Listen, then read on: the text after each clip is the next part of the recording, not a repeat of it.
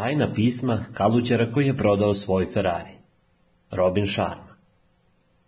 Prolog Moj zanemili vodič brzo je grabio napred, kao da mu nije milo što se nalazi na ovakvom mestu. Tunel je bio nizak i slabo osvetljen, ali se nije moglo prikriti ono što je bilo u njemu. Dugi, zasvođeni zidovi bili su prekriveni kostima. Dugim, bedrenim kostima poređanim u redove ukrštane, poput kostiju na nekom crtežu, ležale su unaokolo i gomile rebare i ključnjača. Na svakom zaokretu stajali su čitavi stubovi od lobanja. U ovoj nekropoli sahranjene su kosti šest miliona Parižana. Čovjek je odjednom zastao na nekom raskršću na ulazu drugi tunel. Taj prolaz je bio odvojen zarađalom gvozdenom rešetkom od tunela kojim smo do tada išli. Bio je u potpunom mraku. Moj vodič je gurno rešetku i uronio u tamu. Pritom se osvrnuo da bi bio siguran da ga sledim. Nesigurno sam hodao slabo osvetljenim hodnikom, a onda je i svetlo nestalo. Udario sam vrhom stopala u nešto. Vodić je uperio svoju bateriju pod. Poželao sam da to nije učinio. Onog do tadašnjeg reda u ređanju više nije bilo. Svuda oko nas su ležale ljudske kosti koje su krckale pod nogama, propadale iz hrpe i iz udubljenja u zidovima pod svetlom materijske lampe vidjeli smo slojeve prašine i bezbroj paukovih mreža koje su visile stavanice. Ovamo, rekao je moj vodič, pružio me lampu. Ovo je za vas, rekao je. Ja sam je preuzeo, a on se provukao pored mene. Šta to, počeo sam.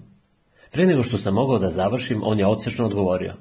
Srešćete se ovdje s njim, a zatim je naglo nestao, ostavljajući me na 50 stopa ispod zemlje kao jedinu živu osobu u moru mrtvih. Prvo poglavlje. Bio je to jedan od onih dana za koje poželite da se završe i pre nego što počnu. Probudilo me je neobično jako svetlo koje je prodiralo ispod žaluzina moje spavaće sobe.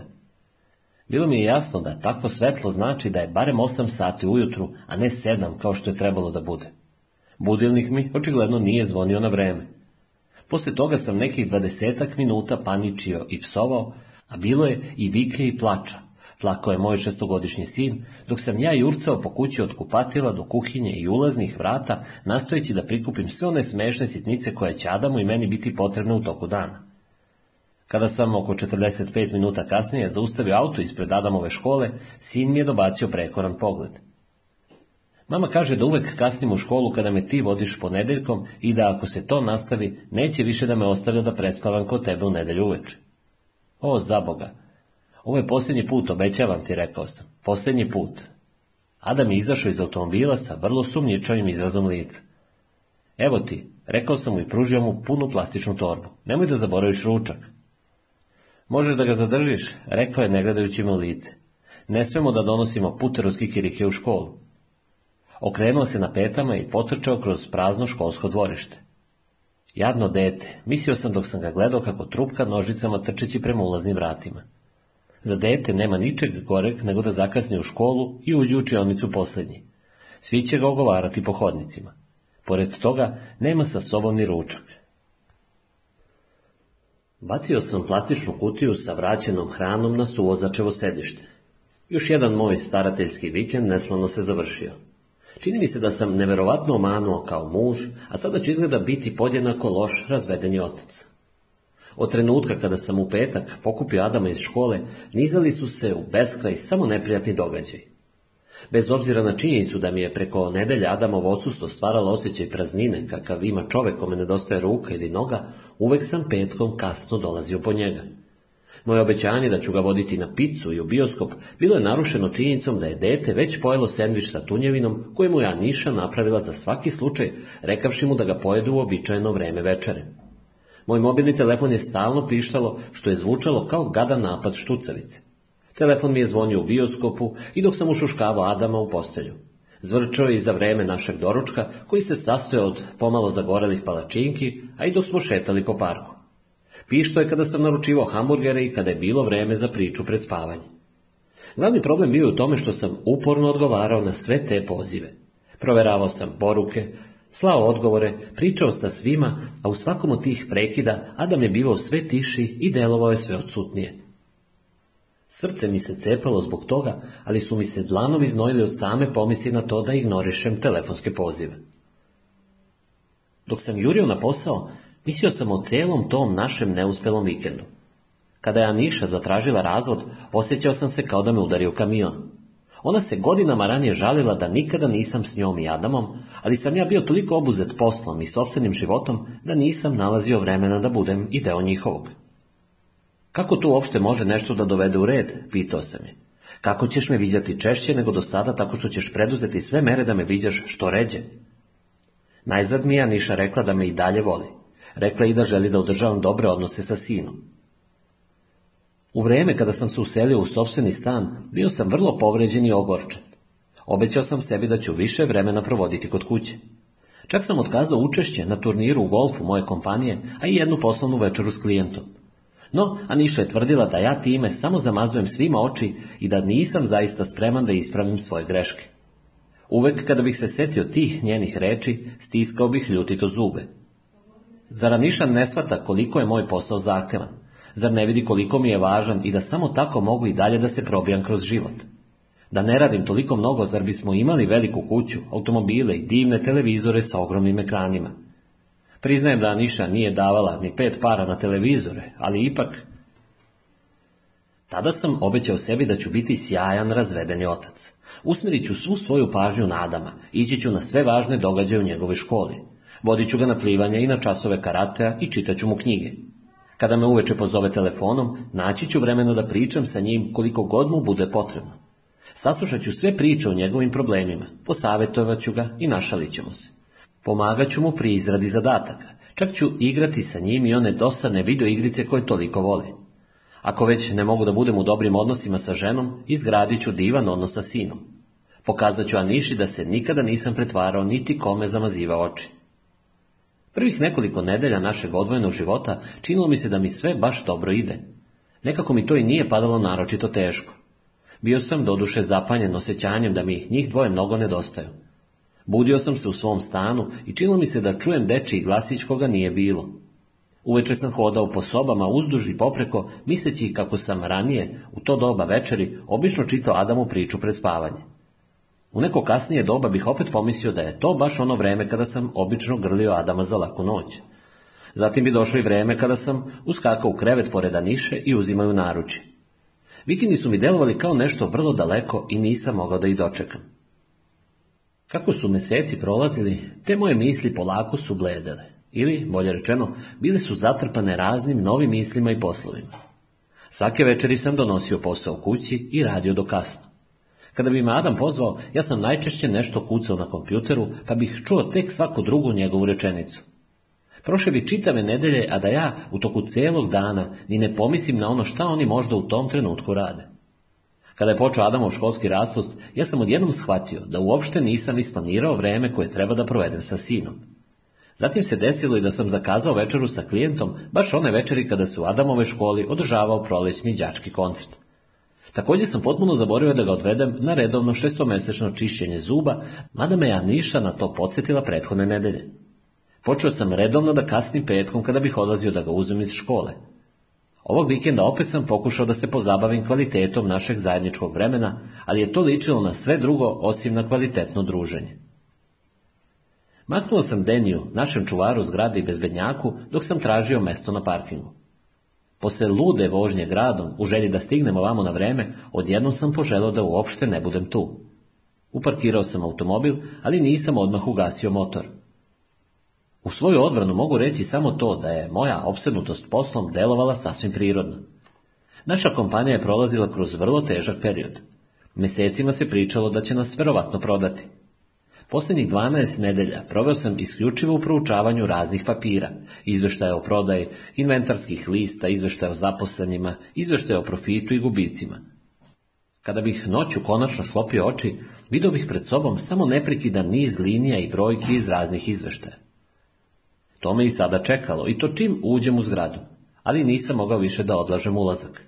Isključio sam motor, dohvatio torbu sa laptopom i ušao u zgradu. Pozdravio sam Devina, našeg recepcionara. Bio je nagnut nad monitorom i pažljivo nešto proučavao, ali sam znao da on zapravo ređao pasijans. Kada sam skrenuo nadesno, video sam ga kako namiguje ili mi se to možda samo učinilo. Najkraći put do moje kancelarije bio je sa leve strane, ali više uopšte nisam išao tuda. Devin je svakako mislio da je to zbog toga što se Tesina kancelarija nalazi na desnoj strani. No, to je za mene bio samo dodatni razlog. Ako skrenem na desnu stranu, to znači da ne moram da prođem pored Juanove kancelarije. Proketi Juan.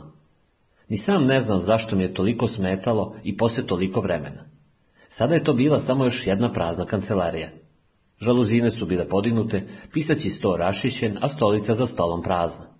Nije bilo slika Juanove žene i dece na ormariću sa fasciklama, ni šolje sa kafom na kredencu, niti slika i plaketa na zidu. Ipak su senke svih tih stvari lebdele u praznom prostoru. Malo sam usporio hod kada sam se približio Tesinom boksu. Nas dvoje smo godinama radili zajedno. Uvek smo se dobro slagali, imali smo sličan smisao za humor. Nisam bio siguran šta će biti sa mnom i Anišom, ali sam od našeg razdvajanja mnogo razmišljao o Tesi. Uočio sam Tesinu blistavu kosu koja se presijavala, ali sam vidio i da upravo telefonira. Nastavio sam da idem hodnikom. Skoro u istom času, kada sam prošao kroz vrata svoje kancelarije, počeo sam da se osvrćem unokolo. Pitao sam se da li treba da proverim novi prototip automobila pre nego što se bacim na neki hitni posao. Znao sam da će me tim dizajner obavestiti o razvoju projekta, ali sam pomislio i da će nekoliko minuta provedenih u laboratoriji predstavljati lepu razonodu, i to me odjednom dovelo iskušenje. Počeo sam karijeru u sektoru za dizajnere. Jedan od mojih prvih poslova bio je razvoj tog sektora, odnosno unapređenje proizvodnje automobilskih delova. To je bio moj posao i snova. Tehnički direktor po imenu Jan uzeo me tada pod svoje okrilje. Postoje moj mentor. Ali problem je bio u tome što i kada volite svoj posao, ne možete dugo biti u nečoj senci. To vam uništava karijeru. To niko nije morao da mi kaže. Bio sam kao pas koji maše repom sve dok ga ne zabole leđe. Ljudi s vrha su to primetili. Kada se upraznilo sljedeće mesto u korporacijskoj hijerarhiji i kada su mi ponudili drugi posao, Joan me je pozvao u svoju kancelariju. Znaš, rekao mi je, ako prihvatiš to mesto, nećeš više moći da se baviš dizajnom. Bavit ćeš se prodajom i rukovodstvom. Želiš li to? Ali, Joane, želim da napredujem, rekao sam smejući se. A mislim da ipak neću čekati da ti odeš u penziju da bih to učinio. Joan se samo gledao osmehnuo i nije rekao ništa. Poslije tog prvog koraka ja sam relativno brzo napredovao ka višim položajima. Sada nagledam sve projekte naše firme i bavim se kontrolom proizvoda za najveće klijenta kompanije. Uzeo sam šoljicu kafe i pošao hodnikom prema laboratoriji. Zatim sam se naglo zaustavio. Uopšte nije bilo neophodno da idem tamo. Uključio sam kompjuter, otvorio jedan fajl i zagledao se u labirint brojki koje su se pojavile na ekranu. Nekoliko sati kasnije, pošto sam završio još jedan izveštaj o odnosu profita i gubitaka, rešio sam da ponovo pogledam u svoje prenatrpano elektronsko poštansko sanduče kada je telefon nago zazvonio. Trebalo mi je nekoliko sekundi da prepoznam glas svoje majke. Zvučala mi je prilično zabrinuto. O Bože, pomislio sam, šta je sada? Moja majka se povremeno u toku posljednjih nekoliko meseci zanimala za mene i moj život na vrlo neobičajan način. To je počinjalo da me nervira. Žao mi je što te uznemiravam na poslu Jonathan, ali ovo je važno, rekla mi je. Upravo sam pričala s našim rođakom Julianom. Želo bi da te vidi. Kaže da je vrlo hitno. Želi da me vidi, pomislio sam. Zašto bi za ime sveta rođak Julian poželao da vidi baš mene? Iskreno govoreći nisam uopšte dobro poznavao rođaka Juliana. On je bio mamin brato tetke, a ne moj. Majka je bila prilično bliska s Julianom i njegovom sestrom Catherine kada su bili mali, ali ja sam odrastao na drugom kraju države, Udaljeni rođaci bili su mi zanimljivi baš koliko i nedene novine. Julijana sam sreo samo jednom i to kada sam imao deset godina. Bili smo u posjeti tetki Ketrin i ona je priređivala neku večeru. Ne sjećam se da li je Julijanova žena tada došla s njim ili je već bio razveden. Istini za volju, ne sjećam se ničega s tog skupa osim Julijanovog svetlo-crvenog Ferrarija. Čuo sam kako Catherine priča o njemu, pa sam čekao rođaka na ulaznim stepenicama i video kako je dovezao Ferrari pred kuću. Bio je atraktivniji nego što sam zamišljao. Julian je video kakav sam izraz lica napravio, vada mi je donja vilica pala na cipele, pa me poveo da se provozamo njegovim autom. Nikada do tada se nisam vozio tako brzim automobilom. Čilo mi se da će se u nekom trenutku točkovi odlepiti od podloge pa ćemo poleteti u vazduh. Mislim da u toku cele te vožnje nisam rekao ni reči. Kada smo se vratili pred tetkinu kuću, Julian je izašao iz automobila, a ja sam i dalje sedao na svom mestu kao prikovan. Želiš li da još malo posediš u automobilu, pitao me. Samo sam klimnuo glavom. Okrenuo se da uđe u kuću, ali sam ga ja pozvao. Ujka Da, odazvao se. Kako si nabavio ovakav auto? Upitao sam. Mislim, košta li on mnogo? Svakako da košta, rekao je. Dakle, Jonatane, ako želiš da imaš takav auto, morat ćeš vrlo naporno da radiš kada odrasteš. Te reči nikada nisam zaboravio. Koliko se sećam, Julian tada nije dugo ostao s nama posle večere. Izgledalo mi je da su mama i tetka Ketrin razočarane, možda im je bilo pomalo žao što on odlazi. Mada sam imao samo deset godina, mogao sam da shvatim da Julian svakako može da ode na neka mnogo zabavnija mesta. On je živao životom kakvim sam i ja priželjkivao da živim kada odrastem. Sa zavišću sam posmatrao kako njegov sportski automobil juri iz ulicu. Pošto nekoliko godina nismo čuli ništa o njemu, mama je odjednom počela da pominje đulijana u svakoj prilici kada bismo se okupili. Nedavno mi je rekao da on već dugo nema onaj Ferrari. Izgleda da je ujak Julian prošao kroz neki poseban životni proces koji ga je preobrazio. Odavno je napustio svoj vrlo privlačan posao uticajnog pravnika, prodao je Ferrari i prešao na jednostavan način života. Mama mi je ispričala da je sve to naučio od malo poznate grupe kaluđera koji žive negdje daleko, na Himalajima i da se sada često pojavljuju u grimiznoj monaškoj mantiji. Rekla mi je da je postao sasvim drugačija osoba. Nije mi uopšte bilo jasno zašto moja majka misli da je to nešto izuzetno dobro. Trudila se i da nas nekako poveže. Nagovarala me da ga posjetim kad god sam nekim poslom dolazi u grad. No, iskreno govoreći, ja nisam imao dovoljno vremena ni za Nišu i Adama, pa zašto bih odvajao vreme za čoveka koga jedva poznajem? Bio sam vrlo uspješan stručnjak koji je vodio sjajan život i vozio lepa sportska kola, pa zašto bih se bavio problemima nezaposlenog matorca koji čak više nema ni Ferrari? U lokalnom baru u koje sam povremeno svraćao do sada sam upoznao mnogo takvih tipova. Mama, rekao sam joj, o čemu ti to pričaš? Zašto bi Julian želeo da me vidi? Majka nije znala nikakve detalje. Rekla mi je samo da Julian želi da razgovara sa mnom. Bila mu je potrebna moja pomoć u nečemu. Mama, ali to je sasvim šašavo, rekao sam. Nisam godinama vidio Ika Julian. Ja ga zapravo i ne poznajem. Valjda postoji neko drugi ko bi mogao da mu pomogne. Moja majka na to nije rekla baš ništa, ali sam je čuo kako tiho plače. Posljednjih nekoliko godina, od kako je tata umro, bile su prilično teške za nju. Mama, da li ti je dobro, upitao sam. Malo je šmrcala u slušalicu, a onda je odjednom počela da mi se obraća s nekim čeličnim prizvukom u glasu koji sam jedva prepoznao. Jonathan, ako mi imalo voliš, to ćeš uraditi. Učinit ćeš to što Julian želi da uradiš. Ali šta to nisam uspio ni da završim rečenicu. Kad se večeras vratiš kući, tamo će te čekati avionska karta. Pre nego što je završila rečenicu, glasio se naglo prekinuo. Jonathan, sada moram da idem, rekla je i prekinula vezu. Tokom popodneva mi je bilo vrlo teško da se koncentrišem na posao. Taj telefonski poziv nije ni malo ličio na moju majku. Sve to navaljivanje i očajanje u njenom glasu zaista su me iznervirali. I čemu uopšte tolika tajanstvenost? Šta li je za Boga Julian žele od mene? Razmišljao sam o toj promjeni u njegovom životu. Da li je on možda sasvim odlepio? Hoće li se sresti sa starim ludakom koji trabunja nešto o vladinim zaverama? Možda je postoji jedan od onih raščupanih tipova koji hode ulicom u bade i papučama. Znao sam da mama nije mislila na to kada je govorila o grimiznoj mantije, ali nisam nikako mogao da izbrišem tu sliku iz glave. Bio sam toliko zanet da sam skrenuo udesno pored Juanove kancelarije i pošao ka izlazu.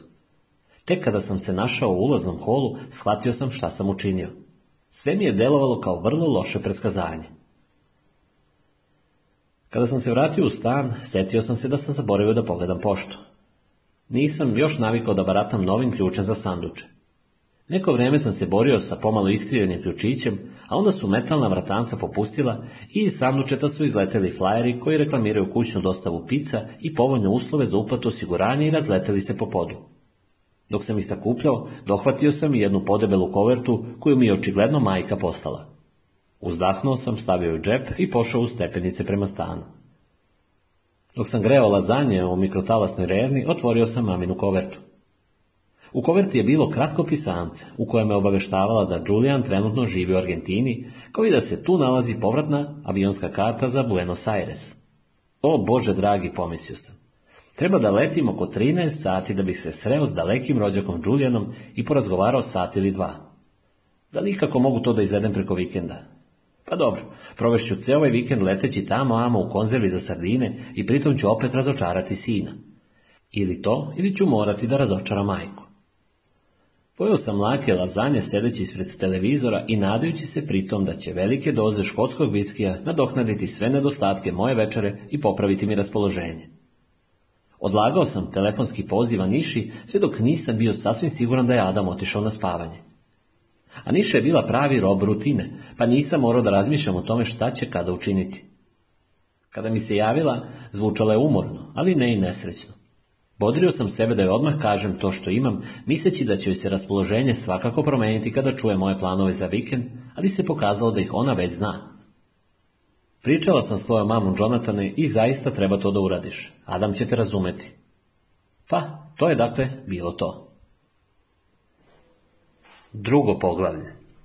Taksista je sa autoputa skrenuo na jedan veoma širok bulevar.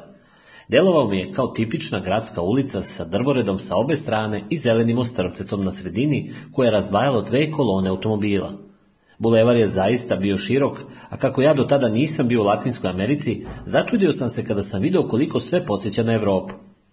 Ogroman obelisk, nalik na onoj Washingtonu, presecao mi je vidik na dva dela, a zgrade sa obe strane ulice posjećale su me pomalo na Pariz. Julian mi je rezervisao kartu za noćni let u petak veče. Na moje iznenađenje, zaspao sam u avionu čvrstim snom i probudio se tek prilikom sletanja. Bilo je jutro, ali na suprotnoj hemisferi od one na kojoj sam sinoć zaspao. Kamene zgrade iz perioda Bele Pok, crne balkonske ograde od kovanog vožđa i istureni prozori nizali su se duž ulice kojom smo se vozili, a zatim smo ušli u deo grada koji je delovao znatno starije. Video sam oljuštene gipsane ukrase na fasadama. Po zidovima su se mogli vidjeti grafiti, boje malter su se ljuštili sa kuća, a fasade su bile izgledele. Mada je osvanuo svež jesenji dan, mnogi prozori bili su otvoreni i mogao sam da vidim kako zavese i stanova lepršaju na povetarcu. Na jednom uglu okupila se grupa muzičara koji su nešto svirali malobrojnim posmatračima. Taksi je usporio i zastao pred nizom prodavnice i lokala. Na zidu sam opazio oglas u kome se nude časovi tanga. Muzika je odjekivala kroz poluotvorena vrata. Ponovo sam proverio adresu koju mi je Julian dao. Činilo se da je taj plesni studio pravo mesto. Pokazao sam taksisti papirić da bih bio siguran da smo u pravom kraju grada i da nema nikakve zabune. Klimno je glavom i slegnuo ramenima. Platio sam vožnju i izašao iz taksija. Vidi ti to, mislio sam zureći kroz poluotvorena vrata studija. Kada mi je mama rekla da je Julian promenio način života, uopšte se nije šalila. Prostorija je bila vrlo duga, ali ne i naročito široka. Zidovi su bili okrečeni u jarko crveno, a stavanice su visili stakleni lusteri. Muškarci i žene, koji su čvrsto držali jedni druge u skladu s pravilima plesa, vrteli su se po prostoriji u taktu pulsirajuće muzike. Dok sam ih posmatrao, jedan lepo odeven čovek odlepio se od svoje plesne partnerke i progurao se između igrača koji su se i dalje vrteli u krug. Kada mi je prišao bliže, vidio sam da se osmehuje. Jonathan, rekao mi je, baš mi je drago što si rešio da dođeš. Ispružio ruku pa smo se rukovali. Bio mi je potreban ceo minut da čoveka koji je stajao ispred mene uklopim u sliku koju sam u njemu stvarao celi put. Julian mi je sada delovao mnogo mlađe nego kada smo se prvi put sreli pre 20 godina. Njegovo vitko i mišićavo telo nije nimalo ličeo na onu gojaznu i kabastu figuru koja je vremeno sedela za volanom Ferrarija. Lice mu je bilo bez bora i delovao je opušteno. Njegove svetlo plave oči su me prosto sekle pogledom. Izvini zbog ovoga, molim te, rekao je Julian i mahnuo rukom pokazujući celu prostoriju. Nisam bio siguran kada ćeš doći, pa sam mislio da ipak mogu da održim svoje subotnje časove plesa. No, sad kad si stigao, možemo da pođemo gore. Odveo me do jednih vrata koje nisam opazio kada sam ušao. Hodi ovamo, dođi, rekao je hodajući ispred mene kroz salu. Stan mu je bio sveto i proziran, ali uopšte nije ličio na dom u kakvom sam ga ja zamišljao. Bilo je tu raznog nameštaja, starinskog i modernog. Na zidovima je bilo i nekoliko postera sa muzičarima i igračima tanga dok su na podu ležale hrpe knjiga. Sve mi je to najviše ličio na neki studentski stan. Žao mi je što sam te na brzinu naterao da kreneš na ovako dugačak put, ali ja sam već nekoliko mjeseci u ovom divnom gradu. Jedan prijatelj izdava ovaj stan, a pošto sam veoma želeo da naučim da igram tango, pomislio sam da je to sjajna prilika za mene. Daj mi samo malo vremena da se presvučem, pa ću nam skuvati kafu. Julian se izgubio u dugom i uskom hodniku. Zavalio sam se u fotelju prekrivenu pamučnom tkaninom, na kojoj je u srednjem delu bio izvezen natpis Budi poseban. Odozdo su se čuli zvuci tanga koji su prodirali kroz daščice na podu. Dok sam čekao Julijana, kroz glavu su mi letele razne misli. Šta ja to ovdje radim? Koliko uopšte poznajem tog čoveka? Odjednom je spopao jak osjećaj nelagodnosti. Nekako sam naslutio da će, kada se Julian vrati u sobu, moj život biti potpuno izmenjen. Osjećao sam da predamnom leže teškoće i da mi predstoje veliki napori. Ne moram ovo da radim, pomislio sam. Zurio sam preko ramena u dovratak i pitao se koliko bi mi vremena bilo potrebno da uhvatim taksi za aerodrom. Tada se Julian vratio u sobu. Bio devenu, u dugačku grimiznu mantiju, a na glavi imao kapuljaču. Želiš li kafu ili čaj? Upitao me i pošao u malu kuhinju u koju se ulazilo s drugog kraja dnevne sobe. Kafu molim, odgovorio sam mu. Bilo mi je mrsko da sedim sam u dnevnoj sobi, zato sam ustao i pošao za njim u kuhinju. Dok je Julian pripremao kafu, gledao sam kroz prozor na šljunkom nasut ulicu. Verovatno je čas plesa bio završen, jer sam vidio kako parovi izlaze iz sale i udaljavaju se hodajući trotoarom. Najzad sam se okrenuo prema Đulijanu. Šta je? Oklevao sam jer nisam želeo da moje reči zvuče napadno. Počeo sam rečenicu od početka. Šta ti u stvari želiš od mene? Zašto si tražio da me vidiš? Jonatane, rekao je Julian naginjući se nad kuhinski pult. Znaš li ti moju životnu priču? Nisam bio sasvim siguran da znam na šta misli. Rekao sam mu da znam da je bio pravnik koji se bavio krivičnim parnicama, da se obogatio i živo glamurozni život. Rekao sam i da znam da je doživio neku veliku promjenu i da je napustio svoj pravnički poziv. Nisam znao nikakve detalje. Sve je to tačno, rekao je Julian. U jednom trenutku imao sam više uspeha nego što sam ikada mogao da sanjam, barem što se tiče novca i slave. Ali sam uništavao samog sebe. Kada se nisam posvećivao poslu, pušio sam bezbrojne cigare i pio skup konjak i provodio se s mladima nekenkama i uvek novim prijateljima. To mi uništilo brak i počelo nepovoljno da se odražava i na karijeru.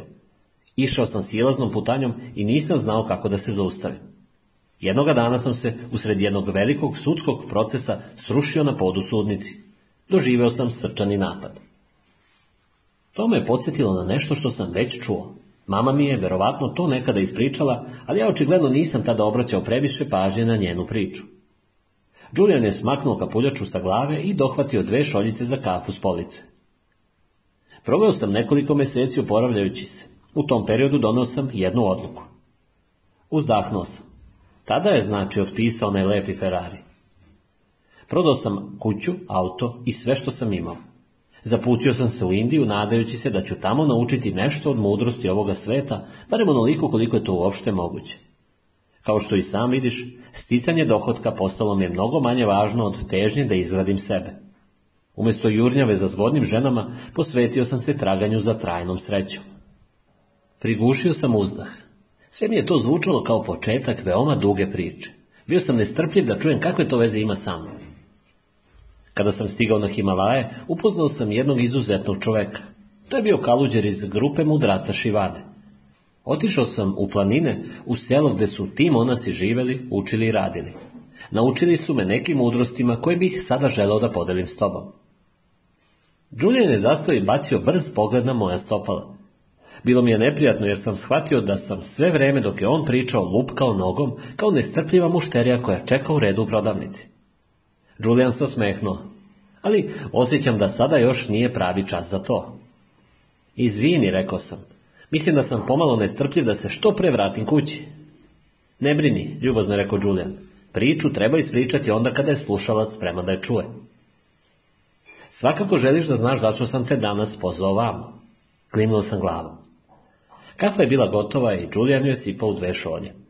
Hoćeš i malo mleka? A šećera? Odmahnuo sam glavom. Julian mi je dodao šolju, a zatim me poveo u dnevnu sobu. Kad smo seli, nastavio je svoju priču. Jedna od bitnih stvari kojima me taj monah naučio jesu talismani i njihova moć. Talismani, začudio sam se. statui cilja Majlije, ima ih ukupno osam. U svakoj od njih nalazi se delić osnovne mudrosti i sreće koja se može doživjeti na ovom svetu pod uslovom da se vodi ispravan život. Svaki od njih je sam po sebi vredan zalog, a svi zajedno imaju moć da menjaju svet. Ti talismani zapravo mogu za nekoga biti ispasonosni. Zar je potrebno da spašavaš nekoga? Upitao sam ga dramatičnim tonom. Možda je to zvučalo i prilično luckasto. Jeste. Neko koga poznajem nalazi se u očajnoj situaciji. Neki ljudi su probali da pomognu toj osobi, ali nije vredalo. Ovo je posljednja mogućnost. Ima li to neke veze s mojom majkom, upitao sam. Zvučala mi je zabrinuto dok smo sinoć razgovarali telefonom. Ima veze i sa njom, ali mi nije dopušteno da ti kažem nešto više o tome kakva je to veza. Čuj, ako mi je majka bolesna ili nešto slično, imam valjda pravo da to znam. Osjećao sam da otežano dišem i da me nešto steže u grudima. Majka ti nije izložena nikakvoj opasnosti, rekao je Julian. To je sve što mogu da ti kažem. Odlučio sam da ga pritisnem novim pitanjima, ali je Julian stisnuo usne i spustio šoljicu sa kafom na stočić ispred mene. Učinilo mi se da je spreman da okonča naš razgovor. Uzdahnuo sam i ceo sljedeći minut proveo zureći u pod. Dobro, rekao sam mu. A kako se ja tu uklapam? Zbog čega sam ti potreban? Julian je ustao i prišao prozoru. Posmatrao ulicu ispod nas, ali mi se činilo da se zagledao nekod u daljinu.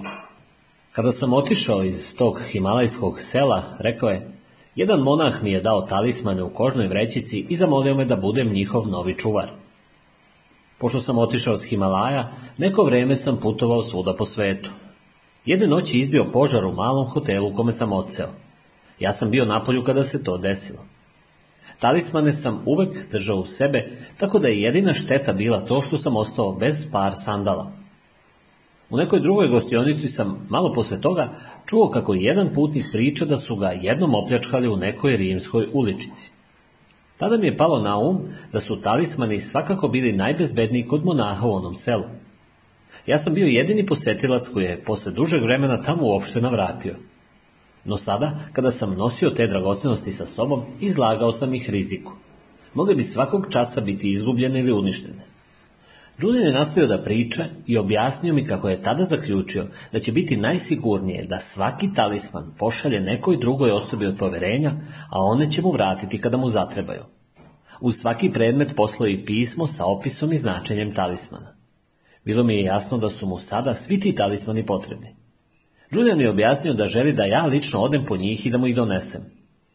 Šta? Promucao sam.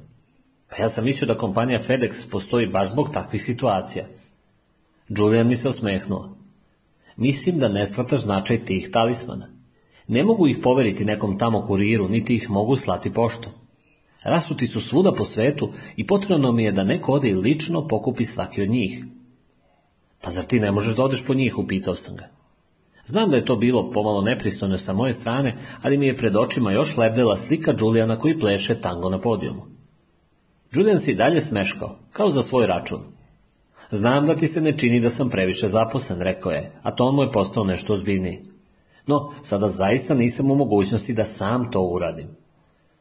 Sljedećih nekoliko sekundi sam čutao. Kako to da shvatim?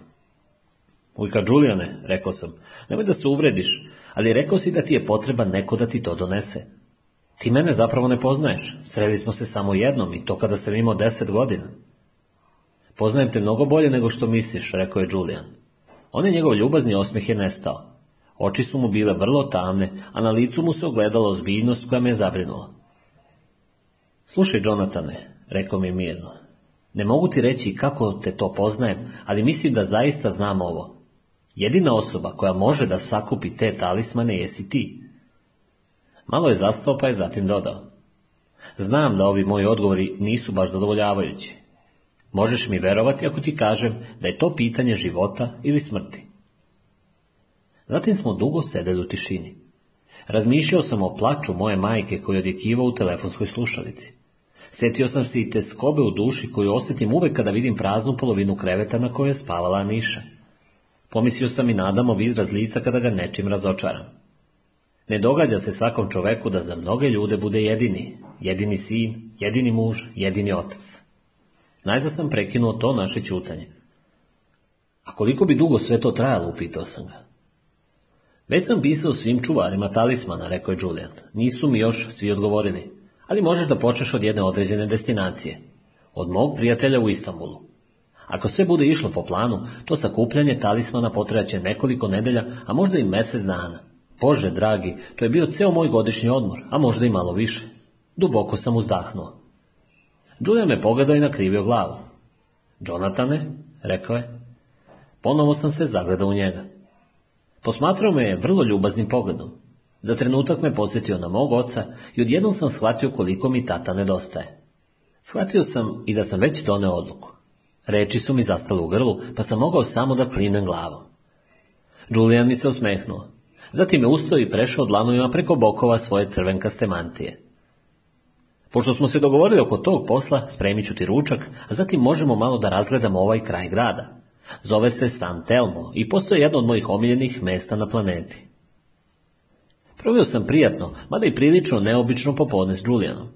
Odveo me u jednu plesnu dvoranu, smeštenu nekoliko ulica dalje, i tu sam posmatrao uvežbane igrače tanga koji su nam priredili pravu predstavu. Muzika mi je strujala kroz telo poput udvojenih srčanih otkucaja, a zapazio sam i da Julian lupka stopalom u taktu muzike i da mu se noge lako pomeraju, kao da zamiše da pleše. Zatim smo malo prošetali krivudavim uličicama, sve dok nije došlo vreme za moj drugi noćni avionski let, onaj koji treba da me vrati kući. Tok smo stajali na trotoaru pred Julianovim stanom slušajući muziku iz studija, on se odjednom okrenuo ka meni. Još nešto, Jonathan, rekao je.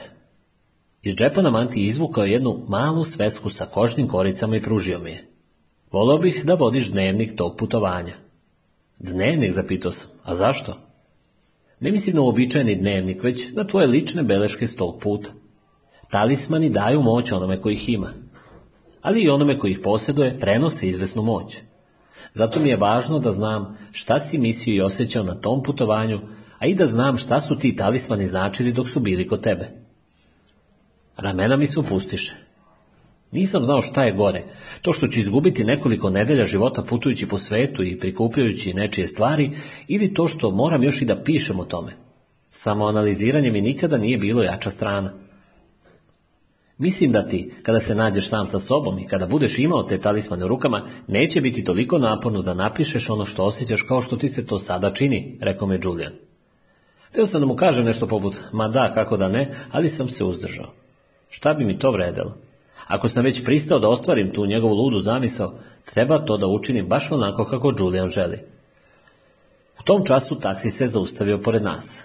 Dok sam ulazio unutra, osjećao sam da moju odlučnost nagrizaju žmarci straha koji me lagano sve više obuzimao. Prošlo je veoma mnogo vremena od trenutka kada sam se posljednji put bacio na neki sličan nov poduhvat i upustio avanturu. Julian je podigao ruku da mi mahne, a onda me pozvao po imenu. je, viknuo je, Razveseli se malo. Ne pružati se svakodnevno prilika da nekome spasi život. Trebalo imati zaista dobre nerve, pa u ponedeljak koju ući u automobil odvesti se na posao. Imao sam tri nedelje redovno godišnjeg odmora i bilo je najbolje da odmah krenem na taj put. Ali ako bi moje putovanje potrebalo nešto duže od toga, našao bih se u pravoj neprilici. Mogao bih jedino da zatražim od šefova neplaćeni odmor, a ako bi me odbili, to bi vjerojatno značilo da ću ostati bez posla. Uostalom, govorio sam sebi dok sam nevoljno izvlačio umorno telo iz kola i terao sebe da u kancelariju, što bi još jedna moja dodatna budalaština uopšte bila tako važna. U prošlosti sam uvijek donosio sjajne odluke, barem sam tako mislio u tim trenucima, a vidi samo gdje me je to dovelo. Posao mi je postao stalni izvor nerviranja i frustracija. Moja divna žena me ostavila. Mukotrpno stečena ušteđevina bitno će mi se smanjiti posle razvoda. Čak mi je uživanje u Adamovom društvu bilo pokvareno osjećajem krivice i činjenicom da sam ga viđao samo vikendom, a pritom sam bio vrlo loš otac. Da li će jedan šaša poduhvat, kao što je ovaj neplanirani put, moći da mi pričini veće patnje i štete od onih koje su bile posljedica mojih vrlo razumnih odluka? Proveo sam nekoliko sati ljuljajući se na stolici za radnim stolom i gušeći se od razočaranja i pesimizma. Do trenutka kada sam konačno ušao u šefu u kancelariju, već sam uspio malo da se smirim i prihvatim svoju sudbinu s fatalističkom rezignacijom. Zaboravio sam koliko takvi razgovori sa šefovima mogu da budu neprijatni. Prvih nekoliko rečenica koje sam izgovorio brzo me podsjetilo na to. Seo sam, naime, u strateški osmišljenu nisku stolicu koja je stajala preko puta Davidovog mamutskog pisaćeg stola kada sam ušao u njegovu kancelariju, David je jedva odvojio pogled od kompjutera i dobacio mi jedan brz pogled. Ali čim sam mu objasnio da mi je neophodan ceo godišnji odmor, a možda i neki dan više da bih sredio jedan važan porodični posao, podigao je pogled ka meni. Njegov izraz bi se mogao najtačnije opisati kao zgranut. Dok sam se upuštao u detaljno objašnjavanje u vezi sa brojem mojih nakupljenih slobodnih dana, podigao je ruku uvis sa očitom namerom da me prekine u daljem govoru.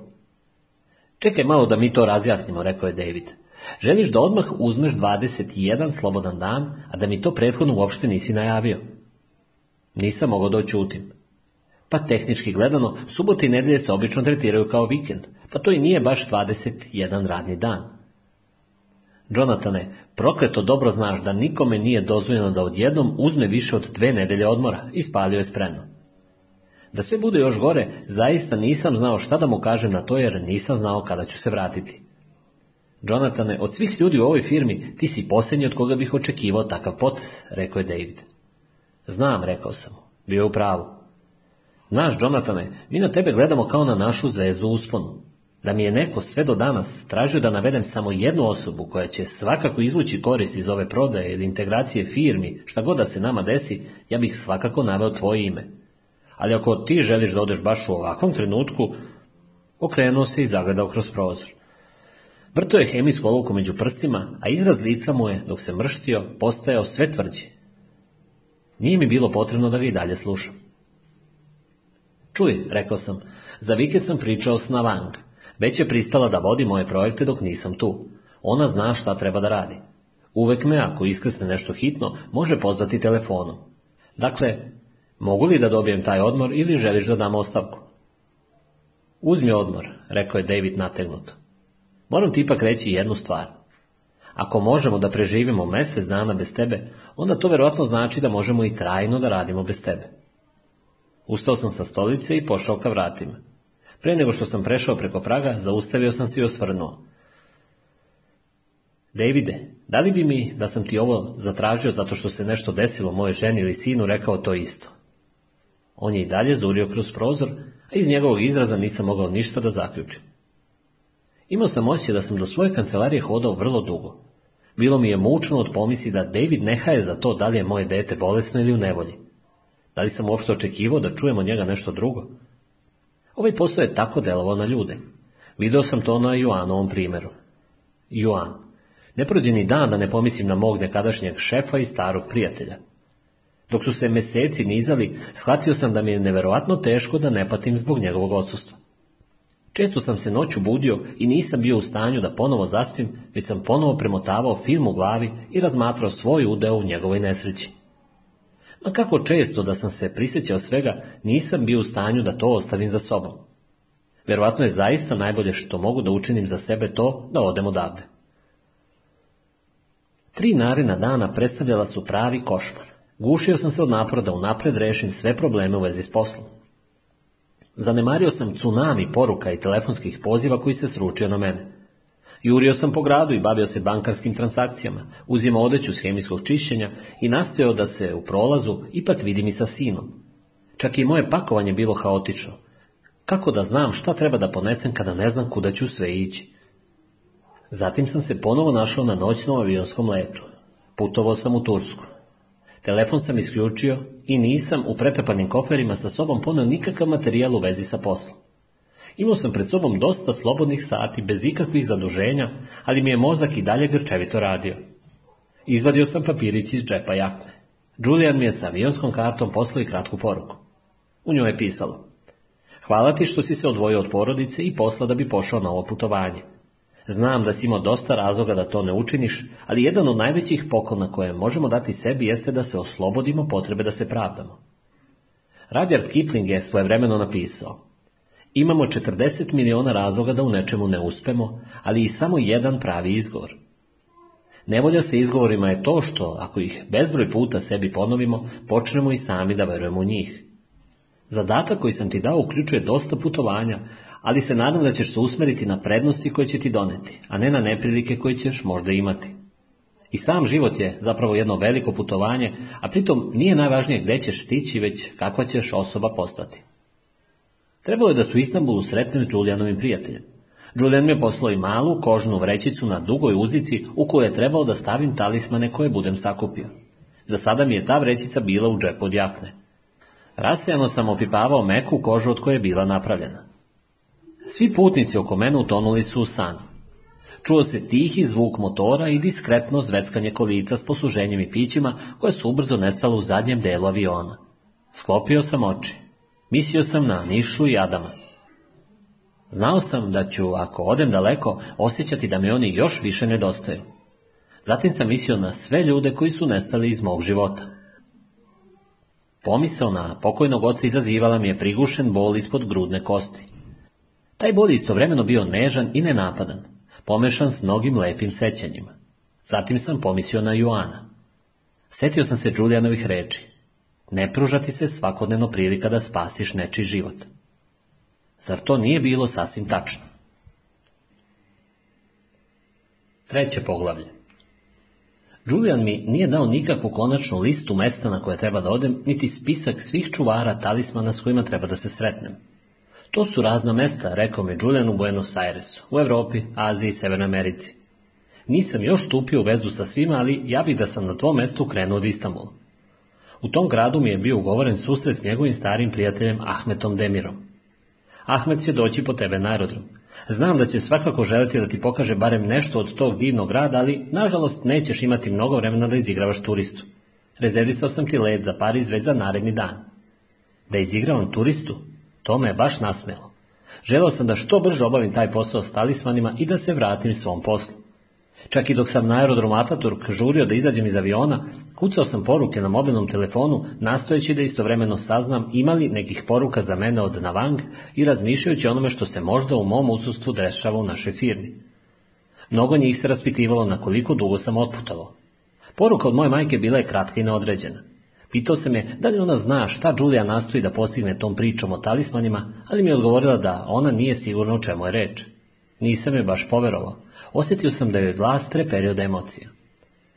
Bavio sam se porukama sa svog mobilnog telefona dok sam prolazio kroz starinsku i pasošku kontrolu i čekao na prtljag.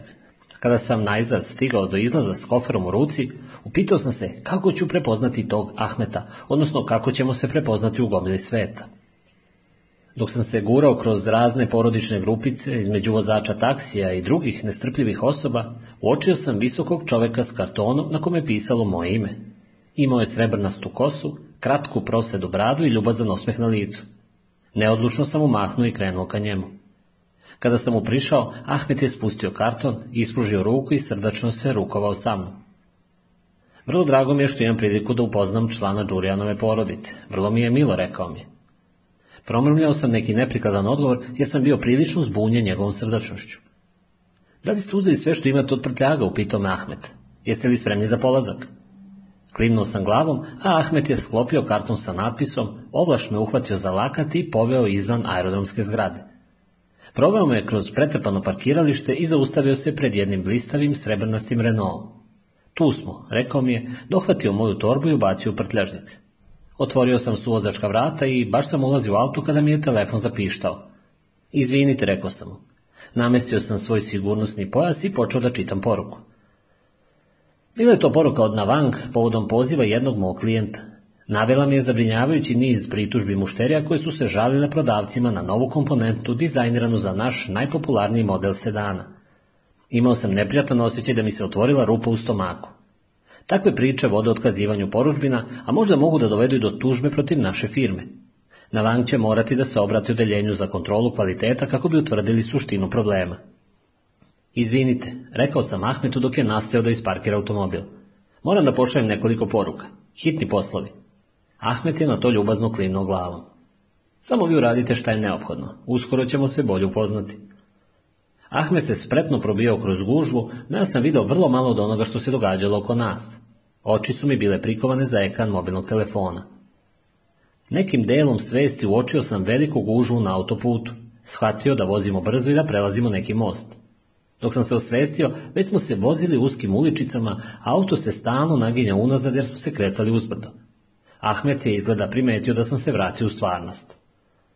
Pomislio sam da, posle tako dugog puta, možda želite da se malo osvežite pre nego što krenemo dalje. Zato vas sada vodim u svoj stan u kvartu Bejoglu. Vozili smo se prilično sporo pored mnogih kafeterija i prodavnica, pokret trotoara prepudnih pešaka, pored niskih, žutih i sivih kuća od cigli i kamena. Ispred nas se, na vrhu brega, mogla vidjeti neka kula, plavičasto siva, šiljata građevina s dva reda prozora koja je stremila u nebo. Iza gornjeg niza prozora mogli su se vidjeti ljudi u pokretu. To je kula Galata, rekao Ahmed. Od ozgo se pruža predivan pogled na grad. Zatim je usporio i uterao automobilu u vrlo uzak prostor za parkiranje na ulici. Stigli smo, rekao je Ahmet i pokazao mi trospratnicu ispred nas. Izašao je na trotoar i otvorio teško ulazna vrata pa me pozvao da uđem.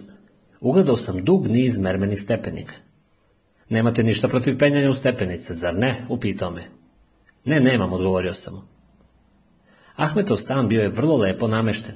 Elegantni mi na podu, sofa presvučena brokatom, puna raznobojnih jastučića, boja zidova lepo uklopljena s bojom ramova slika na kojima sam video brodovi i ptice, kao i razne primjerke binog i životinskog sveta. Ali sve je to delovalo neobično bezlično. Julian mi je rekao da je Ahmet kapetan feribota. Valjda sam zato zamišljao da živi u mnogo rustičnijem okruženju.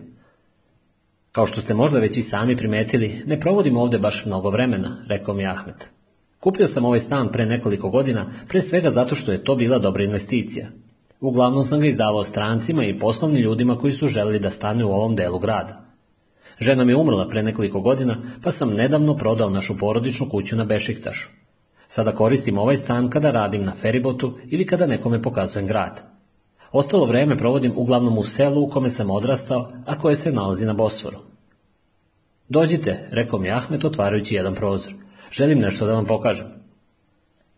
Nisam ni shvatio koliko smo se visoko popeli, niti sam uočio gdje je Ahmetova zgrada zapravo smeštena, no čim sam bacio pogled kroz prozor dnevne sobe, shvatio sam da mu se to ulaganje svakako isplatilo. Predavno se pruže jedan od najljepših vidika koje me je ostavio bez daha. Evo, vidite, rekao je Ahmet pokazujući mi nešto nalik na reku ispod nas. To je Zlatni rog. Odavde vidite i Ataturkov most i most Galata. Moj brodić se nalazi u onoj luci tamo. S leve strane vidite glavni deo Bosorskog moreuza. Naš grad se pruža i sa suprotne strane tog moreuza. No ovdje smo još uvek u Evropi. Ako pređete na drugu stranu mosta, naći ćete se u Aziji. Pogledao sam na suprotnu stranu Bosfora i na azijski kontinent, a onda sam se opet zagledao u prizor ispred sebe. Da, naravno, rekao je Ahmet. Baš je lepo, zar ne? To je stari deo grada, Sultan Ahmet. Tu su glavni bazari, a i Burnu. U daljini sam opazio dva ogromna kompleksa zgrada sa kupolama, minaretima i velikim baštama ograđenim visokim zidovima. Aja Sofija upitao sam. To je jedina građevina u Istanbulu koja mi je bila poznata. Ogromna crkva s kupolom koju je car Justinijan izgradio u vrijeme kada se ovaj grad zvao Konstantinopolj i bio sedište Rimskog carstva, a koja je tada bila i glavno sedište hrišćanske crkve. Kasnije je ta crkva pretvorena u džamiju, dodali su je minaret i izmenili unutrašnjost, ali su originalni vizantijski mozaici još uvijek postojali u njoj. Čuo sam da je Aja Sofija i danas zapanjujuće lepa. To je onaj kompleks levo, rekao je Ahmet. Iza nje je plava džamija, tu je hipodrom, muzej Topkapi i cisterna. Zaista ima mnogo toga da se vidi. Popodne ćemo, pre nego što se ukrcamo na brod, otići na bazar začina i na veliki bazar. Zar ćemo ići na neki brod? Pa da, odgovorio mi Ahmet odmičući se od prozora. Žao mi, ali vaš talisman nije ovde. On je u mom letnikovcu na selu, u mestu Anadolu Kavaći. Ja sam do tada već zaboravio svrhu svog dolaska ovamo. Mogli bismo i da se odvezemo tamo automobilom, ali čemu to, nastavio Ahmet. Najbolje otloviti brodićem. Moj sin je jutros vodio grupu turista na privatnu turu tim brodom, pa ćemo mi isploviti večeras, a sutra ujutru ćemo se vratiti ovamo. Ahmet mi mahnuo rukom i pozvao me da pođem za njim. Sada ću vas ostaviti da se okupate i sredite. Zatim ćemo popiti čaj i ručati, pa ćemo posle toga obići bazare. Prva stvar koju sam osjetio hodajući kroz bazar začina bili su svakojaki mirisi. Bilo je to kao da hodate kroz aromatičnu baštu u kojoj se na svakom koraku podižu oblaci mirisa i mešaju se, a svaki novi nadjačava one prethodne. Tezge su se nizale jedna za drugom. Bile su tu hrpe urmi i drugog suvog voća, sve vrste koštunjavog voća i piramide alve u svim bojama. Video sam cilindrične komade nugata i bele alve i neverovatan izbor rahatlokuma u bojama dragulja. Ahmet mi je rekao da se taj slatkiš tako zove u Turskoj. Na tezgama sam opazio i otvorene kutije čaja. Također sam uočio i hrpice praškastih začina koje su stajale na prednjim delovima tezgi. Kurkuma, kim, kardamon, oraščić, cimet. Ahmet je kupio suve kajsije, urme i smokve, a zatim smo krenuli prema ogromnom kamenom kompleksu sa hiljadama radnica nazvanom Veliki bazar. Bazar začina zano je omamio moja čula finim egzotičnim aromama. Bio sam potpuno zaokupljen onim što se dešavalo oko mene i nisam više uopšte mislio na sebe niti na svoje životne probleme. Na velikom bazaru odjednom sam počeo da se prisjećam svih onih koji su mi nedostajali. Dok sam hodao kroz duge, beskrajne prolaze između tezgi, ugledao sam mnoge stvari koje bi se možda dopale niši. Lampe sa mozaikom, fine svilene marame, lepo ukrašena keramika, sve je blistalo živih boja. To mi je privuklo niši kada sam je prvi put sreo. Nije bilo važno šta je imala na sebi, uvijek je nosila nešto blistavih boja. Svetlo-zelene naušnice, purpurnu zimsku maramu, sjajnu naranđastu beretku. I stan je bio takav, zanimljiv izbor raznih stvari sa svakakvim dezenima i u raznim tonovima, što je djelovalo malo haotično, ali je ipak bilo skladno. Pošto ću narednih nedelja biti na putu, znao sam da ne mogu da kupujem ništa glomasno. Bio sam u velikom iskušenju pred tolikim izborom zanimljive robe, Najzad sam uzeo jednu staklenu ogrlicu za Anišu, a Adamu sam kupio malu vezenu jaknu jer sam pomislio da će mu se vrlo dopasti. Naročito su me sludili prodavci tepiha. Vikali su za mnom u prolazu i uhvatio sam sebe kako zurim u sve te prekrasne tepihe. Ahmet je video šta me zainteresovalo. Pa da, rekao je, morat ćete jednom ponovo doći i kupiti neki lep tepih. Cene su zaista povoljne. Nije lako odabrati lep tepih morate znati dosta toga o umetnosti tkanja i vezivanja čvorova, o vrsti vlakna i bojama. Morate naučiti da procenjujete tepihe, a i znati kako da se cenkate. Bolo bi da vas svemu tome podučim. Ahmetova revnost u podučavanju podsjetila me na moje roditelje. To je bio dinamičan duo koji je uvek posticao doživotno učenje novih veština. Mama je uvek bila strastveni čitalac, a kada smo sestra i ja pošli u osnovnu školu, zaposlila se u jednoj maloj knjižari – Donosila je kući razne knjige i uveren sam da su je u toj knjižari zaposlili i zbog toga što im je bila najbolja mušterija. Sebi je uglavnom nabavljala fikciju, tati je donosila neke ozbiljnije knjige, a za Kiru i mene bi probrala lepe slikovnice. Tata je bio oduševljen tom njenom aktivnošću i vredno je gutao sve knjige koje bi mu donela. No, njegov entuzijazam se nije tu zaustavljao. Ništa Niku Landriju nije toliko prijelo kao one situacije u kojima svoje znanje može da prenese drugima. On je bio učitelj u osnovnoj školi, ali podučavanje mu nije bilo samo zanimanje, već i prava strast. Moji roditelji su svudast oko sebe stvarali atmosferu učionice, što njihovu decu nije baš uvek radovalo. Svakog leta smo nekud putovali. Nisu to bile neke egzotične destinacije, ali bi mama i tata uvek pažljivo proučili kraju koji su nas vodili. Hodali bismo kroz šumu, a mama bi u rancu uvijek imala neki terenski vodič i objašnjavala bi nam kako je nekim vrstama bora potrebna vrelina šumskog požara da bi im se šišarke otvorile i da bi se njihovo seme rasulo po većim površinama. Tata bi nam zatim objasnio kako dabrovi grade svoje brane i kako su brda na koje smo se peli nekada bile obale jezera. O svakom istorijskom lokalitetu mama i tata znali su više nego što bi se moglo pročitati u makovom vodiču. Čak i tematski parkovi bili su pogodna mesta da nam u njima održe čast o dejstvu centrifugalne sile ili predavanja o pop kulturi. Činilo mi se da su moji roditelji bili skoro sasvim zavisni od informacija i ideja, pa su sva naša putovanja bila puna uzvika. Zar ovo nije divno? Mama je to uvek govorila kada bismo otkrili nešto novo. Tata se uvek radovao kada sestra i ja pokažemo radoznalost. To je sjajno pitanje, govorio bi nam sav radostan i ponosan ako bismo ih nešto upitali. Pomislili biste da smo nas dvoje upravo pronašli lek protiv raka. Danas se prisjećam tih dana s entuzijazmom i radošću, ali sam ih onda bio sit. Kada sam dospeo u tineđersko doba, te naše česte male ekskurzije i stalno davanje nekih upustava delovali su na mene kao škripanje noktima po tabli. Sedeo sam sav malaksa od vrelog letnjeg popodneva na zadnjem sedištu automobila, a tata bi nam pričao kratku istoriju kanala Iri, dok smo Kira i ja samo prevrtali očima. Povremeno bismo uperili kaži u slepočnice i povlačili zamišljene okidače. Ovo mesto i ceo ovaj grad svakako bi očarali moje roditelje, mislio sam tužno. Oni su sanjali o takvim putovanjima i stalno su maštali o sličnim mestima koje bi posjetili. To je bio njihov veliki plan za vreme kada konačno odu u penziju. Želili su da putuju po svetu. Kada se tata penzionisao, kolege su mu čak i poklonile garnituru kofera.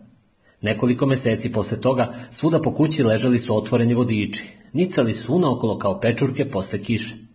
Čitava hrpa sličnih knjižica bile su naslagani pored tatine omiljene fotelje, neke veće knjige su mu virele ispod stočića kraj kreveta, a brošuri i mape izvirivale su iz stalka sa časopisima u kupatilu.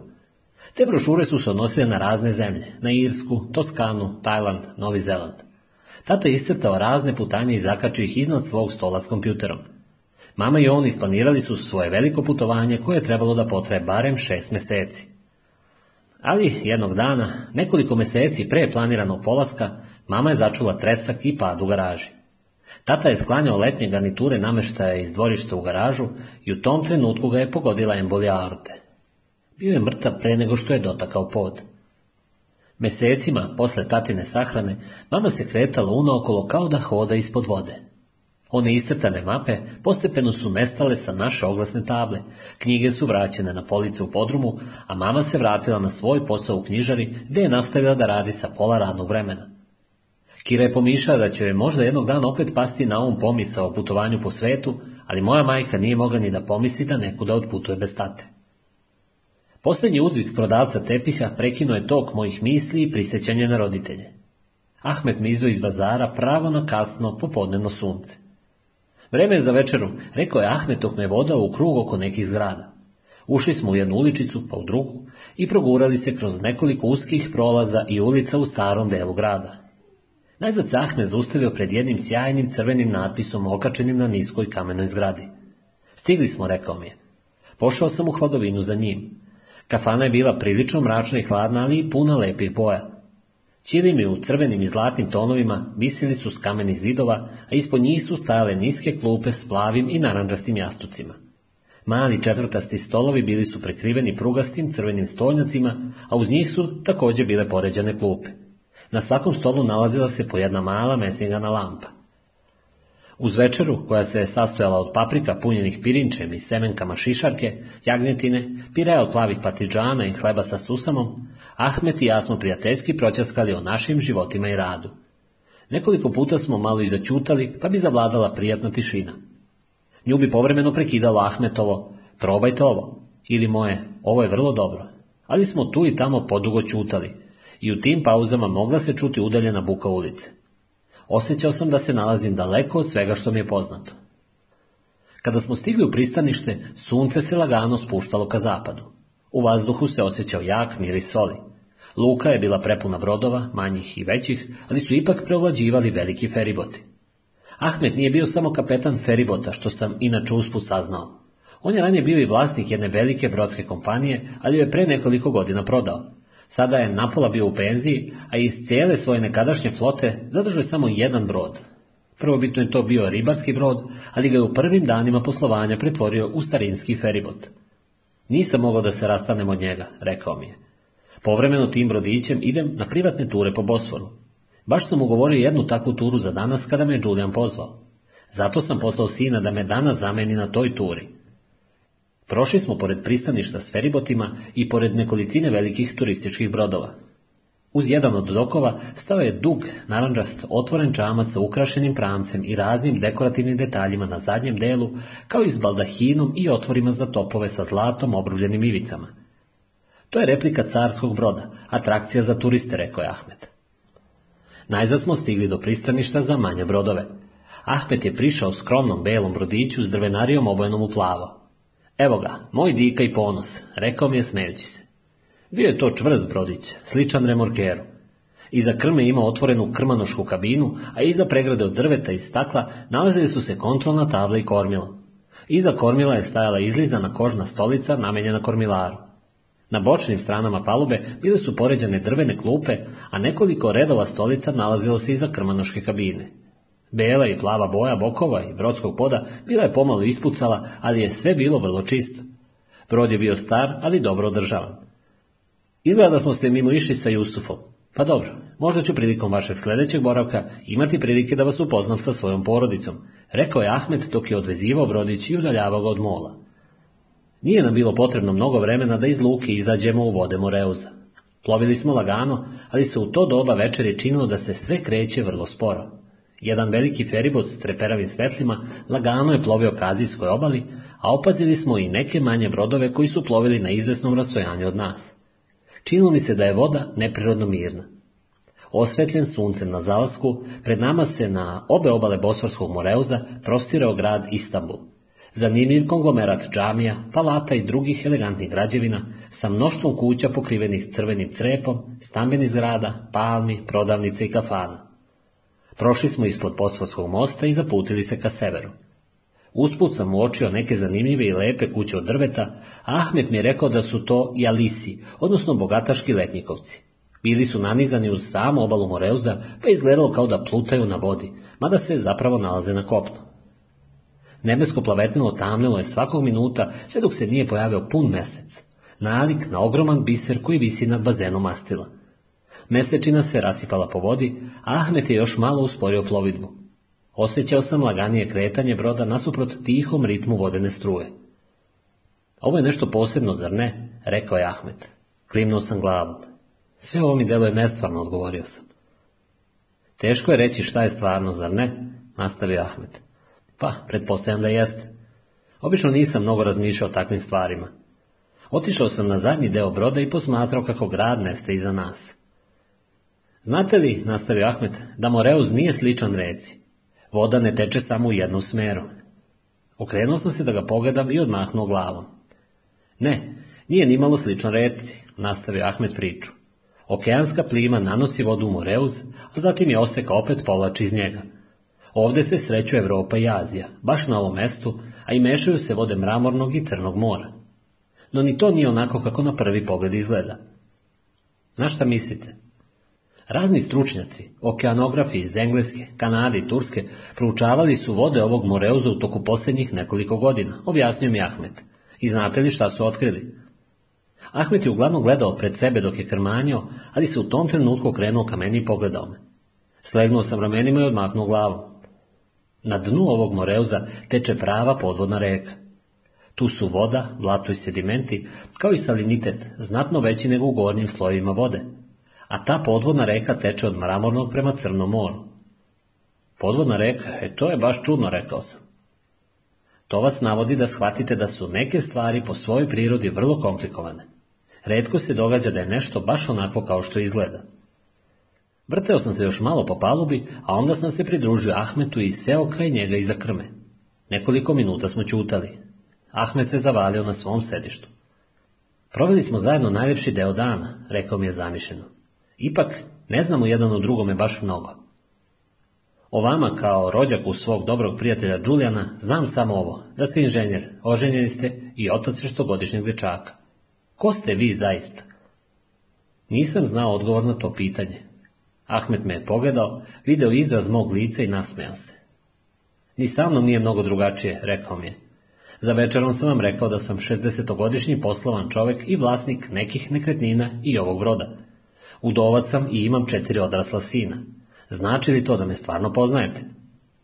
Pa, pretpostavljam da je i to neka polazna tačka za upoznavanje, odgovorio sam mu. Mislim, mogao bih ponešto da vas upitam i da saznam malo više o vašoj kompaniji ili o sinovima. Ipak bi nam trebalo mnogo vremena da se dobro upoznamo, zar ne? Da, pretpostavljam da bi. Obično je to tako. Zamislite da smo počeli da pričamo o nekim drugim stvarima. Šta biste rekli ako bih vam ispričao da je za mene pravi život bio uvek samo na vodi ili pored nje? Majka mi je pričala da sam kao malo dete bio zaista srećan samo za vreme kupanja. Voda, pecanje, plivanje, brodovi, čamci. Nikada nisam malo sumnjao u to šta želim da radim. Osjećam čuda nemir kad god nisam na nekom od svojih brodova. To je ponekada teško padalo moje žene, a i sinovima. Ali uvek nam je bilo najljepše kada bismo se svi zajedno našli na morskoj obali ili na nekom brodu kao da smo samo na takvim mestima bili pravi mi. Uvijek mi je bilo potrebno da budem kraj vode, da bih mogao mirno da razmišljam i da shvatim svet i smisao svog života. Na ovom istom brodu spoznao sam, recimo, da je kaniz žena kojom želim da se oženim. Na njemu sam pravio svoje najvažnije životne planove i donio najhitnije odluke. Ahmet je okrenuo kormilo broda u polukrug. Pomislio sam da ćete, ako vam to kažem, možda moći bolje da me razumete. Mislim da ono što znamo o drugima uglavnom obuhvata samo njihovu spoljašnost, nabacio sam. Da, i to je baš tužno, rekao je Ahmed klimajući glavom. Zatim je malo začutao. No, to nije ono najtužnije, nastavio je zamišljeno. Najtužnije je to što i o samima sebi znamo samo ono što se nalazi na površini. Često živimo životom naših komšija umjesto da vodimo sobstveni život. Bilo mi je teško da ocenim koliko smo dugo plovili po Bosforu. Svetlucava voda, blistav mesec i utežni šum brodskog motora pretvorili su celo to putovanje u pravi san. U jednom trenutku je Ahmet naglo okrenuo kormilo i pokazao mi svetla koja su blistala na azijskoj strani. To je Anadolu Kavađi, rekao je pokazujući nešto ispred nas. Ne možete još vidjeti naselje, ali ispred nas je ostatak razorene dženovske tvrđave. Potiče iz 14. veka. Moja kućica je na drugoj strani, na južnom kraju naselja, na obali. Nije nam bilo potrebno mnogo vremena da pristanemo i odvezemo se do sela malim automobilom koji je Ahmet ostavio u luci. Kamena kućica uopšte nije ličan na Ahmetov stan u gradu. Pod je bio poplačan terakotom, na zidovima je bio neravan sloj gipsa, a grube, tamne grede na tavanici su izgleda upile odjeke davne prošlosti. Na otvorenim policama u kuhinji bilo je poređeno masivno zemljano i mesinano posuđe. Tu i tamo mogli su se vidjeti delići mozaika i staklo jarkih boja, ali izbledela tkanina na prozorima i pohabani pokrivači namještaja svjedočili su o starosti kuće. Ahmet je odnao moj ranac u jednu malu sobu. Pokazao mi je mali krevet koji nije bio širi od standardne polovine bračnog kreveta i čija je izrezbarena drvena strana bila okrenuta prema zidu. U tom krevetu sam nekada spavao s dvojicom braće, rekao je Ahmet smejući se. Spustio je moj kofer na pod pored kreveta i poveo me natrag u dnevnu sobu.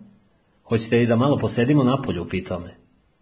Ogrnuli smo džempere i otišli u malo dvorište koje je gledalo pravo na mesečinom obasjeni Bosfor. Ahmet je nastavio da priča o svom omiljenom prirodnom elementu, o vodi. Priča se da je Crno more nekada bilo slatkovodno jezero. Pre mnogo hiljada godina došlo je do velike poplave i Sredozemno more se izdjelo izvan Bosfora, pa je tako i Crno more postalo deo slavnih okeana. A ta podzemna reka, mislite li da je to posljedica te poplave, upitao sam ga. Pa, tako zvuči, zar ne? rekao je Ahmet. Neki misle da je ta poplava zapravo onaj biblijski Noe potop. Šalite se, rekao sam. A Bosfor se pojavljuje u grčkoj mitologiji. Znate legendu o jasonu i zlatnom runu? Odmahnuo sam glavom. U grčkoj mitologiji je Bosfor bio mesto na kome su se nalazile simple gade, Ploveće stene, koje su se tako brzo primicale jedna drugoj, da bi zdrobile svaki brod koji bi se usudio da pokuša da prođe između njih. Kada je Jason zaplovio Bosforom, pustio je Golubicu da proleti između fatalnih stena. Stene su jurnule jedna prema drugoj, ali je Golubica ipak proletela, samo izgubila nekoliko pera sa repa. Jason i Argonauti su sledili Golubicu i srećno prošli kroz tesnac. Zadnji deo broda bio im je doduše oštećen, ali se ipak nisu potopili. Tako su Grci stigli do Crnog mora. Osmehnuo sam se i klimnuo glavom. Moje majici bi se veoma dopao Ahmet i njegove priče. O Bože, uzviknuo je moj domaćin, skoro sam zaboravio zbog čega ste došli ovamo. Đuljanov talisman, sada ću vam ga doneti. Brzo ustao i ušao u kuću. Vratio se posle nekoliko minuta sa malim presavijenim komadom papira i smotuljkom crvene svile. Pružio mi oba predmeta. Eto, sada ste dobili ono zbog čega ste došli, rekao mi je. Trebalo bi da pođemo na spavanje. Sutra moramo da ustanemo rano. Vratit ćemo se u Istanbul, pa ću vas odvesti da vidi Taja Sofiju, a zatim ću vas otpratiti narodom. Morate mi obećati da ćete se u nekoj prilici vratiti ovamo da vidite ostatak mog zavičaja. S tim sam se vrlo spremno saglasio i nerado ustao sa stolice. Kada sam se vratio u sobu, spustio sam za motuljak na okrugli stočić kraj kreveta. Seo sam na kraj postelje i sačekao da prođe jedan minut pre nego što sam raspakovao paketić. Lagano sam razmotao meki kvadratni komadi svile. U tkanini se nalazio nekakav bronzani novčić.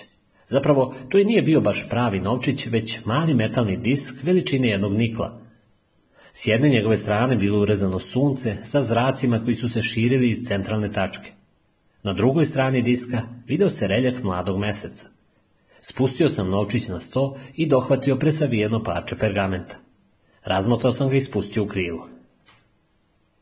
Moć istinskog, pročitao sam na njemu. Najveći dar koji možemo sebi dati jeste taj da živimo pravim, istinskim životom. Da zaista budemo ono što jesmo ipak nije lak zadatak. Moramo se odupreti zavodničkom zovu društva i živjeti život po nekim sobstvenim pravilima, držeći se sobstvenih vrednosti i u skladu s našim prvobitnim snovima – Moramo dopreti do naše skrivene suštine i istražiti duboko ukorenjene nevidljive nade, želje, snagu i slabost koje nas čine onakvima kakvi zapravo jesmo. Treba da shvatimo gdje smo bili i kuda smo se zaputili. Svaka naša odluka, svaki korak moraju biti određeni željom da proživimo život koji je istinit i pošten i svojstven samo i jedino nama. Ako nastavimo tim putem, svakako ćemo naći blago koje će nadmašiti sva naša očekivanja. Vratio sam se do svog ranca i sa njegovog dna izvukao svesku za dnevnik koju mi je Julian dao pred polazak. Zatim sam ubacio pergament u nju i vratio svesku u ranac. Ponovo sam uzeo talisman i prevrtao ga neko vreme u rukama. Izvukao sam iz džepa kožnu kesicu i ubacio u nju mali metalni disk, a onda sam podigao pokrivač i uvukao se u postelju.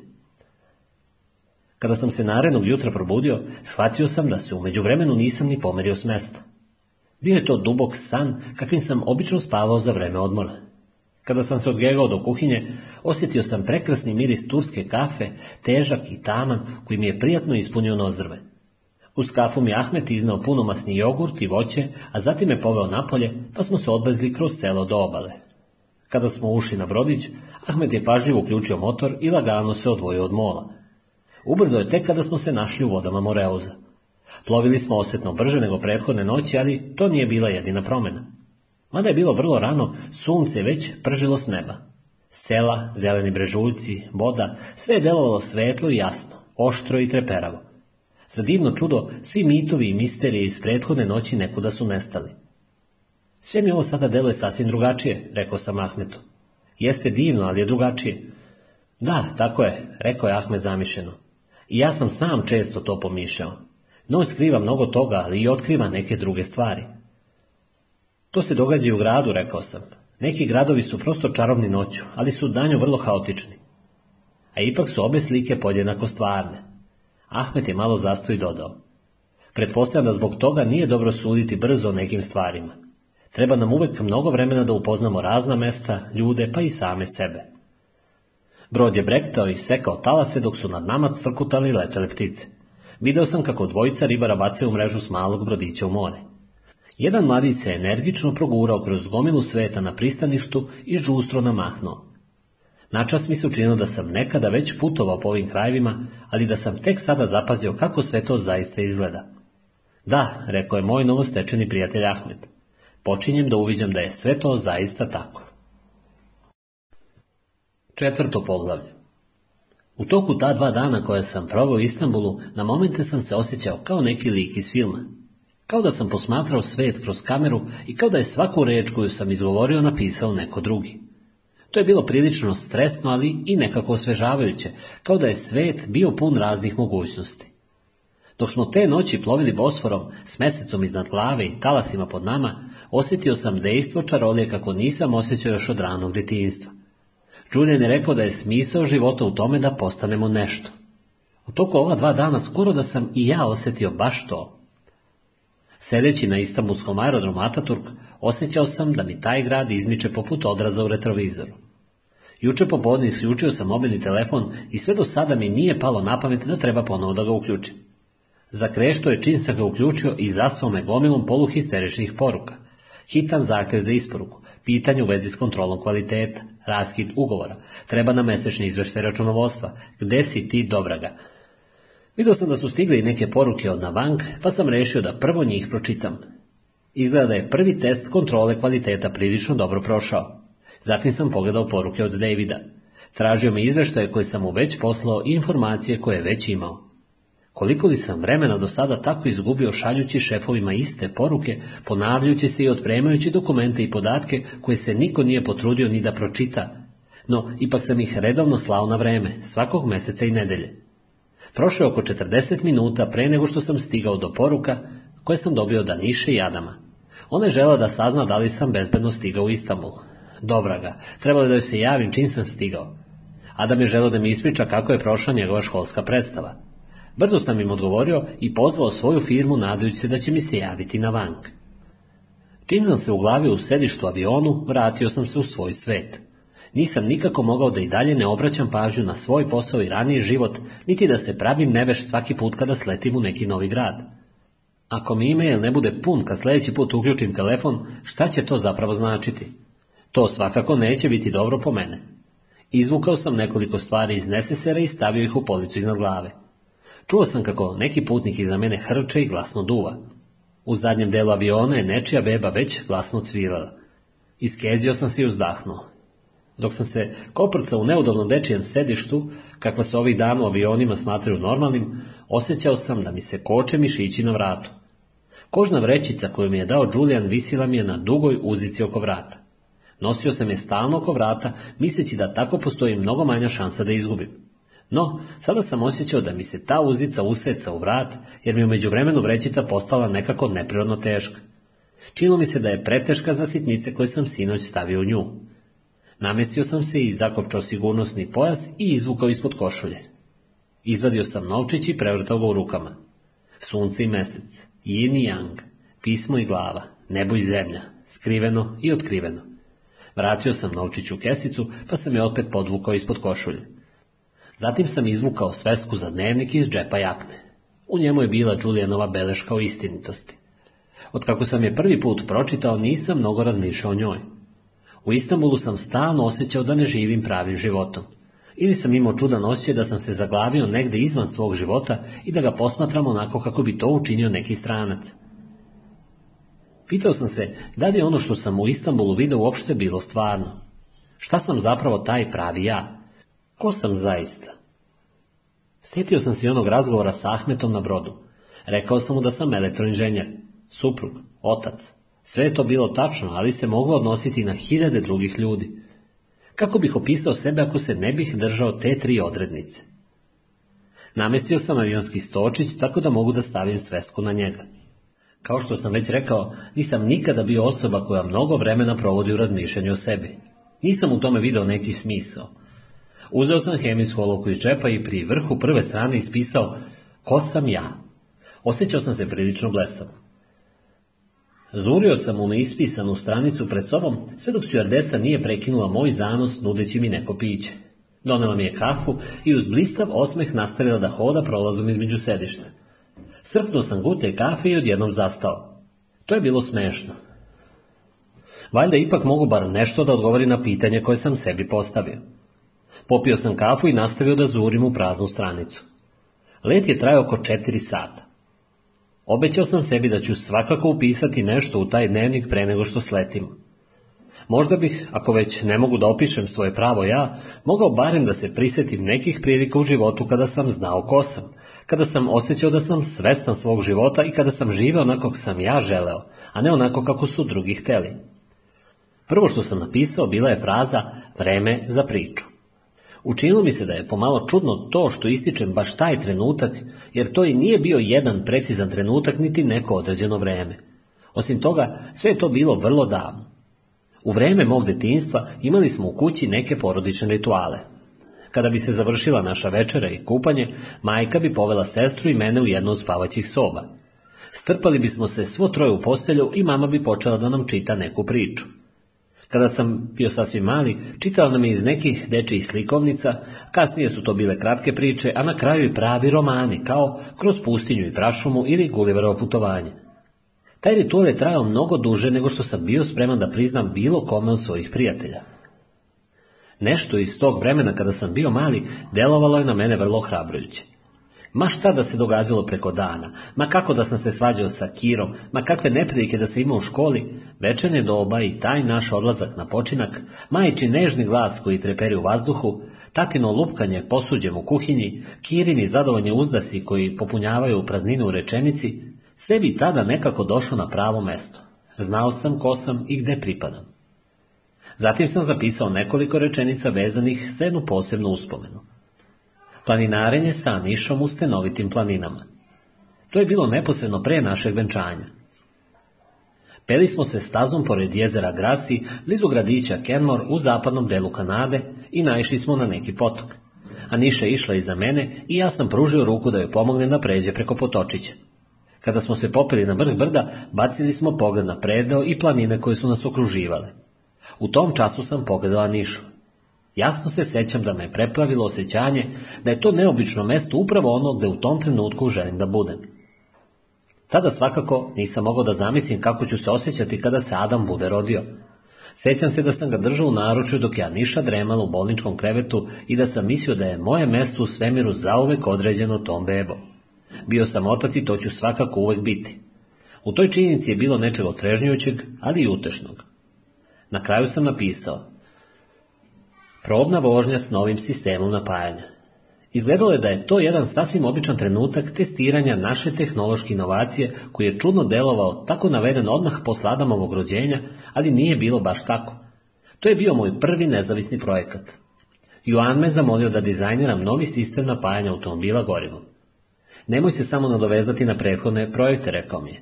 Pričao si da treba napraviti nešto drugačije, pa sada to i uradi. Počni od početka ponovo osmisliti ceo projekat. Mesecima sam radio na tome, mada možda drugima i nije tako izgledalo. Ujutru bih seo za svoj pisaći sto i ne bih ustao sa stolice do šest popodne. Uveče bih izašao iz automobila, stajao na stazici ispred kuće i pitao se kako sam tu dospeo. Bio sam prepun ideja i energije. Ujutru sam ustao rano jer sam bio nestrpljiv da što pre odem na posao. Kada sam konačno predstavio svoje šeme i ceo projekat Juanu, zamišljeno me pogledao. Pa, rekao je, postoji samo jedan način da utvrdimo da li to funkcioniše ili ne. Hajde da ga napravimo. To smo i učinili. Zatim smo testirali novi sistem i ubacili ga u automobil. Provozali smo taj auto. Noć pre probe nisam ni oka sklopio. Dok sam gledao kako auto ubrzava na oglednoj pisti, osjećao sam kako mi srce otkucava glasno kao zidni sat. Četiri događaja. To je sasvim dosta za jedan dan. Zatvorio sam svesku i strpao džep. Zavalio sam se na sedištu, sklopio oči i potrudio se da utonem u san. Čim sam izašao na aerodrom Charles de Gaulle, osjetio sam da mi se puls ubrzao. Red na carini mi se učinio beskrajnim, a čekanje na prtlja kao da se oteglo u nedogled. Kada sam konačno izašao kroz staklena vrata terminala i prišao taksi stanici, uleteo sam u prvi taksi u nizu poput deteta koji trči sa kamionom sa sladoledom.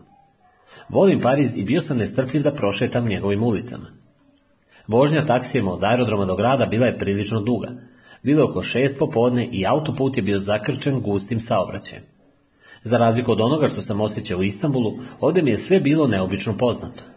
Bilo je mnogo semafora, pa sam mogao da posmatramo zače koji rasejano gledaju put pred sobom, a u mislima ponovo analiziraju svoj radni dan, ono što su odradili i ono što ih tek čeka narednog dana. Jedan od tih vozača mogao sam biti i ja, samo na drugom kraju sveta. No, ja sam u tom času bio tu, okružen poznatim stvarima, a istovremeno i stranac, dok se oko mene uzdizao niz sivih solitera parijskih predgrađa i posjećao me na činjenicu da u tom milionskom gradu nikoga ne poznajem. Julian me uputio da odsednem u jednom hotelu na Elisejskim poljima. Ali, kada smo stigli pred taj hotel, odjednom nisam nimalo imao želju da izađem iz taksija. Umalo nisam zamolio vozača da nastavi da me vozi. Ništa mi u tom času nije izgledalo privlačnije od vožnje kroz Pariz sve do zalaska sunca sa svetli majfelove kule u pozadini koja su se vidjela ma kuda krenuli kroz grad. Ipak, Julian mi je unaprijed zakazao susret sa čovekom po imenu Antoine Goše, ali mi nije naveo kada tačno treba da ga sretnem. Rekao je samo da će mi Antoine na recepciji hotela ostaviti ceduju sa upustom kada i gde ćemo se naći. Pretpostavio sam da me možda taj Antoine već čeka. Julian me rekao i ovo. Antoan je veoma zanimljiva osoba. To bi za tebe mogao biti jedan izuzetan susret. Taksi me dovezao do hotela na Elisijskim poljima, pa sam kroz kružna vrata ušao u predvorje. Bilo je prepuno sveta. Oko mene su se vrzmale desetine nekih ljudi u poslovnoj odeći koji su imali pločice sa imenima okačenih oko vrata. Stajali su u redu pred recepcijom ili su se rasuli po grupicama po predvorju. Pred recepcijom je neka curica sedela na koferu i glasno jacala. Iznad nje je stajala žena strogog izgleda i tražeći nešto kopala po torbici. Po cijelom predvoru odjekivali su uzvici, smeh, časkanje i plač. Valjda su me let, vožnja od aerodroma do hotela i sva ta buka izuzetno izmorili, jer kada sam se našao ispred pulta recepcije, više nisam mislio svetljima Pariza, već mi je na um padala samo jaka kafa ili neko žestoko piće. Kada mi je službenik dao ključ, Karticu na kojoj je pisalo soba broj 1132 odjednom sam ljutito prasnuo. Ne, nikako ne dolazi u obzir, rekao sam. Nisam se čak potrudio ni to da izgovorim na francusku. Ne želim sobu iznad četvrtog sprata. Službenik me upitno pogledao. Ja ne mogu, počeo sam i čutao. Nisam želao ništa da mu objašnjavam. Pravi ja, pa eto, tu je svakako jedan delić moje prave ličnosti. Naime, ja sam bio klaustrofobičan i plašio sam se tesnih i natrpanih prostorija. Liftovi su za mene uvek bili prava napast. Nije bilo mnogo ljudi koji su znali za to. Tvrdio sam da je penjanje stepenicama deo mojih zdravih životnih navika. Joan je svojevremeno počeo da me zove gospodar stepenica i to pošto sam se popeo do našeg apatmana za goste na 18. spratu za vreme jednog skupa proizvođača automobila. Lakše mi je bilo da se pred kolegama pojavim zadihan i znojav nego da me vidu uspaničenom. Službeniku sa recepcije trebalo je nekoliko minuta da mi pronađe sobu na četvrtom spratu. Pre nego što sam krenuo u sobu, dao mi je zajedno sa ključem i jednu malu kovertu. Svakako je to poruka od Antoana, pomislio sam i gurnuo je u džep. Dao sam nosaču kofer i krenuo ka stepenicama. Kada sam ušao u sobu, izvo sam cipele i svalio se na postelju. Legao sam na leđe i izvukao kovertu iz džepa. U njoj je bio samo jedan list papira na kome je pisalo Antoine Goše, arhivista. Parijske katakombe, avenija pukovnik Andrija Roltangija broj 1. Dođite na moje radno mesto u sredu u 17.30, odmah pošto se muzej zatvori. Taj Antoine svakako nije bio neki brbljivac. Sreda je bila sutra, pa sam imao ceo jedan dan u Parizu samo za sebe. Prvo sam se tome obradovao. Ceo dan ću sam lutati po najatraktivnijem gradu na planeti. Kuda da odem? U Notre Dame, u Le Mar, na Montmartre, u Louvre, no, jedna ideja polako mi je potisnula sva ta mesta iz misli. Ceo jedan dan. Izvukao sam telefon iz džepa.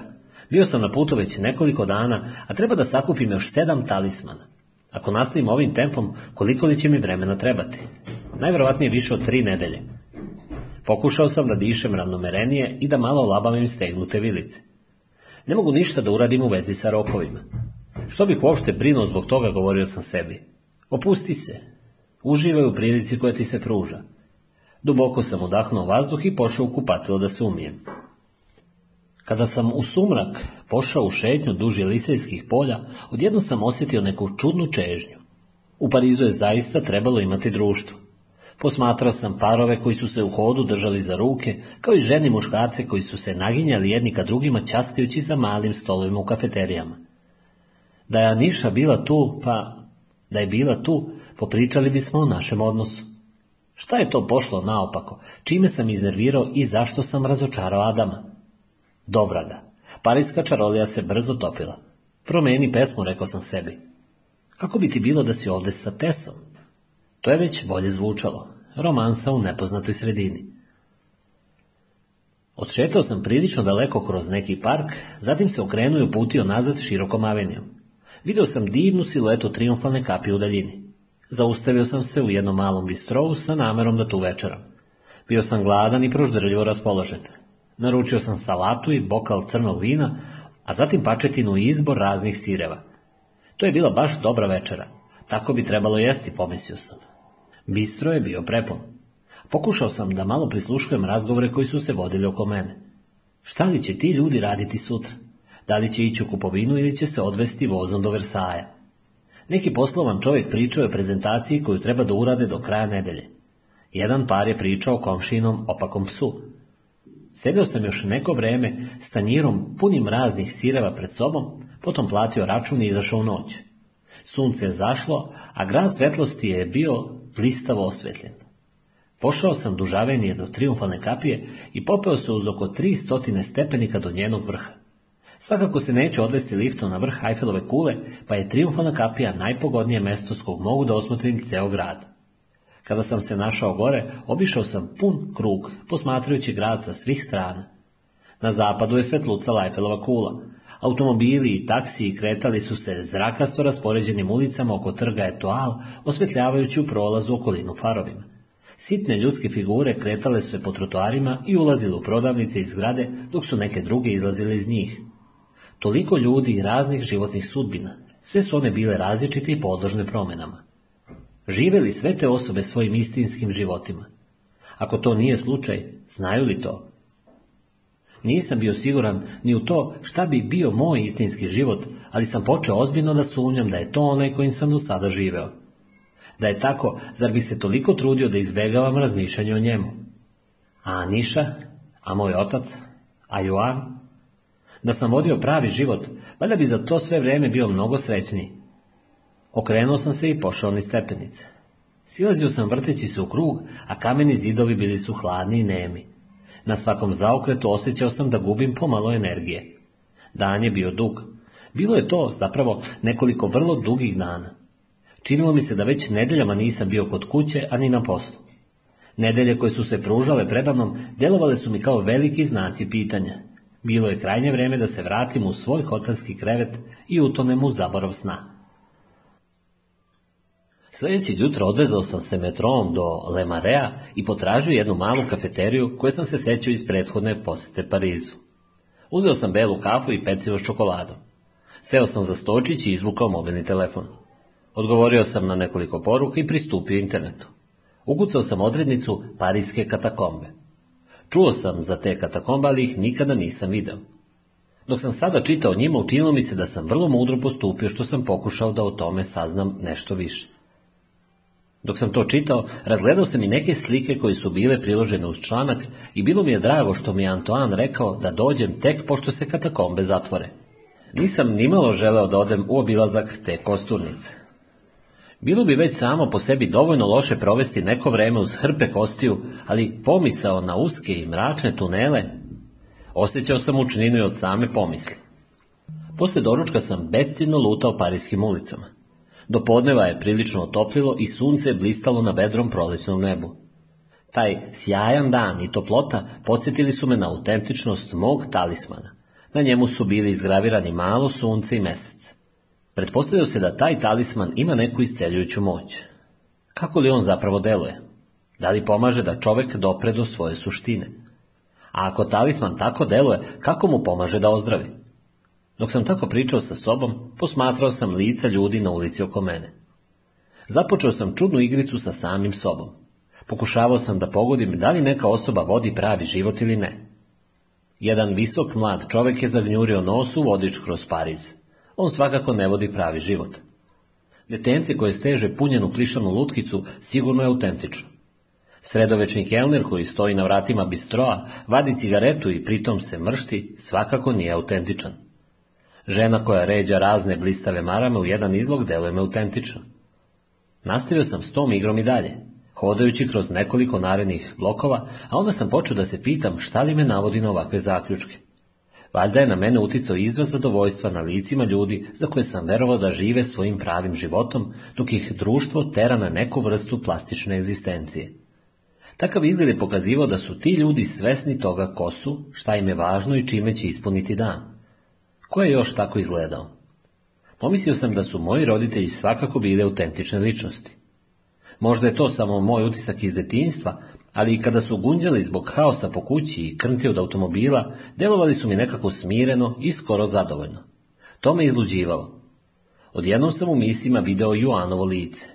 Ne ono iz posljednjih nekoliko godina, već onako kako je bilo u vreme kada sam tek došao u firmu. Joan je svakako već bio u srednjim četrdesetim godinama kada smo se upoznali, ali imao mudar izraz i intelektualni entuzijazam starog učenjaka. U razgovoru za posao koji sam vodio sa njim, delovao mi je prilično rasejano i ravnodušno, pa sam se iznenadio kada me poslije toga pozvao i ponudio mi posao. Shvatio sam da je za vrijeme našeg razgovora on prosto bio izgubljen u mislima. Izgleda da je bio oduševljen mojom spremnošću i prethodnim radom i iskustvom, kao i nekim mojim početnim primjedbama, pa je već unaprijed razmišljao o poslovima koje bi mogao da mi poveri. Prvog dana na novom poslu upoznao sam Joana kao srdačnog čoveka koji me je lepo pozdravio pri dolasku.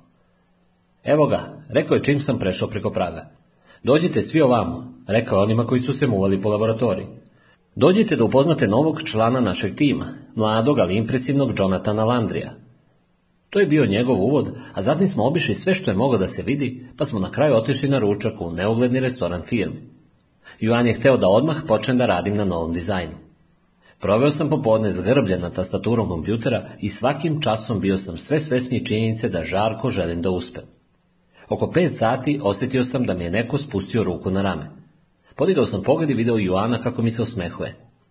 Mislim da si prvog dana na poslu bio vrlo vredan, zar ne? Rekao mi je. Imam još neku papirologiju da završim, a ti idi kući. Dobro si radio. Nisam osjećao da sam nešto naročito postigao, ali me je njegova vera u moje kapacitete bodrila. Duboko sam udahnuo, sačuvao ono što sam uradio i isključio kompjuter. Cijela ta nedelja protekla mi je na sličan način. Sedeo sam za kompjuterom, veoma usredsređen na posao, ramena su počinjala da me bole od napora, a u slepočnicama sam stalno osjećao bolno kljucanje. Juan bi se povremeno pojavio da me upita kako napredujem ili da nešto predloži, a povremeno mi mi čak i predlagao da se malo odmorim. No, i pored svih tih njegovih napora, uspeo sam da pokvarim svoj projekat tog prvog meseca. Obična greška u proračunu imala je kao posljedicu odbacivanje mog plana. Joanov šef je umarširao u našu laboratoriju i bacio hrpu papira na pult. Čiji je ovo rad, upito je. Joan se odmah pojavio, pokupio papire i pogledao ih. Žao mi je, Karle, odgovorio je. Vidim da smo mi tu nešto pogrešili. Do kraja dana doneću ti ispravljen plan.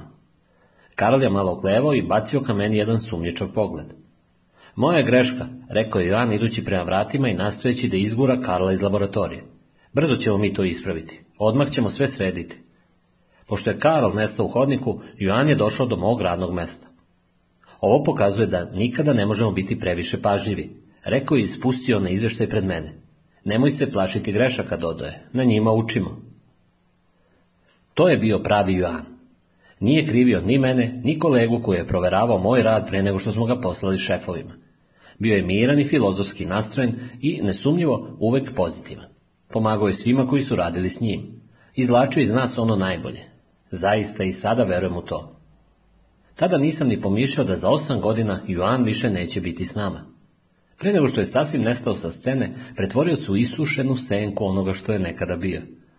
Ramena su mu se opustila, lice istopilo, a kosa nekako čudno posedela. Nisam u to vrijeme više radio za njega, a što je bilo još gore, nismo čak ni razgovarali. Prizor sene koji sam odjednom ugledao pred sobom prekinuo je moje misije o Joanu. Stigao sam do mosta Notre Dame. Prešao sam ga i lutao raznim ulicama sve dok nisam došao do katedrale Notre Dame. Dugo sam stajao pred njenim veličanstvenim vratima i posmatrao kamene zidove, gusto načičkane likovima svetaca i gargojlima, dok se crveno staklo vitraža na prozorima presijavalo na suncu. Kakav prizor! Od takve umetnosti prosto zastaje dah. To je dostignuće pred kojim se čovjek zaista osjeća beznačajno.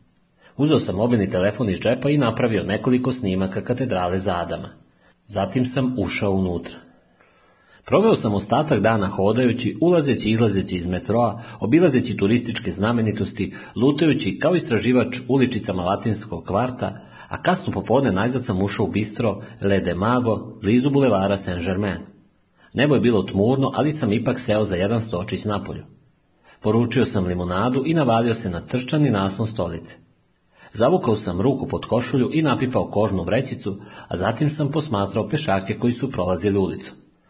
Dan je bio lep, ali sam osjećao kako mi srce bolno tuče u grudima. Bio sam sam i nisam znao koliko će to potrajati. Želeo sam da se vratim kući. Adam bi da sam kod kuće došao kod mene preko vikenda.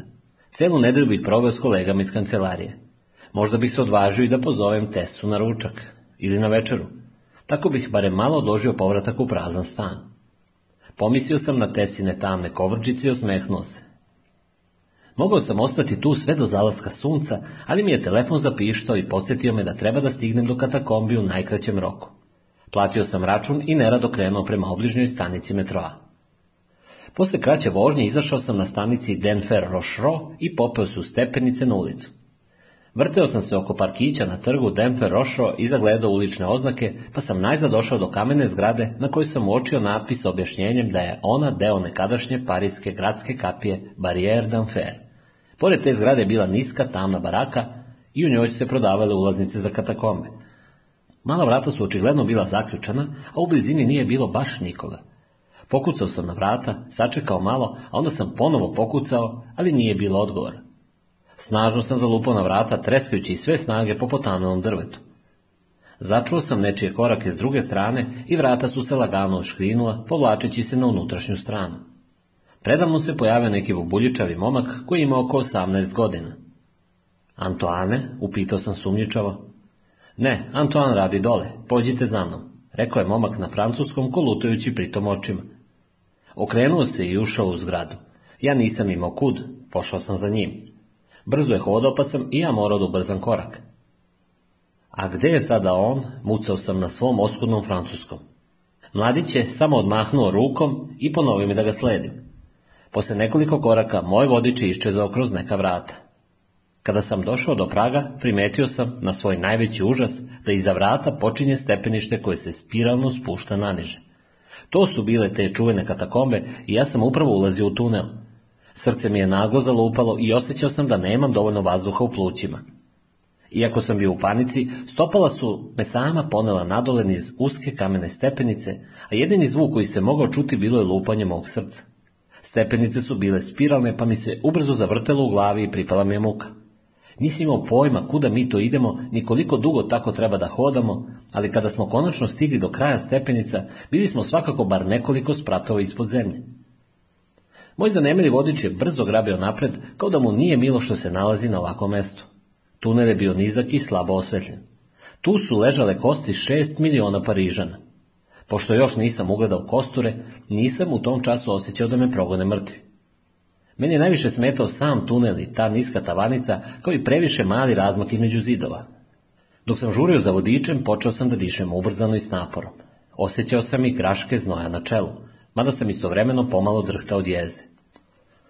i mučnine zapljuskivali su me sa svih strana i bilo mi je zaista teško da nastavim da hodam.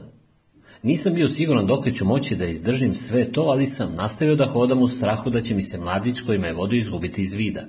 Morao sam nečim da zabavim misli. U tom času smo prošli pored jednog udubljenja u zidu zagrađenog pleksiglasom. Iza te pregrade nalazila se stara drvena stolica i stočić sa upaljenom svećom na njemu. Na tabli pričvršćenoj za zid na francuskom je pisao nešto o drugom svjetskom ratu. Sjetio sam se još nečega što sam danas pročitao o katakombama. U toku drugog svetskog rata pripadnici pokreta otpora krili su se u toj vijugavoj mreži tunela. Neki od njih su sve te ratne godine proveli pod zemljom. Kako li je izgledalo boriti se u ono vreme protiv nacističkih okupatora? Da li su pripadnici francuskog pokreta otpora živjeli u stalnom strahu i neizvestnosti? Možda im je posvećenost borbi, pravdi i slobodi davala posebnu hrabrost. Verovatno je tu bilo i jednog i drugog, zaključio sam. Stvarnu hrabrost posjedujemo upravo onda kada se suočimo sa strahom. Ako se uopšte ne plašite, kako možete hrabro postupati? To je bila prava ironija. Da li su se ti borci, prisiljeni da žive u tako malom i stešnjenom prostoru, posmatrujući ostatke mrtvih predaka koji svedoče o ljudskoj smrtnosti, pitali da li će, ma šta oni činili, svi ti ljudi koje žele da spasu ipak jednom završiti ovde? Da li uopšte bilo toliko važno usporiti patnju i dolazak neizbežne smrti? Da li su sumnjali u svrhu svoje borbe? Možda su se pitali kakav je smisao svega toga. Kosti natrpane po ovim tunelima pripadali su ljudima čiji su životi prošli. Neki od njih su bili čuveni i značajni, a drugi nisu bili ništa od toga. Da li je zaista bilo važno kako su proživjeli svoje živote? Kako je živeo svako od njih? Moj vodič je i dalje klizio ispred mene kroz hodnike poput zmije. Uhvatio sam korak sa njim i skrenuo za ugao, da bih odmah zatim ugledao prvu hrpu kostiju. I protiv volje sam malo usporio hod. Panika me je sve više obuzimala. Dugi zasvođeni zidovi bili su prekriveni kostima, dugim bedrenim kostima poređanim u redove. Iz ukrštane poput kostiju na nekom crtežu ležale su i gomile rebare i ključnjača. Baš ispred mene stao je od iskeženih lobanja. Mislio sam na sve one koji su se nekada ovdje krili. Naravno da je bilo važno kako su živeli. Borci pokreta otpora su to dobro znali. Posmatrali su sve te kosti oko sebe i shvatili da užas ovog podzemlja nije ništa prema svim tim užasima koji se događaju iznad njihovih glava na okupiranim parijskim ulicama, u Lođu, Berlinu, Amsterdamu. Borci pokreta otpora, ma kako da su živjeli, svakako su znali da je bolje suočiti se sa sobstvenim strahom nego ga uporno ignorisati. Moj mladi vodič je odjednom zastao na nekom raskršću, odnosno na ulazu u drugi tunel. Taj je bio odvojen zarađalom gozdenom rešetkom od tunela kojim smo do tada išli. Bio je u potpunom mraku. Vodič je gurnuo rešetku i uronio u tamu. Pritom se osvrnuo da bi bio siguran da ga sledim. Ja sam nesigurno hodao hodnikom osvjetljenim slabim svetlom, a onda i ono nestalo. Udario sam vrhom stopala u nešto. Vodič je uperio svoju bateriju u pod. Poželao sam da to nije učinio. Onog do tadašnjeg reda u ređanju više nije bilo i oko nas su svuda ležale ljudske kosti koje su nam krckale pod nogama. Popadale na hrpe iz udubljenja u zidovima.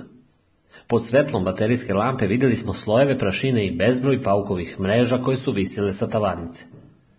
Ovo je za vas, rekao je na francuskom moj vodič i pružio mi lampu. Ja sam je preuzeo, a on se provukao pored mene. Šta to, počeo sam. Prije nego što sam mogao da završim pitanje, on je odsečno dodao. Srešite se s njim ovde. A zatim je nestao, ostavljajući me na 50 stopa ispod zemlje kao jedinu živu osobu u moru mrtvih. Više nije bilo ničega što bi mi odvratilo pažnju. Vazduh je bio nepomičan, ali sam imao osjećaj da me zidovi tunela guše. Činilo mi se i da tavanica podrhtava, mogla bi se srušiti svakog trenutka. To nije zaista tako, govorio sam sebi. To je samo napad panike. No, panika me i dalje gušila i plašio sam se da ću se psihički raspasti. Želeo sam da se oslonim o nešto i da se uspravim, ali sam se plašio da zakoračim preko svih tih kostiju. Posle nekog vremena, koje se meni učinilo veoma dugo, iako je vjerojatno proteklo samo nekoliko sekundi, začuo sam korak. I senke se pojavio neki sitan čovek. Ja sam Antoine, rekao je na francuskom. U trenutku kada je to izgovorio, ja sam se zanjihao i skoro srušio na tlo. O Bože, povikao je Antoine. Dohvatio me za mišicu i uspravio me. Zatim je pošao ka nekom udubljenju između hrpa kostiju pored zidova. Izvukao je odatle dve drvene stoličice na rasklapanje, donio ih do sredine tunela i tu ih je namestio. Sedite, rekao mi na francuskom. Ama sedite, dodao zatim i na engleskom. Antoine je vjerojatno imao oko 50 godina i kobrđavu kosu koja je ukvirivala njegovo bledo naborano lice.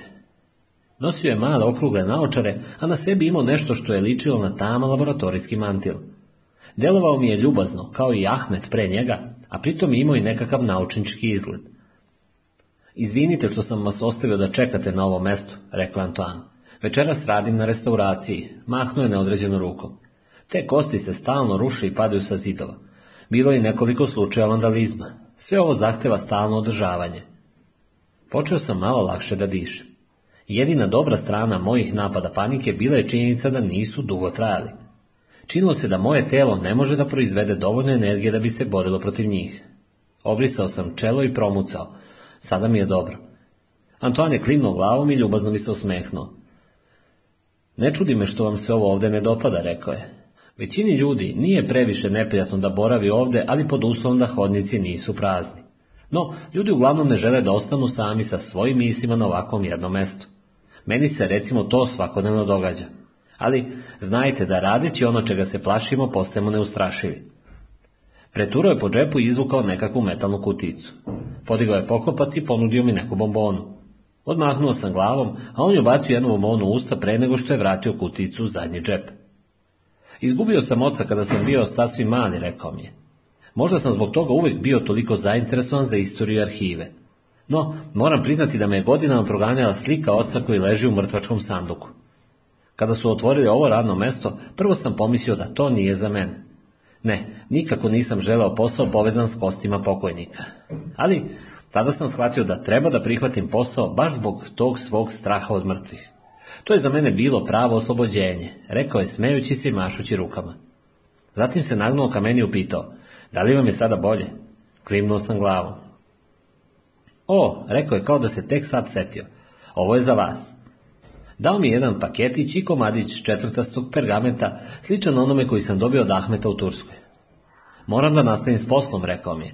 Znam da vam neće biti nimalo mrsko da me sada napustite, zar ne? Opet sam samo klinuo glavom i pokušao da se osmehnem, a bio sam i malo začuđen zbog ovako kratkog susreta, jer sam zbog njega ipak prevalio tako dug put. Ustali smo. Mislim da ćete i sami pronaći put do izlaza, rekao Antoan. Krenuo je u pravcu one metalne rešetke i pokazao mi jedan polumračni tunel. Idite ovuda, rekao mi je. Samo idite tim tunelom i ne skrećite nikuda u sporedne tunelčiće koji su u ostalom svi zagrađeni. Zamolio sam Žana da vam ostavi ulazna vrata otvorena tako da možete sami da izađete. Gurnuo sam paketić i pergament u džep. — Hvala, rekao sam dok sam se provlačio kraj njega. Hvala. Dok sam žurio kroz tunel koji mi je pokazao, čuo sam Antoana kako mi dovikuje. Hrabro, Jonatane, to je jedini način da se proživi život. Setite se i da hrabrost ne morate osjećati, treba samo da je pokažete.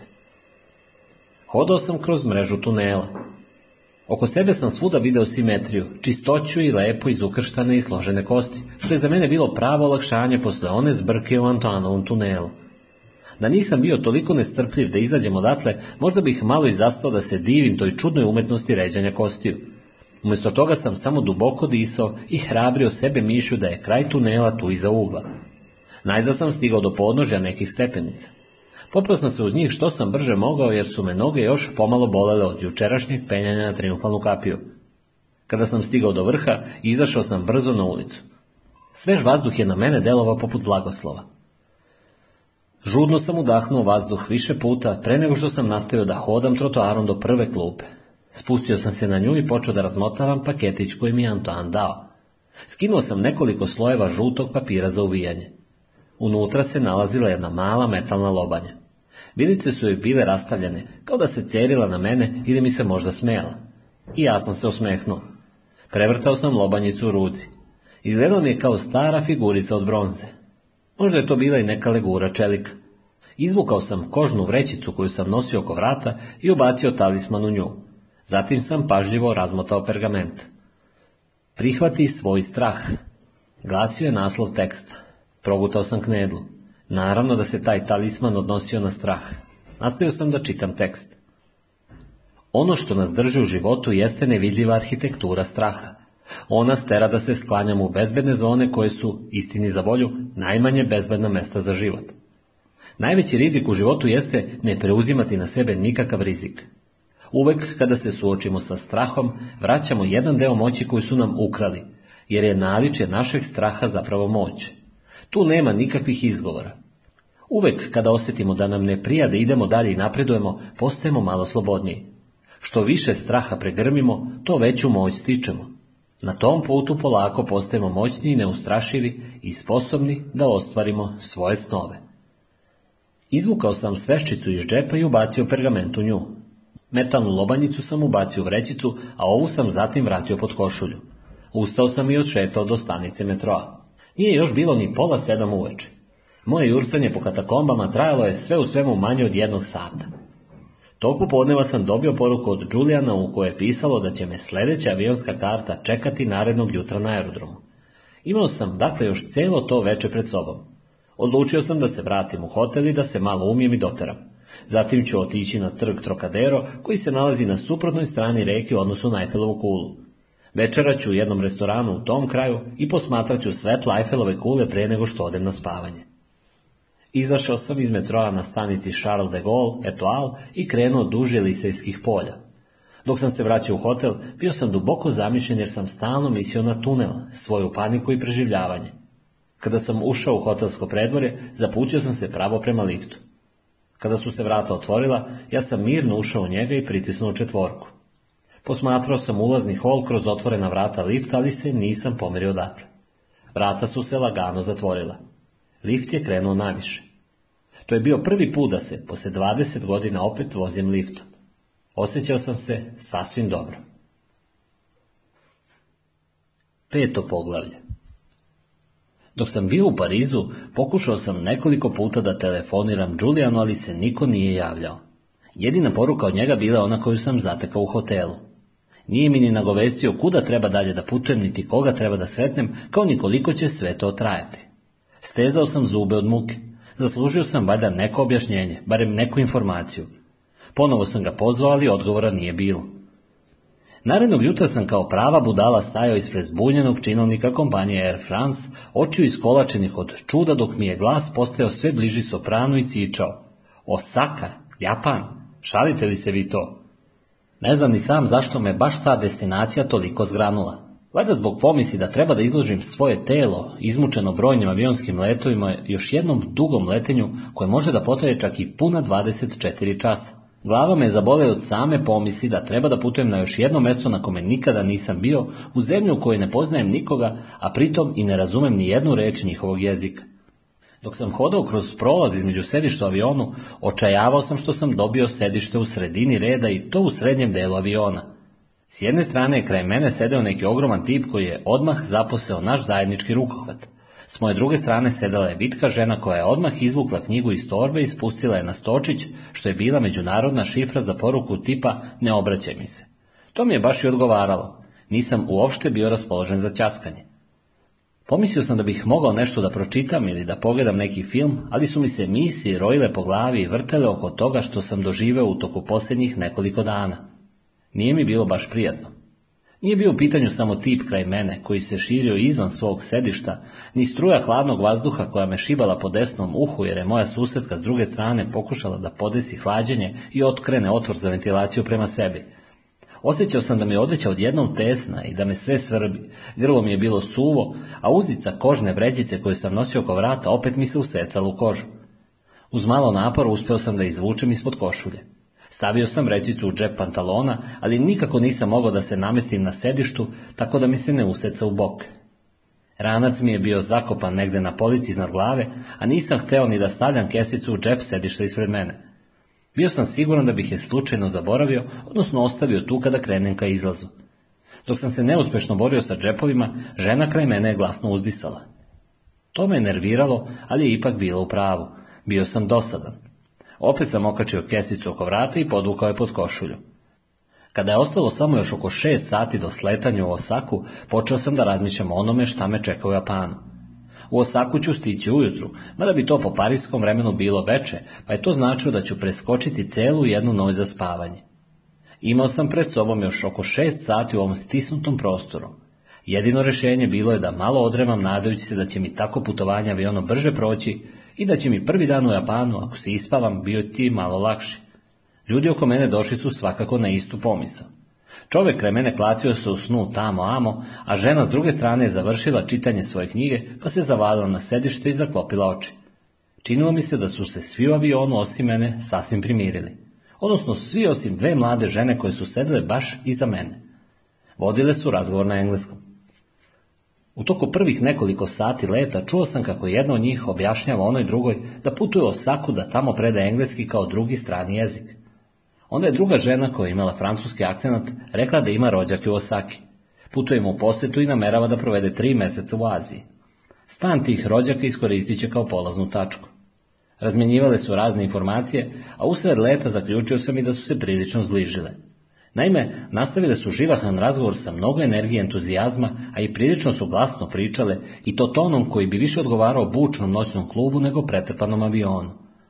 Pokušao sam da uopšte ne obraćam pažnju na njihov razgovor, ali mi to nije uspelo. Izvukao sam komplet sa slušalicama koje je stavio ispred mene i stavio ih na uši. Tražio sam prikladnu stanicu na skali smeštenoj rukohvatu stolice i pokušavao da nađem neku prijatnu muziku, ali sam i dalje čuo žagor glasovi za sebe. Nije mi bilo jasno kako tip kraj mene može da hrči pored sve te buke. Sati su se razlačili. Slušao sam ženske priče o nevernim partnerima i dosjetke o ljubiteljima provoda. Slušao sam priče o nevjerojatnim časovima jogi i atraktivnim tetovažama. Čuo sam i neke priče o umecima za kosu i dubinskom čišćenju debelog sreva. Kad su moje saputnice stigle do razgovora o svojim planovima za budućnost, već sam počeo da osjećam ozbiljnu želju da nekoga ubijem. Na kraju sam pribegao gledanju komedije iz ponuđenog finskog programa, ali ta drugorazredna produkcija budalaština nije uspjela da mi popravi raspoloženje. Kada sam se najzad isteturu iz aviona, pola dana posle ukrcavanja i dvanaest groznih sati udisanja recikliranog vazduha i udaraca nogama primljenih od putnika iza mene, osjećao sam da lebdim u izmaglici i da nisam sposoban za racionalno razmišljanje. Nisam znao šta treba da radim, pa sam pošao za masom zbijenih tela koje su me povukla do kružne trake za isporuku prtljaga. Bilo mi je sasvim jasno da ne postoji nikakav razuman razlog da se guram oko trake u tom trenutku. Prtljagu ponekad treba mnogo vremena da stigne, pa imate utisak da stiže brodom Queen Mary, a ne istim avionom kojim ste i vi putovali. Povukao sam se prema zidu i smestio na jedno sedište. Izvukao sam mobilni telefon iz džepa i uključio ga. Odmah sam zapazio novu Julijanovu poruku. Dragi Jonatane, žao mi je što nisam bio dostupan kada si me zvao i što ti nisam dao više detalja. Ostavio sam ti u hotelu poruku sa imenom sljedećeg čuvara i nekim instrukcijama, ali mi se čini da je nešto u hotelskom sistemu prenosa poruka omanulo. U svakom slučaju, bit ćeš kod jedne divne mlade žene po imenu Sato Ayame, Lično ime je Ayame, odnosno u porodičnom pansionu njene porodice u Kyoto. Ona će te sačekati na aerodromu. Uživaj u boravku u Japanu. Lepo se provedi. Julian. Poslao sam poruku Adamu i Aniši i objasnio da sam stigao u Osaku, pa sam vratio telefon u džep. U tom času sam začeo poznati glas. Baš je lepo što smo se upoznali. Glas je pripadao jednoj od one dve mlade žene koje su stajale jedna kraj druge pored traka za isporuku prtljaga. To je dakle svakako bila jedna od mojih nesnosno brbljivih susjetki. Osjetio sam da me opet hvata glavobolja. Prtljaga još nije bilo na vidiku, pa sam se pridigao i pošao da tražim toalet. Kada sam se vratio, naš prtljag je uveliko zvecko i klizio iz otvora na transportnu traku. sa devojka nagla se nad traku da dohvati ružičastu kariranu platenu torbu, a ja sam prišao malo bliže.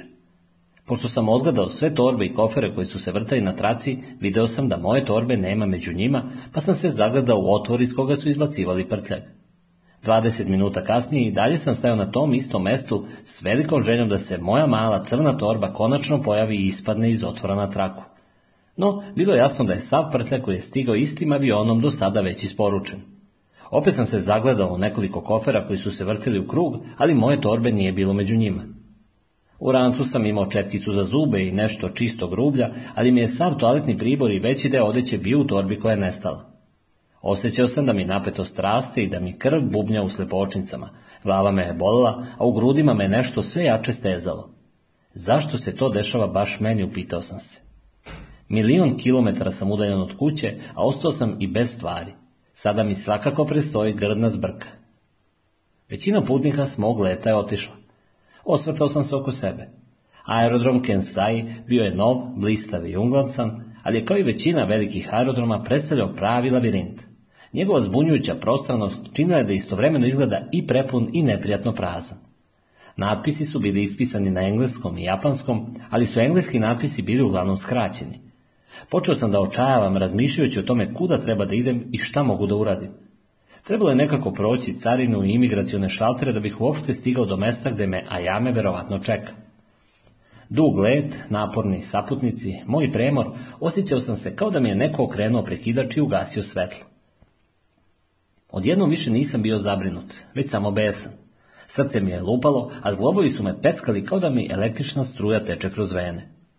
Opazio sam na izvesnom rastojanju nekog čoveka u uniformi, pa sam pomislio da bi to mogao biti nekakav aerodromski službenik. Jurnao sam ka njemu i skoro ga zgrabio za gušu. Kad se sada svega prisjetim, shvatam da sam zaista imao mnogo sreće. Danas uopšte nije pametno gubiti nerve na aerodromima.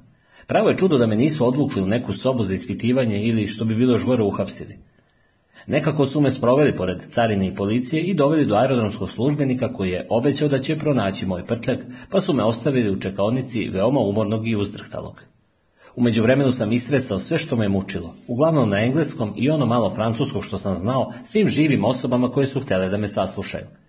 Pitao sam se da li je, makar zbog jezičke barijere, nešto od tog lupetanja ipak ostalo tajna za ljude koji su mi pomogli. Bilo je naime pravo čudo da su se toliki ljudi iz čiste uljudnosti i ljubaznosti uzdržali i da nisu hteli da mi kažu kuda mogu da se nosim zajedno sa svojim izgubljenim prtljagom. Moj napad besa, scena koju sam napravio i sve što je usledilo, ostavili su me nekako ispražnjenog i preosjetljivog. Sve što sam želo bilo je da se uvalim u prvi automobil i da me neko odveze do udobnog kreveta. Osvrtao sam se po čekaonici za dolaske obuzet potpunim očajanjem.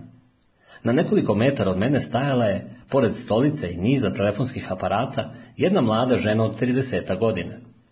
Imala je blistavu kosu puštenu do ramena i bila je odevena u sjajnu zelenu košulju i isprane farmerke. Nije držala nikakav natpis, kao što je Ahmet učinio u Istanbulu, ali je bilo jasno da čeka nekoga. Kada su nam se pogledi sveli, nakrivila je glavu i zagadala se u mene, a onda mi je i prišla. — A ime Mašite, Jonathan Landry, sama, rekla je upitnim tonom. Klimnuo sam glavom, a ona mi se lako naklonila, savijajući se pritom malo u struku. Kada sam počeo da radim na odeljenju prodaje u sadašnjoj firmi, poslali su me na nekakav kratak kurs lepog ponašanja. Sve sam to uglavnom pozaboravljao, ali sam stojeći na aerodromu Kansai odjednom shvatio da sam do sada sigurno prekršio svako postojeće pravilo lepog ponašanja u Japanu. Pravo je čudo što su svi ti ljudi imali toliko strpljenja sa mnom. Naklonio sam se devojci umjesto odgovora, nastojeći da moj nakon bude malo dublji od njenog. Dobrodošli u Japan, rekla je. Velika je čast što sam vas upoznala. O, hvala Bogu, govorite engleski. Bubnuo sam pre nego što sam stigao da razmislim o svojim rečima. A me se opet naklonila i osmehnula mi se. Da, rekla je, predajem englesku književnost na univerzitetu u Kyoto, pa se to valjda podrazumeva. Pokušao sam da se priberem i izvinim zbog svog glupavog komentara o engleskom jeziku i da joj objasnim koliko mi je laknulo. Upravo su mi izgubili prtljak rekao sam je. Morat ću da se vratim do šaltera i da im dam adresu na koju mogu da mi pošalju torbu kada je konačno nađu. Pošla je sa mnom do šaltera. Zatražila je od mene dozvolu da vodi razgovor u moje ime, što sam prihvatio s velikom zahvalnošću. Nervi su mi dalje bili zategnuti kao konopci. Nisam bio siguran da neću doći u iskušenje da se ponovo pomamim. Ajame je porazgovarala sa šalterskim službenikom na japanskom jeziku, a kada se okrenula prema meni, rekla mi je da su već pronašli moju torbu, da je bila na nekom drugom letu za Osaku i da će je kurir doneti u njihov pasion u Kyoto čim bude stigla na aerodrom. Zatim me je povela kroz dug zastakljen hodnik. Očekivao sam da će me Ajame odvesti na parkiralište, ali mi je moja domaćica objasnila da ćemo otići vozom od aerodroma do železničke stanice u Kljotu, a onda ćemo uzeti taksi koji će nas odvesti do Riokana njenih roditelja. Ryokan je tradicionalna japanska gostionica, objasnila mi je. Nadam se da će vam biti udobno. Mnogi putnici rado odsedaju njima jer im prija mala promjena u odnosu na tipične zapanjačke hotele. Vozu u koji smo ušli bio je prepun, ali smo Ajame i ja ipak pronašli dva spojena sedišta. Kada smo se smestili i seli, rekla mi je da će vožnja trajati oko sat i po. Nisam mogao da se suzdržim i tužno sam uzdahnuo. A jame me je pogledala i podigla jednu obaru. Žao mi je, ne želim namjerno da budem neuljudan. Prilično sam umaran od puta. Ne znam ni koliko je sati, niti koji je dan u nedelji. Sve mi ovo delo je tako šašavo. Nikako mi nije jasno zašto vi, čuvari talismana ili, kako vas je već Đulja nazvao, niste mogli sve te stvari da mu pošaljete poštom. Znam samo da mm. Julian svakako ima dobar razlog što želi da sve bude baš ovako, odgovorila mi Ajame. Možda treba da gledate filozofski na cijelu tu avanturu. Najzad, rekla je nežno, i život je putovanje. Da, svakako, rekao sam odsečno, ne mogavši da se uzdržim, ali život ipak nije ovako putovanje.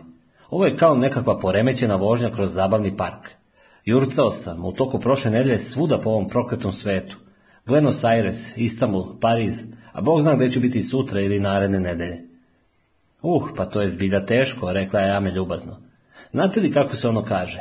Nije važno kuda idete već, šta ćete postati. Nisam bio raspoložen za mudre izreke. Šta je to sa svima vama? Ispalio sam kao iz stopa. Svi zvučite kao Julian.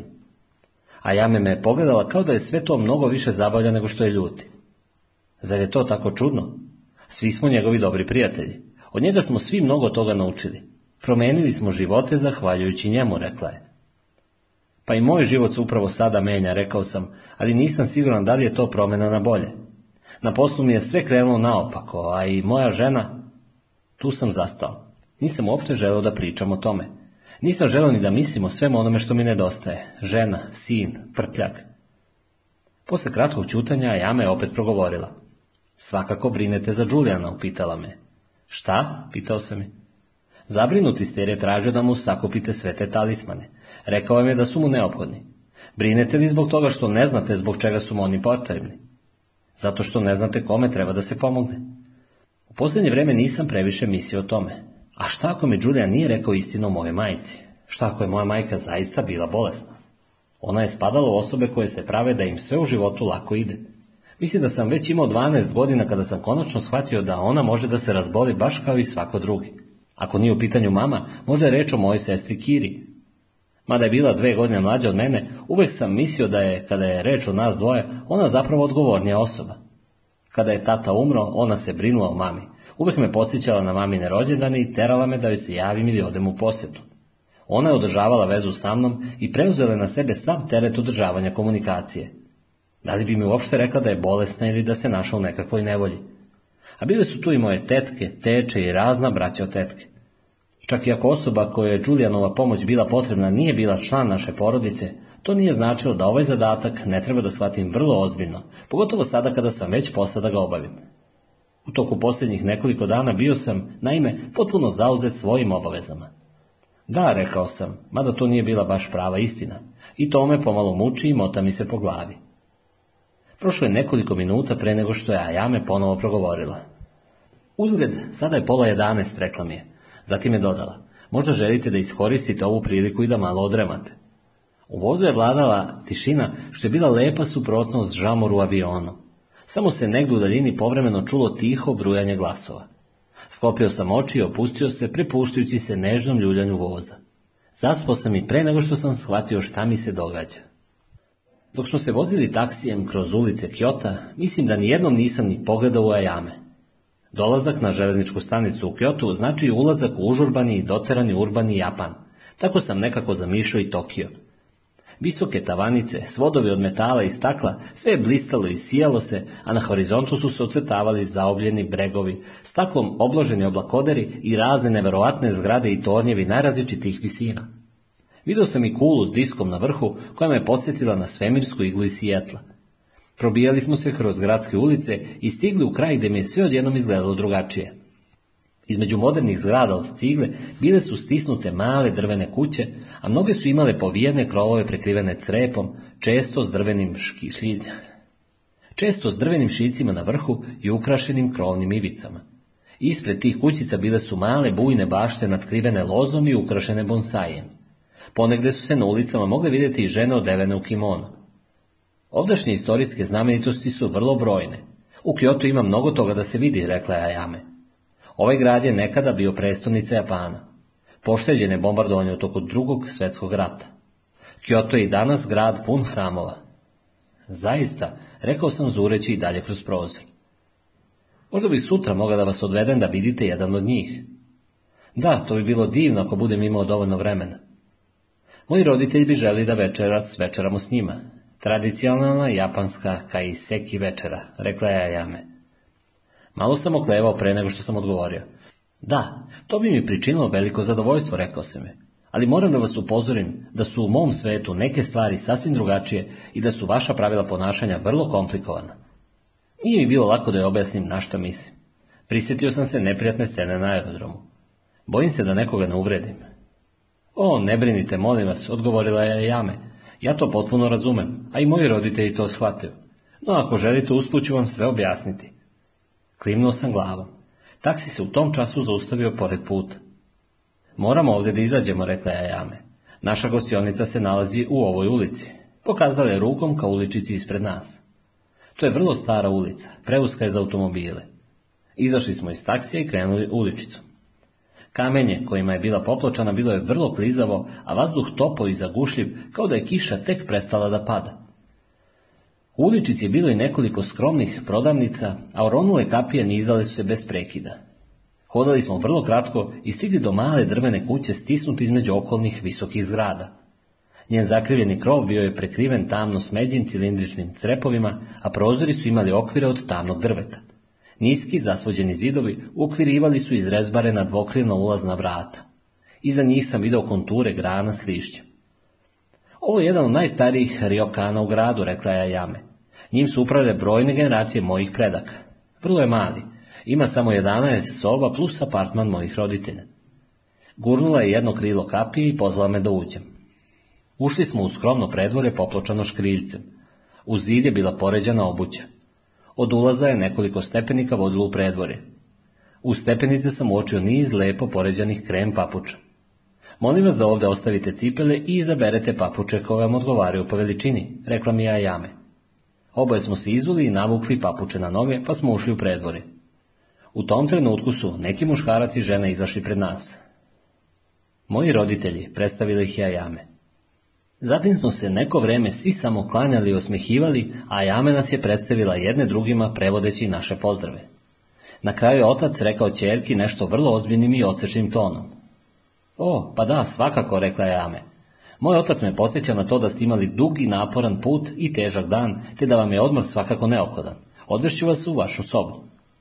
Kada sam se opružio po niskom ležaju, nisam mogao da verujem da sam odjednom neuporedivo opušteniji nego prethodnog sata a Jame mi je pokazala moju sobu, a zatim me odvela u muški ofitro, odnosno u zajedničko kupatelo na kraju hodnika.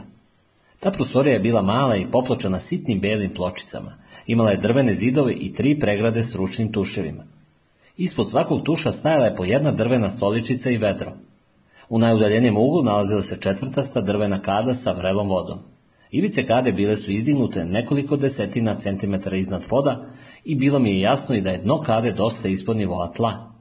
Prostorija je bila topla, vlažna i ispunjena prijatnim mirisom limuna, čije poreklo nisam mogao da odgonetnem.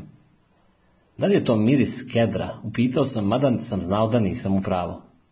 Ne, to je hinoki, japanski čempres, rekla ja jame.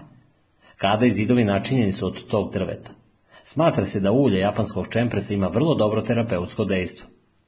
Zatim je pokazala na malu policu iza vrata. Tu vam je ogrtač za kupanje, peškiri i toaletni pribor. Prvo se istuširajte, a zatim se potopite u kadu i ostanite u njoj koliko god vam godi. Ja ću na vrata staviti natpis da je kupatilo zauzeto. Nekoliko minuta kasnije ispružio sam se u kadi. Voda mi je dopirala skoro do brade. Zavalio sam se i naslonio na drvenu oblogu, pa sam duboko udahnuo. Iz vrele vode dizala se para. Vredina me lako bockala po koži, ali sam pritom osjećao da se svi oni neprijatni čvorovi u mojim ramenima i leđima polako tope. Nije bilo nikakve sumnje da je ovo vrlo čudno putovanje. Bio sam zbunjen i umoran, ali me je sve na što sam nailazio teralo da se borim sa okolnostima na neobičaj način. Beleške koje sam dobio uz talismane svakako nisu bile napisane samo za mene, već ih je Đulija napisao iz nekog svog razloga. No, preporučio me da ih pročitam i dao mi je svesku za dnevnik da u nju beleži misli. Svakako je pretpostavio kako će te beleške delovati na mene. Prvi talisman se odnosio na autentičnost. Budi onakav kakav si zaista. Ta ideja mi se uvukla pod kožu, a počeo sam i da shvatam zašto. Nije bilo u pitanju samo to što sam očigledno razočarao Anišu i Adama. Da bih sredio svoju životnu situaciju, bilo je potrebno da uradim nešto malo više od toga da samo kažem Aniši da mi je žao, više od češćih dolazaka kući na večeru i igranja futbala s Adamom. Počeo sam da hvatam da je moj neuspeh kao roditelja i muža posljedica činjenice da sam i ja sam bio duboko nesrećan. Nisam bio nesrećan zbog Aniše, niti zbog Adama. Bio sam nesrećan zbog života koji sam vodio. Činilo mi se da sam svu svoju ambiciju usmerio na takmičenje u kome uopšte nisam želeo da pobedim. Stremio sam stalno napred, mada to čemu sam težio nije bilo ono što sam želeo da postignem. Volim svoj inženjerski posao, rado se bavim strujnim kolima, volim matematičke rebuse, tehniku i dizajn. Dobar sam u svemu tome. Kada sam nekada u laboratoriji radio na novom dizajnu motora, Osjećao sam da pred sobom imam neki cilj i to je tada bio moj životni smisao. Nije doduše bilo loše ni baviti se prodajom automobila, ali nisam osjećao istu strast za tu vrstu posla. Kada sam konačno izašao iz kade, znao sam da sam se malo približio pravom smislu svog života. Ležeći u tihoj sobi ljokana, shvatio sam da su mi potrebne neke korenite promjene. Ta me misao malo uplašila, ali sam pritom osjetio i neki začuđujući mir kao da sam se prebacio iz sadašnjosti u neku daleku budućnost. A jame mi je na prostici u ostavila hrpicu odeće. Pored odeće je bila i poruka. Ovo sam pozajmila od jednog prijatelja, nadam se da će vam veličina odgovarati. Ustao sam s postelje i skinuo grtar za kupanje. Navukao sam meku majicu sa kragnom i kratkim rukavima i sportske matnalone. U paketu sam našao i par belih sportskih sokni. Navukao sam ih na nogi i nazuo papuče. Zatim sam uzeo dnevnik i olovku sa noćnog stočića i otišao do drugog kraja prostorije. Gostinski salon bio je mali, ali pun vazduha. Na podu su bile poređane tatami prostirke. Zidovi su bili beli sa okvirima od tamnog drveta i izgledali su isto kao paravani koji okviruju predvore gostionice. Pored prostirki je stajao nizak stočić. S njegovih bočnih strana bile su postavljene dve stolice bez nogu, tu su zapravo bile samo sedišta sa naslonima, spuštene direktno na pod. Pored njih su se uzdizali prozori od tavanice do poda, a ugledao sam i klizna vrata koja su vodila u vrt. Otvorio sam ih i izašao na malu drvenu verandu. Mada sam kroz prozor video zelenilo u bašti dok sam se još odmarao u prostirci, nisam bio pripremljen za prizor koji sam napolju ugledao.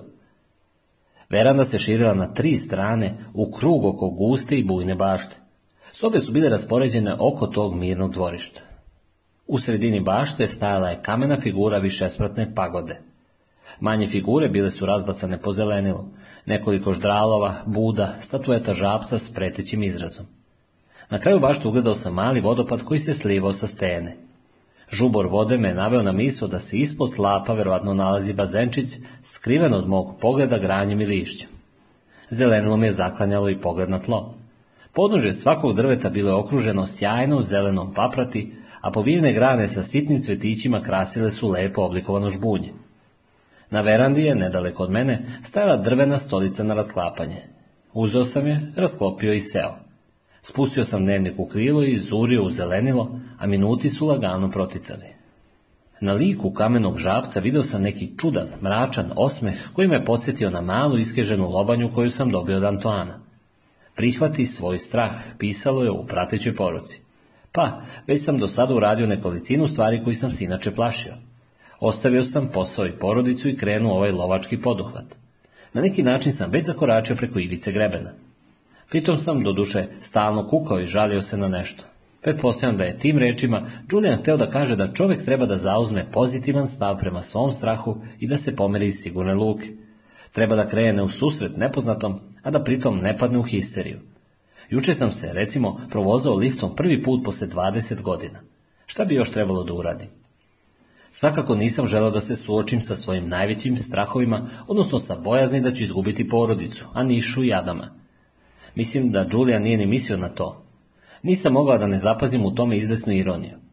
Sve ono čega sam se najviše plašio, ipak mi se dogodilo bez obzira na svu moju opreznost. To mi se dešavalo zato što sam u životu bio pasivan da sam prihvatio promjene koja Niša predlagala, da sam se tu i tamo odrekao neke promocije, zamenio se s nekim kolegom ili povremeno odbio nešto da uradim, a svega toga sam se previše plašio, ne bih se našao u krizi u kojoj sam trenutno bio. Šta će se desiti ako zaista uronim u taj svoj problem? Šta je to što sam želeo da učinim, ali sam se previše plašio? Počeo sam da shvatam da ako jednom uradite ono čega se plašite, poslije toga postepeno prestajete da osjećate strah. Baš kada sam završio zapisivanje ove misli, čuo sam lako kucanje na vratima i ja jame je ušlo u sobu. Došla je da mi kaže da je stigla moja torba i da će večera biti spremna za 15 minuta. Uzred rečeno, da li ste provjeravali poruke na vašem telefonu? Julian mi upravo poslao kopiju poruke u kojoj je ispisao detalje vašeg putovanja za narednih nekoliko dana. Večera je dugo trajala i bila je vrlo ceremonijalna jame me odvelo u privatnu trpezariju Satovih, gdje su nas čekali njeni roditelji. Pošto smo se pozdravili uz mnoge naklone i osmehe, pokazali su mi da žele da sednem za sto. Bio je nizak, kao i onaj u mojoj sobi, a sa svake od njegove četiri strane nalazilo se po jedno belo pamučno jastuče. U zidu sam, bočno od stola, ugledao udubljenje u kome se nalazio svitak sa crtežom izrađenim tušem. Na njemu su bili prikazani ždralovi i barski rogoz. Ispred crteža su bile poređane neke sitne skulpture i cvetni aranžmani.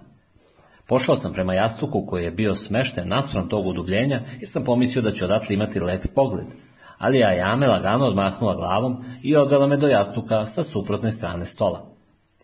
Smatra se neskromnim da se gost posadi naspram tokonome. To bi bilo kao neko hvalisanje, kao da kažemo gostima, vidite šta sve mi imamo. Da, shvatam, rekao sam. Verovatno sam zvučao razočarano, jer mi je Ajame brzo došapnula. Ja bih vas vrlo rado smestila na to mesto, ali bi mojim roditeljima bilo neprijatno. Nadam se da shvatate. Pošto smo se svi smestili za sto, jedna mlada žena donala nam je vlažne vruće peškiriće. Ošibori, rekla je Ajame, da malo osvežite ruke. Ne koriste se kao zapadnjačke salvete. Ne treba brisati njima usta i lice. Kada je na sto izneseno prvo jelo, a jame i njeni roditelji jednoglasno su kazali, itadakimasu. To znači ponizno prihvatamo, objasnila mi jame. Tako počinjemo obrok, a na kraju kažemo gočizo sama dešit, što znači hvala na vrlo lepom obroku. Večera se otegla do u noć. Prvo smo jeli supu, pa suši, a zatim sašimi. Poslije toga je na redu bila tempura i riba spremljena na pari. Zatim je iznesena kuvana govedina i povrći iz tušije. Na kraju smo dobili laku, bistru supu, sasvim drugačiju od one prve. U toku večere je Ajame nastavila s lekcijama iz lepog ponašanja za stolom u Japanu. Pokazala mi je kako treba da držim štapiće za jelo i rekla da ih ne zabadam uz delicu sa pirinčem, napomenuši da ih nikako ne ostavljam uspravno zabodene u činjenicu. To podsjeća na zabadanje miriševih štapića u pesak za vreme naših pogreba, rekla mi je. Objasnila mi je da se pružanje komadića hrane štapićima nekoj drugoj osobi smatra nevaspitanim. Tako se dodaju samo kosti pokojnika posle kremacije. Bilo i drugih poučnih detalja. Nikada ne treba zahvatati hranu debljim krajevima štapića, niti ih spuštati tako da vrhovi budu upereni u nekoga. Također, ne treba probadati hranu vrhom štapića. Posljednje pravilo me je vrlo razočaralo. Ja sam do tada mislio da je to jedini siguran način da mi hrana ne padne sa štapića i da nekako stigne od tanjira do mojih usta. Saznao sam i da se moja ranija navika da umačem grudvice nigiri iz uši pirinča u posudicu sa soja sosom koja stoji sa strane, također smatra vrlo lošim ponašanjem za stolom. Naime, pirinač tako upija previše sosa, to se smatra halapljivošću, a i neko zrno pritom može upasti u činicu sa sosom. Najviše su me fascinirala japanska pravila u vezi sa sipanjem pića drugim osobama. Kada se boca sakea našla na stolu, a je sipala piće i meni i svojim roditeljima. Nije napunila svoju čašu, pa sam zaključio da ona verovatno uopšte ne želi da pije sake. No, tada je njen otac uzeo flašu i nasuo malo piće u keramičku posudicu ispred čerke.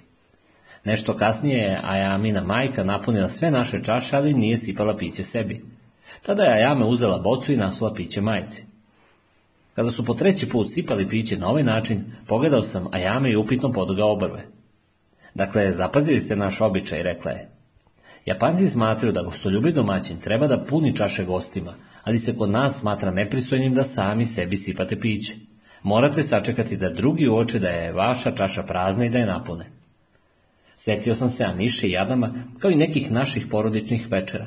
Aniša bi se veoma iznervirala kada god bi morala da čeka da ja uočim da je njena čaša prazna.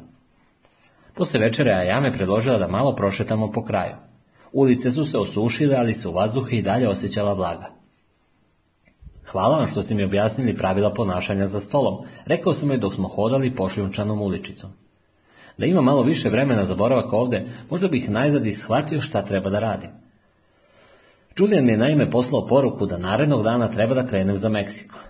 Pomislio sam čak i da možda pokušam da rezervišem neki rani let, ali mi se, imajući u vidu Ajame i njenu ljubaznost, učinilo da bi to bilo neoljudno.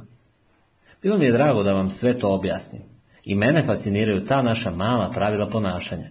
Kao što me je Julia možda već rekao, ja sam mnogo putovala i na svakom mestu na kome sam boravila, obraćala sam pažnju na prećutna pravila i običaje, kao i na ono što se u tim krajevima smatra za uobičajeno lepo ponašanje.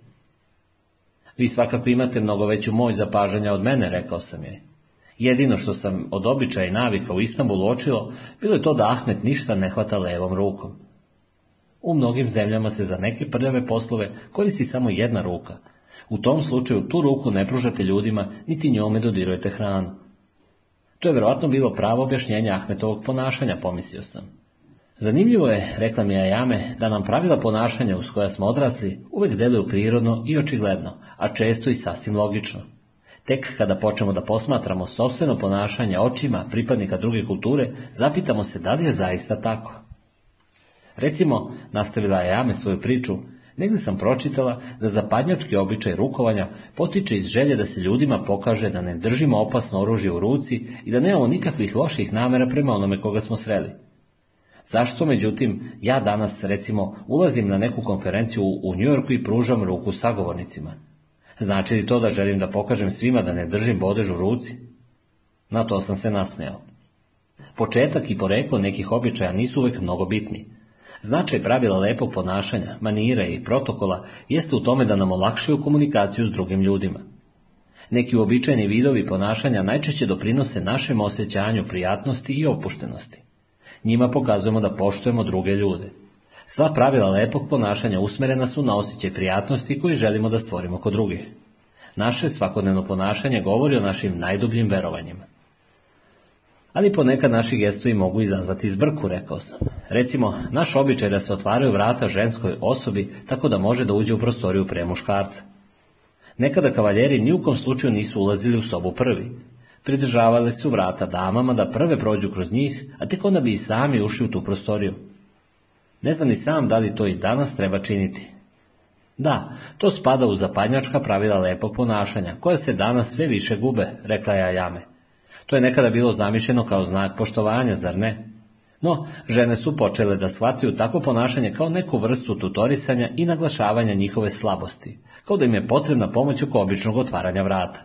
Danas više nikome nije sasvim jasno da li je takvo ponašanje pristojno ili nije. Ja imam običaj da svima pridržavam vrata, rekao sam. Pritom ni žene nisu izuzetak. To može biti dobro rješenje, rekla je Jame. Zapravo, kada sam posljednji put bila u Los Angelesu, primetila sam da i neke žene pridržavaju vrata muškarcima ili drugim ženama. Izgleda su mnogi ljudi izmenili to staro pravilo. Šetkali smo po tom kraju oko pola sata. Na kraju smo skrenuli u jednu sasvim malu ulicu i shvatio sam da smo ušli u Ajaminu uličicu sa suprotne strane. Bio sam vrlo iscrpljen, ali nisam uopšte bio siguran da ću uspjeti odmah da zaspim. No, svakako sam želao da se vratim u svoju tihu i mirnu sobu. Čim smo ušli u predvore Rijokana, a ja mi je rekla. Daću vam Đulijanov paketić još večeras. Povela me je do nekih vrata u dnu ulaznog hola. Pošao sam za njom i opet se našao na drvenoj verandi koja gleda na vrt. Skrovni gredica verande visile su lampe, kraj fontane je bila neka svetiljka, dok su druge male lampe osvetljavale statuete u vrtu. Cijela bašta mi izgledala kao prizor iz drugog sveta. Bila je prosto čarobna. Sedite, molim vas, rekla je ja i pokazala mi malu klupu od tikovine. Brzo ću doći. Zatim je ušla u zgradu.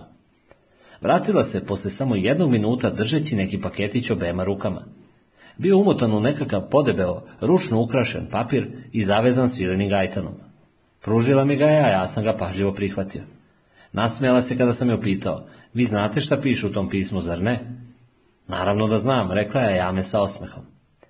Kada sam se vratio u sobu, razvezao sam paketići i razmotao debeli papirni omot. Unutra je bila jedna kratka beleška i mali zlatni ždral. Stavio sam ga na dlan i posmatrao ga. Duga elegantna krivina leđa, blago nagnuta glava i fini kljun. Sklopio sam šaku oko figurice i uzeo kožnu kesicu koju sam nosio oko vrata, pa sam ubacio ždraliće u nju. Zatim sam pročitao poruku. Ispuni život dobrotom. Važno je imati u vidu da su reči verbalni odrazi naših misli, te su naša dela posljedica onoga u šta verujemo. Nijedan naš postupak, ma kako sitan, nije beznačajan. Naše ponašanje prema pojedinim osobama definiše i naše ponašanje prema svim ljudima, uključujući i nas same. Ako ne cenimo druge, ne cenimo ni sebe. Ako ne verujemo drugima, nemamo ni vere u sebe. Ako smo surovi prema drugima, bit ćemo takvi i prema sebi. Ako ne poštujemo ljude oko sebe, ne poštujemo ni sebe. U odnosu sa svakom osobom s kojom sarađujemo, u svemu što činimo, treba uvijek da budemo bolji nego što se očekuje, plemenitiji nego što je nagovešteno, pozitivniji nego što mislimo da je moguće. Bilo mi je sasvim jasno zbog čega je Julian poverio ovaj talisman ljubaznoj ajame. Da, mislio sam u sebi, sve mi je jasno i pritom sam se nesvesno osmehnuo. Posljednja 24 časa proveo sam kao na vašarskom toboganu. Dan mi je u Parizu loše počeo ili sam ga možda ja sam loše započeo. Kukao sam, durio se, pravio zbrku. To se nastavilo i po mom dolasku u Osaku, a i u toku vožnje do Kyoto. No, sva ta kuknjava nije mi pomogla da se barem malo bolje osjećam. Kada sam konačno svoje muke poverio drugima, bilo mi je malo lakše. Ljudi su, za razliku od mene, bili prema meni vrlo prijatni i ljubazni i pomagali su mi. Njihova pristojnost i dobrota su me najzado raspoložile. Također sam zbog dobrote drugih ljudi postao i malo blaži prema sebi. Julian mi je uputio mudre reči, ali mi se činilo da je Ajame ta koja ih primenjuje i u životu. Šesto poglavlje Putanja koju mi je Julian naveo u poruci nije se odnosila na moje kompletno putovanje, tako da i dalje nisam znao gdje će se ono okončati. Naveo mi je samo dve sljedeće destinacije. Pogledao sam datume i odjednom duboko udahnuo. Učinilo mi se da me Julian namjerno šalje od jednog do drugog čuvara sve sporijim tempom. Ne brinite, ljubazno mi je rekla Jame.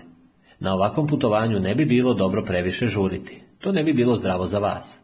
Morate da se naspavate i da se malo razdrmate u svakom mestu u kome budete boravili. Sigurna sam da je Đulija napravio taj program putovanja misleći više na vaše potrebe nego na svoje. A Jame me je ponovo navela da sagledam situaciju iz sasvim drugog ugla. Činilo mi se da se ona kreće kroz život zračeći dobrotom. Ona je uvek reagovala na taj način i očekivala da i drugi tako reaguju. Verovatno je bila u pravu. Julian je očigledno misio na mene, a ja nisam baš mnogo misio na njega. Bio sam nestrpljiv da se vratim kući i to samo zbog nekih svojih potreba. Nisam mislio na njega niti na razlog zbog kojeg su mu i koliko hitno potrebni talismani. Ako je Julian smatrao da ne treba previše da žurim, onda valjda i ja to mogu da prihvatim. Sljedećeg dana me Ajame povela u hramove Kiomicu i Ryoanji, a uveče smo šetali po četvrti Gion, gdje se i danas na ulici mogu vidjeti gejše koje sitnim korakom odlaze na neki sastanak. Kada sam se uveče konačno opružio na svoju prostirku za spavanje, bio sam veoma zahvalan Julianu što mi je napravio tako lep plan puta. Sutra ću biti u Oksku Cabu u Meksiku, gdje treba da se sretnem s tipom po imenu Kava Jukan. Bio sam već jednom u Meksiku, posjetio sam Acapulco sa Nišom, ali nikada nisam bio u Meridi gdje treba da sletimo u dolasku, niti sam putovao po poluostrvu Jukatan. Palo mi je na um da će u ovo doba godine u Meksiku svakako biti vrlo toplo. Vidite, rekla mi Ajami narednog jutra dok smo se rukovali na aerodromu Itami, nemam bodež u ruci. Zatim smo se naklonili jedno drugome. Kada se Ajame ponovo uspravila, vidio sam da izgleda pomalo zabrinuta. Jonathan, rekla mi je, Pokušajte da se setite Đulijanovih reči iz beleške. Vaš odnos prema drugima ukazuje i na vaš odnos prema sebi. Vi ste dobar čovek, ali se prema sebi ne ponašate uvek tako. Supruga Kave Jukana rekla mi je da će me pustiti da se ujutru naspavam koliko god bude mogao, a kada sam najzad otvorio oči, video sam da meksičko sunce blješti punim sjajem kroz prozor moje spavaće sobe i da mi ta toplota žari grudi na mestu gde su na njih pali zraci, pa sam pouzdano znao da je jutro već odavno prošlo. Za dva dana koje sam proveo sa Ajame nisam joj ispričao baš mnogo o svom životu, no izgleda da je ona intuitivno naslutila mnoge stvari. Sada sam ležao na krevetu u kavinoj kući i osjećao kako se talas toplote diže u vis spoda od terakote i zrači iz zidova i razmišljao o tome kako sam se u životu ponašao prema drugim ljudima. Nisam se ni malo ponosio scenom koju sam napravio na aerodromu Osaki. Nisam se ponosio ni svim onim situacijama kada sam se kod kuće svađao s nepoznatim bankarskim činovnicima ili prodavcima u prodavnicama hrane. Ponekad sam bio veoma nestrpljiv s Adamom, a umeo sam i da ljutito odsečem odgovarajući Aniši. To su bile češće situacije od onih u kojima sam bio neljubazan prema nepoznatim osobama. Zašto se prema članovima porodice često ponašamo onako kako se nikada ne bismo obhodili prema prijateljima i prema ljudima koje uopšte ne poznajemo? Verovatno zato što znamo da će nam porodica sve oprostiti. Samo što to baš i nije najbolji izgovor. Odlučio sam da promenim svoje ponašanje prema ljudima. Doduše, postoji neke stvari koje više nikada neću moći da ispravim. Recimo, svoje ponašanje prema Juanu.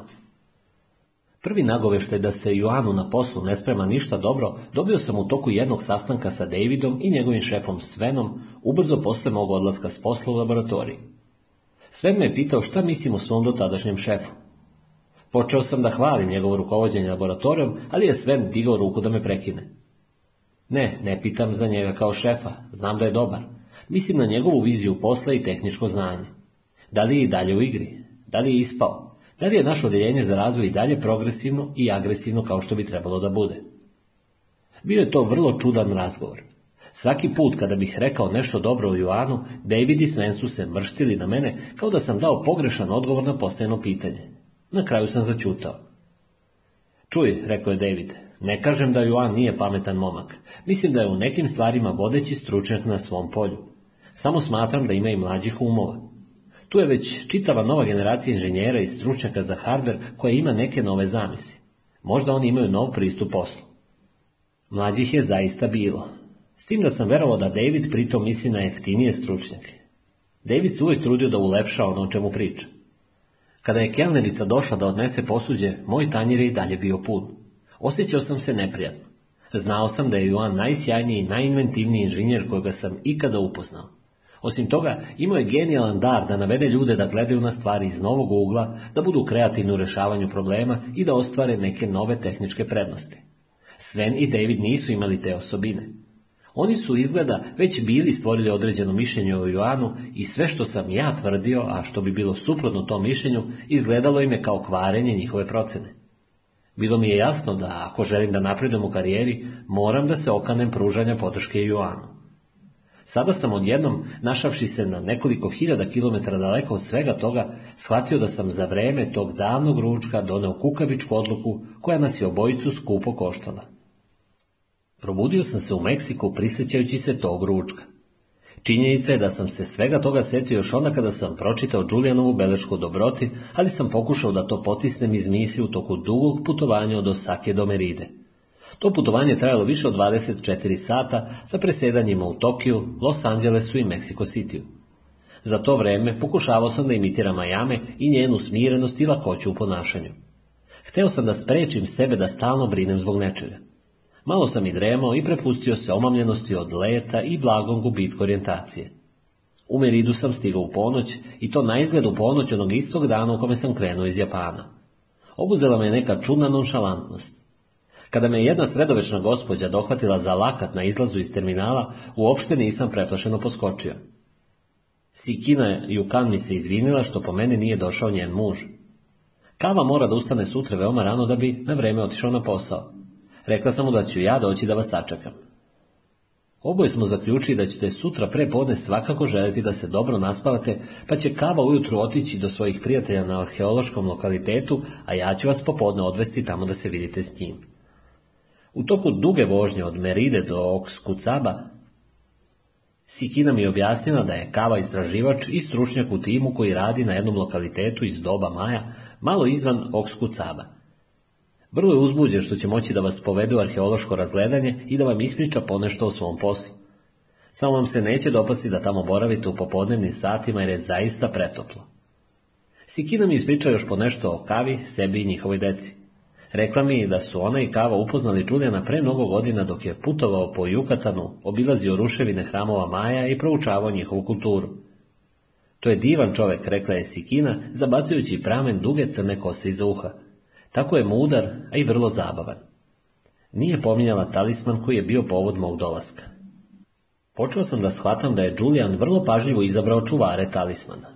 Činilo se da svaki od njih ima neke veze s talismanom koji je čuvao, kao i sa mudrošću izreka koje su ga pratile. Sikina mi je rekla i da Kava želi da mi ispriča ponešto o svom životu. Mogao bih odmah da mu zatražim da mi da talisman, ali sam rešio da sačekam i vidim šta će biti napisano u belešci, a i da usput možda nešto naučim od kave. Shvatio sam da je već pola četiri ujutru. Sikina je parkirala kamionet ispred male ružičaste kuće s hrapavom fasadom. Kada smo ušli, pokazala mi je jedna vrata koja su nekuda vodila iz kuhinje, odnosno dnevne sobe. Ušao sam u malu i čistu spavaću sobu. Spustio sam ranac i torbu na pod i srušio se na postelju. Zaspao sam ne skidajući odeću. Verujem da me je vrućina probudila iz sna, ali me je tek neki nepoznat, bogati i prijatan miris naterao da ustanem i odvučem se u kuhinju. Baš dobro, rekla je Sikina, brišući ruke o kecelju. Ponadala sam se da će vas miris ručka privući. Uskoro ćemo i krenuti. Sikina je mahnula rukom i pokazala mi da sednem za mali sto koji je stajao u uglu natrpane kuhinje. Bio je obojen u jarko žuto, a svaka od četiri stolice bila je druge boje. To bi se Aniši dopalo, pomislio sam. Privukao sam jednu tirkiznu stolicu i seo na nju, a Sikina je pred mene stavila tanjer pun neke mirisne hrane koja se pušila. To su konzitosi rekla je. Zapravo su to mali takosi sa mesom i sosom od paradajza, a ovo je sok od guave, objasnila mi je. Zatim je ispred mene stavila veliku čašu od plavog stakla punu soka. Hrana je bila izvrsna, ali mi je, kada smo sat kasnije ušli u Sikinin kamionet, bilo žao što sam se prejao. Otišao sam pre polaska na sprat da se umijem i presvučem, ali sam i dalje osjećao da mi je teško u stomaku od sve te hrane. Sikina je uključila motor, pa je kamionet poskočio i krenuo ka glavnom drumu. Bacila je pogled na moje posivelo lice i nasmjela se. Pa dobro, rekla mi je. Prvo ću vam malo pokazati naš grad, te ćete moći da stvarite tu hranu pre nego što izađemo na autoput. Lagano me provozala ulicama ovog skucava. Prolazili smo pored redova niskih četvrtastih kuća, od kojih su neke bile bele, a druge obojene lepim, maštovito podešenim nijansama boja, a bilo i viših, novijih kuća sagrađenih od blokova. Ravni krovovi bili su pokriveni metalnim pločama ili crepom, a video sam i neobične raznobojne ovalne kuće sa šiljatim slamnatim krovovima. To je tradicionalni stil Maja, rekla mi je Sikina. Ulice u stamenim blokovima grada bile su vrlo nepravilno raspoređene. Niski kameni ili betonski zidovi opasavali su dvorišta, koja su ponegde bila samo prazni i neuređeni prostori, ali je bilo i onih u kojima su rasle palme, hibiskusi i neke vrste bilja i žbunja koje mi nije bilo poznato. Bilo je tu i maštovito dizajniranih gvozdenih ograda i kapija kroz koje smo vidjeli razapete konopci i rublje koje se sušilo na povetarcu. U centru naselja zapazio sam crkve, male restorane, hotele i druge zgrade u boji terakote ili obojene u žuto i plavo. Ulice su bile prašnjave i prilično mirne. Ugledali bismo poneki automobil, mnoge bicikle, motocikle, pešake i kolica sa namirnicama koja su se lagano kretala duž usijanih kolovoza. Dok smo se vozili uskim asfaltnim drumom, veće kuće i zgrade nestajale su nam sa vidika i ustupale su mesto drveću i kolibama. Sve dok grad nije ostao za nama, na horizontu su se mogli vidjeti samo zaobljeni vrhovi niskih brda. To su brda Puk, rekla je Sikina. Puna su ostataka gradova Maja, odnosno velikih i malih ruševina. Kava će vas sutra voditi u Rijal. U tom gradu je nekada živjelo 20.000 stanovnika, a danas je to malo i skoro zaboravljeno mesto. Posle pola sata vožnje skrenuli smo s glavnog puta i krenuli naniže prašnjavim seoskim putem ka nekakvoj udolini. Malo smo poskakivali po neravnom putu, a zatim smo se vozili kroz gustu šumu koja se dizala sa obe strane, sve dok nismo prošli ispod drvenog luka na kome sam opazio neki natpis. Najzad smo izbili na čistinu. Po njoj se muvalo mnogo veoma uposlenih ljudi, a bila je tu i neka grupa mladih ljudi koji su ličili na studente i koja se zaputila u jednu nisku modernu zgradu. Video sam i nekolicinu koliba maja, ali su delovale savremeno i učinilo mi se da se intenzivno koriste. Nisam očekivao ništa slično na jednom arheološkom lokalitetu. O, ovdje ima još mnogo toga da se vidi, rekla mi je Sikina kada je čula moj začuđeni komentar. Ovo je prirodni rezervat i istraživački centar. Prostire se na preko 4000 jutara. Nismo proveli van kamioneta ni nekoliko minuta kada je jedan nizak i četvrtast čovek u šorcu i čizmama s kapom na glavi pošao pravo ka nama. Ola, Jonathan, rekao mi je. Osmehnuo sam se i pružio mu ruku, a kavo je srdačno prodrma. Kako ste? Bilo je dovoljno popričati sa kavom samo jedan minut, pa shvatiti da mu je istorija velika životna strast.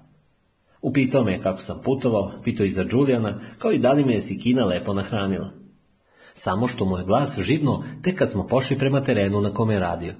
Sikina je ostala iza nas da malo proćaska sa nekim prijateljima iz rezervata. Dok me je Kava vodio po otvorenom prostoru i preko šumom prošaranih brežuljaka, objašnjavao mi je vrlo detaljno u kojoj su fazi njihova trenutna iskopavanja. Pitao sam se kakve to veze ima s talismanom i da li mi je taj obilazak iskopina bio baš neokodan, ali sam već počeo da shvatam da moje putovanje ima neki svoj ritam i da ja tu malo šta mogu da promenim. Arheolozi su počeli da kopaju na ovom mestu još pre nekoliko decenija, rekao mi je Kava dok smo se probijali kroz zeleni gustiš ali smo tek u posljednjih nekoliko godina shvatili da nam ovaj lokalitet možda pruža nove odgovore na pitanja kako je došlo do propasti carstva Maja. Učinilo mi se da se moj otac ponovo rodi u tom sredovečnom arheologu koji se bavi Majama. Shvatio sam i da mu se nesvesno osmehujem dok je nastavljao da mi bez prekida priča tu istorijsku priču punu ličnih komentara. Ljudi koji su govorili jezikom Maja pojavili su se na Jukatanu po svemu sudeći pre oko 4000 godina – u toku prve 3000 godina izgradili su veoma lepe i gusto naseljene gradove. Kada je njihova civilizacija bila na vrhuncu, u većem delu zemlje Maja između velikih gradova nalazila su se napredna poljoprivredna dobra i sela. Najveći gradski centri bili su međusobno povezani putevima popločanim krećničkim blokovima. To su bili gradovi države koji su dobro funkcionisali u okviru jedinstvenog političkog sistema, a arhitektura Maja iz tog doba bila je čudesna, stepenaste piramide i hramovi, višespratne kuće, ukrašena dvorišta i gradski trgovi. Kava mi je objasnio da su Maje ostavili neka zapanjujuća umetnička dela i razvili jedno od najstarijih poznatih pisama. Bili su vrsni matematičari i astronomi, a jedno od njihovih značajnijih tekovina je čuveni kalendar Maja. Svi ti podaci bili su pobrojani u kavinom dobro pripremljenom predavanju, ali mi se činilo da on osjeća i neki lični ponos dok sve to priča, kao da govori o ljudima koje poznavao i volao. Negdje između 900. i 1000. godine, oko šest vekova pre dolaska Španaca, civilizacija Maja počela je da opada, objasnio mi je Kava. U toku prvih 200 godina tog razdoblja, skoro 90% stanovništva ovog kraja nekuda nestalo. Gradovi su ostali prazni, a sećanje na svet Maja pretvorio se u uspomenu, rekao je Kava s tugom u glasu. U toku narednih 100 ili 200 godina prašuma je pokrila ostatke gradova, a ispod zelenila se više nisu mogli očiti spomenici ni putevi, dok su se preostali stanovnici rasuli po selima i počeli da se bave poljoprivredom. Ti preživjeli stanovnici majanskih gradova bili su i njegovi preci, napomenuje moj domaćin. Dok mi je to pričao, kava me je vodio kroz prašumu, pa sam se saplitao korenje i spoticao kamelje.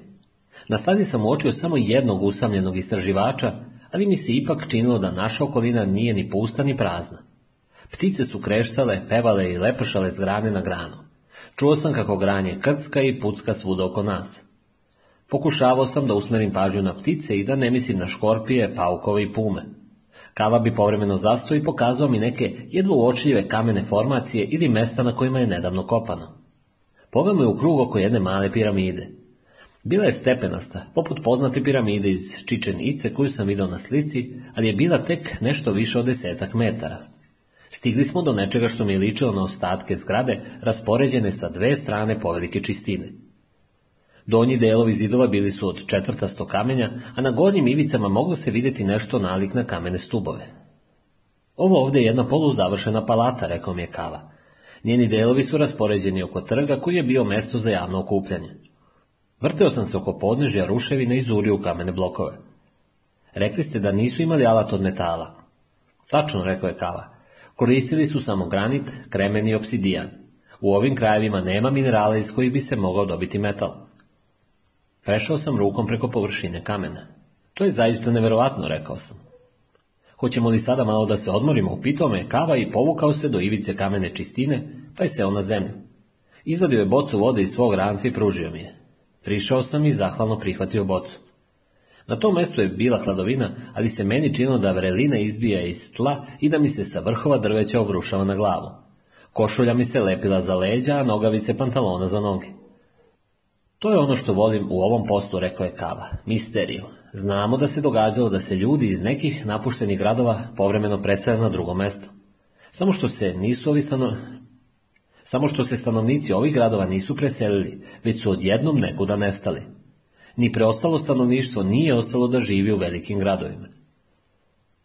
Kava je nastavio da mi objašnjava da su naučnici koji su proučavali sačuvane skelete Maja zaključili da čak i kosti pripadnika kraljevskih porodica pokazuju tragove loše ishrane i gladovanja. Možda su Maje preterale sa lovom i istrebile svu divljač. Možda je došlo do neke poljoprivredne katastrofe, pa je biljna kuga ili neka druga bolest uništila u sebe. Možda je glavni razlog nedostatka hrane bila vrlo duga suša. Na Jukatanu ni u najboljim vremenima nije bilo mnogo vode, nasmeo se kava. A i bolesti, ratovi i druge vrste nasilja mogu dovesti do desetkovanja stanovništva. Kava je ustoj vratio bocu s vodom u ranac. Ovdje, na ovom lokalitetu, možemo vidjeti nešto što se inače na iskopinama ne viđa baš često, rekao je. Dođite ovamo. Odveo me do jedne strane ruševina. Glavni deo spoljašnje strane ostatka te građevine čili su kratki okrugli stubovi, no kava se zagleda u tlo ispred ruševine. Evo, rekao je pokazujući na hrpu kamenja koja je ležala na zemlji. Nije ličila na pravu kamenu formaciju, ali mi nije izgledalo ni da je kamenje tu slučajno bačeno ili rasuto. Šta mislite, šta je ovo? Nemam pojma, rekao sam i prišao malo bliže hrpi koju mi je pokazao. Vlati trave izbijali su između kamenja. Ispod jednog kamena izvirio je gušter, ali je brzo nestao pod hrpom kamenja. Da li su to neki temelji ili se možda nešto na tom mestu nekada obrušilo? To je, prijatelju moj, zapravo jedan zid. Nije to zid koji se srušio, bez zid koji je bio napred pripremljen i ležao je tu, čekajući trenutak da ga zidari podignu na nivo drugog sprata. Mislim da je sve bilo spremno, ali radovi iz nekog razloga nisu nikada bili završeni. Nešto slično se svakako ne može vidjeti u gradu koji su stanovnici napustili zbog dugotrajne suše ili neke epidemije. Ovaj zidarski posao nije obustavljen, on je naglo prekinut. Kada smo pošli u naše malo razgledanje, sve mi je delovalo nekako nasumično. Kurs arheologije koji mi drži pravi zaljubljenik u istoriju, moj upad u posao osobe koju sam tek upoznao. Počeo sam da shvatam zašto Kava želi da pokaže sve ovo svakome koga upozna i zašto želi da to znanje podeli sa strancem. Shvatio sam i da ovaj posao lako može da zarobi čoveka. Bilo je tu bezbroj pitanja bez odgovora. Šta mislite, zašto su prekinuli rad? Da li ih je neko napao ili nešto slično? U ovim krajevima rat i nasilje bile su običajne pojave, zar ne? rekao je Kava. Našli smo u tlu mnogo rasutih vršaka za koplja, ali nigde nismo našli ostatke spaljenih zgrada niti barikade za odbranu naselja. Ako je to bio nekakav neočekivani napad, no, treba da vam pokažem još nešto. Pozvao me da se odmaknem od zida i pođem za njim. Možete li da izdržite još malo penjanja? Kava je, da bi mi pokazao put, prvi krenuo uskom vijugavom stazom. Tu i tamo su se mogli vidjeti trošni ostaci nekih stepenica koje smo penjući se preskakali. Kava se zustio tek kada smo stigli blizu vrha brda i zaputio se ka jednoj zaravni punoj kamenja i kočiće. Bilo mi je jasno da je tu iskopavanje još u toku. Zemlja je bila uklonjena sa kamene osnove nekog zida koji je ograđivao suve bunare pune prašine. U jednom od njih je mlada plavokosa žena nešto radila u samom uglu, pažljivo skidajući četkicom prašinu s nekog predmeta. U drugom uglu vidio sam razno kamenje i komade razbijene grnčarije sa brojnim zastavicama i etiketama prikačenim za njih. Ovo je Jonathan, rekao je Kava kada se žena uspravila. Ovo je Ellen. Ellen predstavljati Jonathana. Ellen je bila arheološka tehničarka koja je radila za ekipu jednog američkog univerziteta. Baš sam objašnjavao Jonathanu naša najnovija otkrića. Možda bi ti sada moga da mu kažeš nešto više o tim kućama na vrhu brega, rekao je Kava. Ellen je klimnula glavom i obrisala čelo maramom koji je izvukla iz džepa pantalona. Izgleda njoj, baš kao ni Kavi, nije trebalo mnogo posticaja da bi se naveliko raspričala o svom poslu.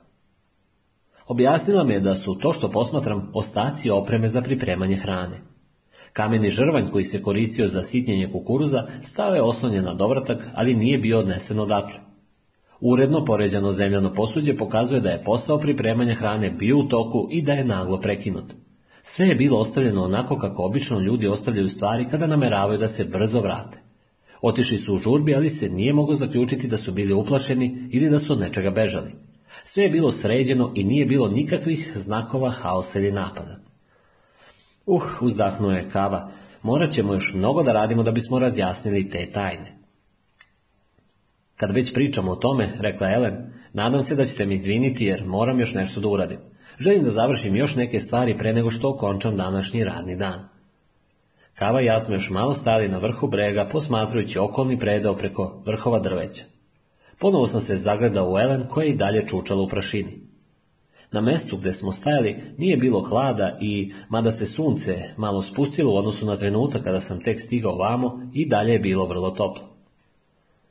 Jedna stvar mi nikako nije jasna, rekao sam Kavi. Malo je nakrivio glavu i čekao da čuje moje pitanje. Taj vaš posao, rekao sam mu, mislim na iskopavanje. Čini mi se da sve to veoma sporo odmiče. Mislio sam da je dizajniranje elektrosistema za automobile i tehnički dizajn vrlo mukotrpan posao, ali i ovo, mahnuo sam rukom ka mestu na kome smo ostavili Elen. Taj vaš posao odmiče centimetar po centimetar. Kako uspevate da izdržite sve to? O, da, znam na šta mislite, rekao je Kava i osmehnuo se. Možete naporno raditi cijeloga dana i da se na kraju zapitate šta ste to zapravo radili. Samo ste iskopali nekoliko stotina grama peska, zar ne? Slegnuo sam ramenima. Lako je šaliti se s našim radom. Američki arheolozi i istraživači nekada sami sebe nazivaju ašovarima. No, svi se mi stalno podsjećamo na to da ne svemo da žurimo i da naš posao zahteva strpljenje. Naročito je važno da budemo pažljivi, precizni, pravi profesionalci, čak i kada nam je posao dosadan i kada nas obuzme nemir. U ovom poslu vrlo je lako uništiti značajne nalaze ili propustiti neke stvari. Kava se zaputio natrag prema onim trošnim stepenicama. Preko ramena mi je dobacio... Preko ramena mi je dobacio još jedan značajan pogled. Svaki iskopan komadić krnčarije može izgledati mali, Jonatane, ali svi ti delići doprinose nekom važnom istorijskom otkriću i napretku naše spoznaje. Volim da mislim kako, ako mi ašovari dobro odradimo naš posao, svi ti naši mali doprinosi pomažu da se dođe do zaista važnog otkrića. Mi možemo da razjasnimo neke tajne. U povratku mi je Sikina rekla da sednem pored prozora kamioneta, a ona se stisnula u sredini između Kave i mene. Ja sam stalno držao prozor širom otvoren i povremeno isturao glavu napolje, baš kao što bi to učinio neki radoznali zlatni retriver. Su vazdu koji me je šibao kroz prozor veoma mi je prijao. Kada smo ušli u uličice Oksku Caba, imao sam još jedan razlog da isturim glavu kroz prozor. Privlačio me prijatan miris hrane. Shvatio sam koliko sam gladan, ali mi istovremeno i sinulo da, pošto smo svi bili napolju celog dana, nije nimalo verovatno da nas kod kuće na stolu čeka topla večera. Baš sam nešto razmišljao, rekao sam kavi i sikini. Zašto vas ja sada ne bih izveo na večeru u neki od restorančića u gradu? Najzad, celog dana ste se trudili da me zabavite. Ne, to nikako ne možemo da uradimo, rekla je Sikina. Zamana nas već čeka. Tako sam saznao da se upravo vozimo do Kavine i Sikinine udate čerke, kao i da su ona i njen muž spremili obilnu večeru za sve nas. Bilo je to vrlo bučno i prometno veče. Dok su Zama, njen muž i troje dece iznosili hranu na sto, mnogo suseda je svratilo da ih pozdravi. Odjekivala je muzika, moju čašu su uvek iznova punili, a i nekom je u tanjer stalno dodavao hranu. Dok su se deca jurila po dvorištu iza kuće, zagledao sam se u zaminog šestogodišnjeg sina Emea. Bio je nešto manji rastom od Adama, ali me je po gromkom smehu i načinu na koji mu je celo telo treperilo od pokreta, čak i kada je sedeo, podsjetio na mog sina. Pošto smo završili večeru, prošao sam kroz cijelu kuću i izašao na prljavu ulicu na kojoj je barem vladala tišina. Pokušao sam da telefoniram kući, ali mi se baterija izgleda istrošila kada sam stigao u Meksiko, pa nisam mogao da pozovem. Da bi se utješio, napisao sam poruku Adamu. Zdravo druže, napisao sam mu. Ovdje sam video neke neverovatne stvari.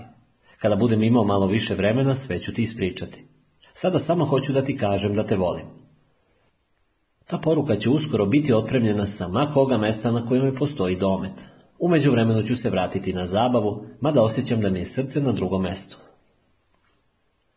Izgleda je Kava primetio kako sam se po povratku u sobu učutao, jer je posle pola sata predložio da se vratimo njihovoj kući. Dok sam te večeri ležao u postelji, pošto sam prethodno u dnevniku pisao neka zapažanja u vezi sa kavinom srećnom porodicom, osjećao sam da me u grudima steže i muči čežnje. Ništa u tom času nisam toliko želeo kao da moj sinčić bude tu opružen kraj mene. Zašto nisam uživao u takvim trenucima onda kada su mi bili dostupni? Narednog jutra smo Kava i ja izašli na parkiralište u cik zore. Prethodne večeri sam se poigravao mišu da zamolim Sikinu da me odveze do aerodroma Merida i da pokušam da dobije mesto na nekom ranijem avionskom letu. No, setio sam se onoga što mi je Ajame rekla. Julian je imao neke svoje razloge što je isplanirao moje putovanje, baš tako kako je to učinio. Činilo mi se i da Kava iz nekog razloga želi da nastavi moje arheološko obrazovanje i da me pouči još nečemu vezanom za Maje, pa sam osjetio da ne treba da skraćujem svoj boravak u Meksiku. Kava insistirao da ujutru krenemo u Juksmal pre nego što svane. Kada jednom svane, ljudi se pojave i nagrnu sa svih strana, rekao mi je. Ovo je međutim nešto što treba da vidite dok ste sami ili barem skoro sami.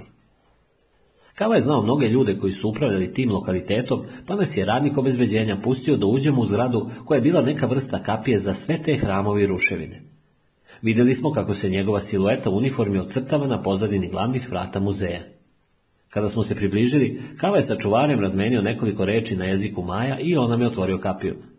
Pokazao je rukom predvori i rekao još nešto. Znam put, rekao je Kava, samo pođite za mnom. Poslije desetak minuta opet smo se našli na polju. U maglovitom jutarnjem svetlu ugledao sam prekrasnu piramidu, visoku barem 30 i široko oko 60 metara.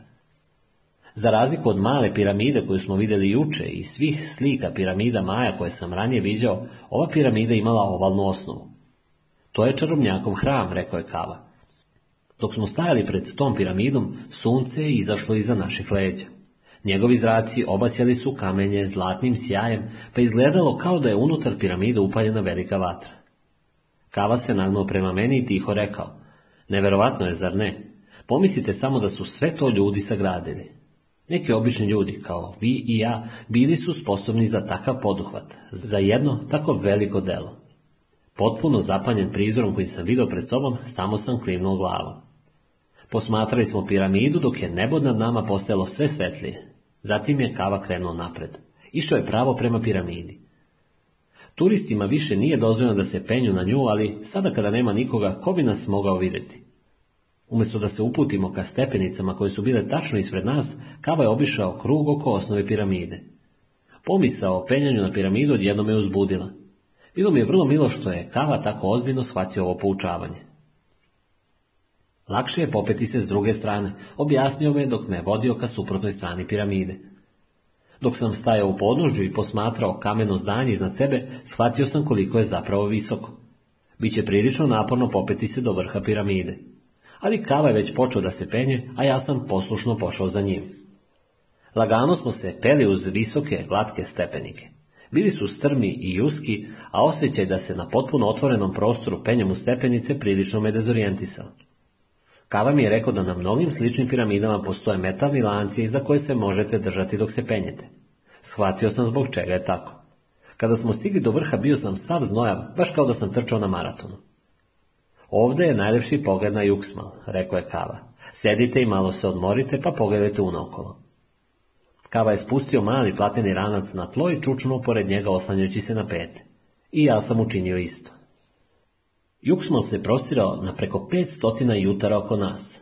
Veći deo nekadašnjeg grada umeđu vremenu je prekrila bujna vegetacija.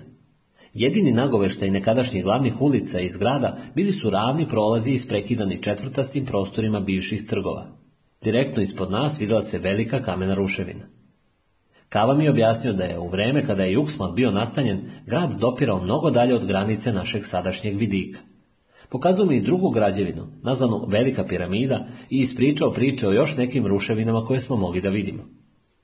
Da li ste nekada čuli staru legendu o ovoj piramidi? Upitao me Kava pošto mi je opisao nekadašnji izgled grada čiji su ostaci bili pod našim nogama. Odmahnuo sam glavom. Postoji mnogo verzija te priče, rekao je Kava. Zatim je ispričao legendu po kojoj je nekada davno vladar Juksmala bio upozoren da će, ako jedan određeni gong bude odjeknuo u gradu, njegovo carstvo osvojiti čovjek koga nije rodila žena. Jednoga dana začuo se zvuk ukletog gonga i vladar je utvrdio da je to učinio jedan patuljasti dečak koji se ispirio iz jajeta, a odgajala ga je neka starica bez dece.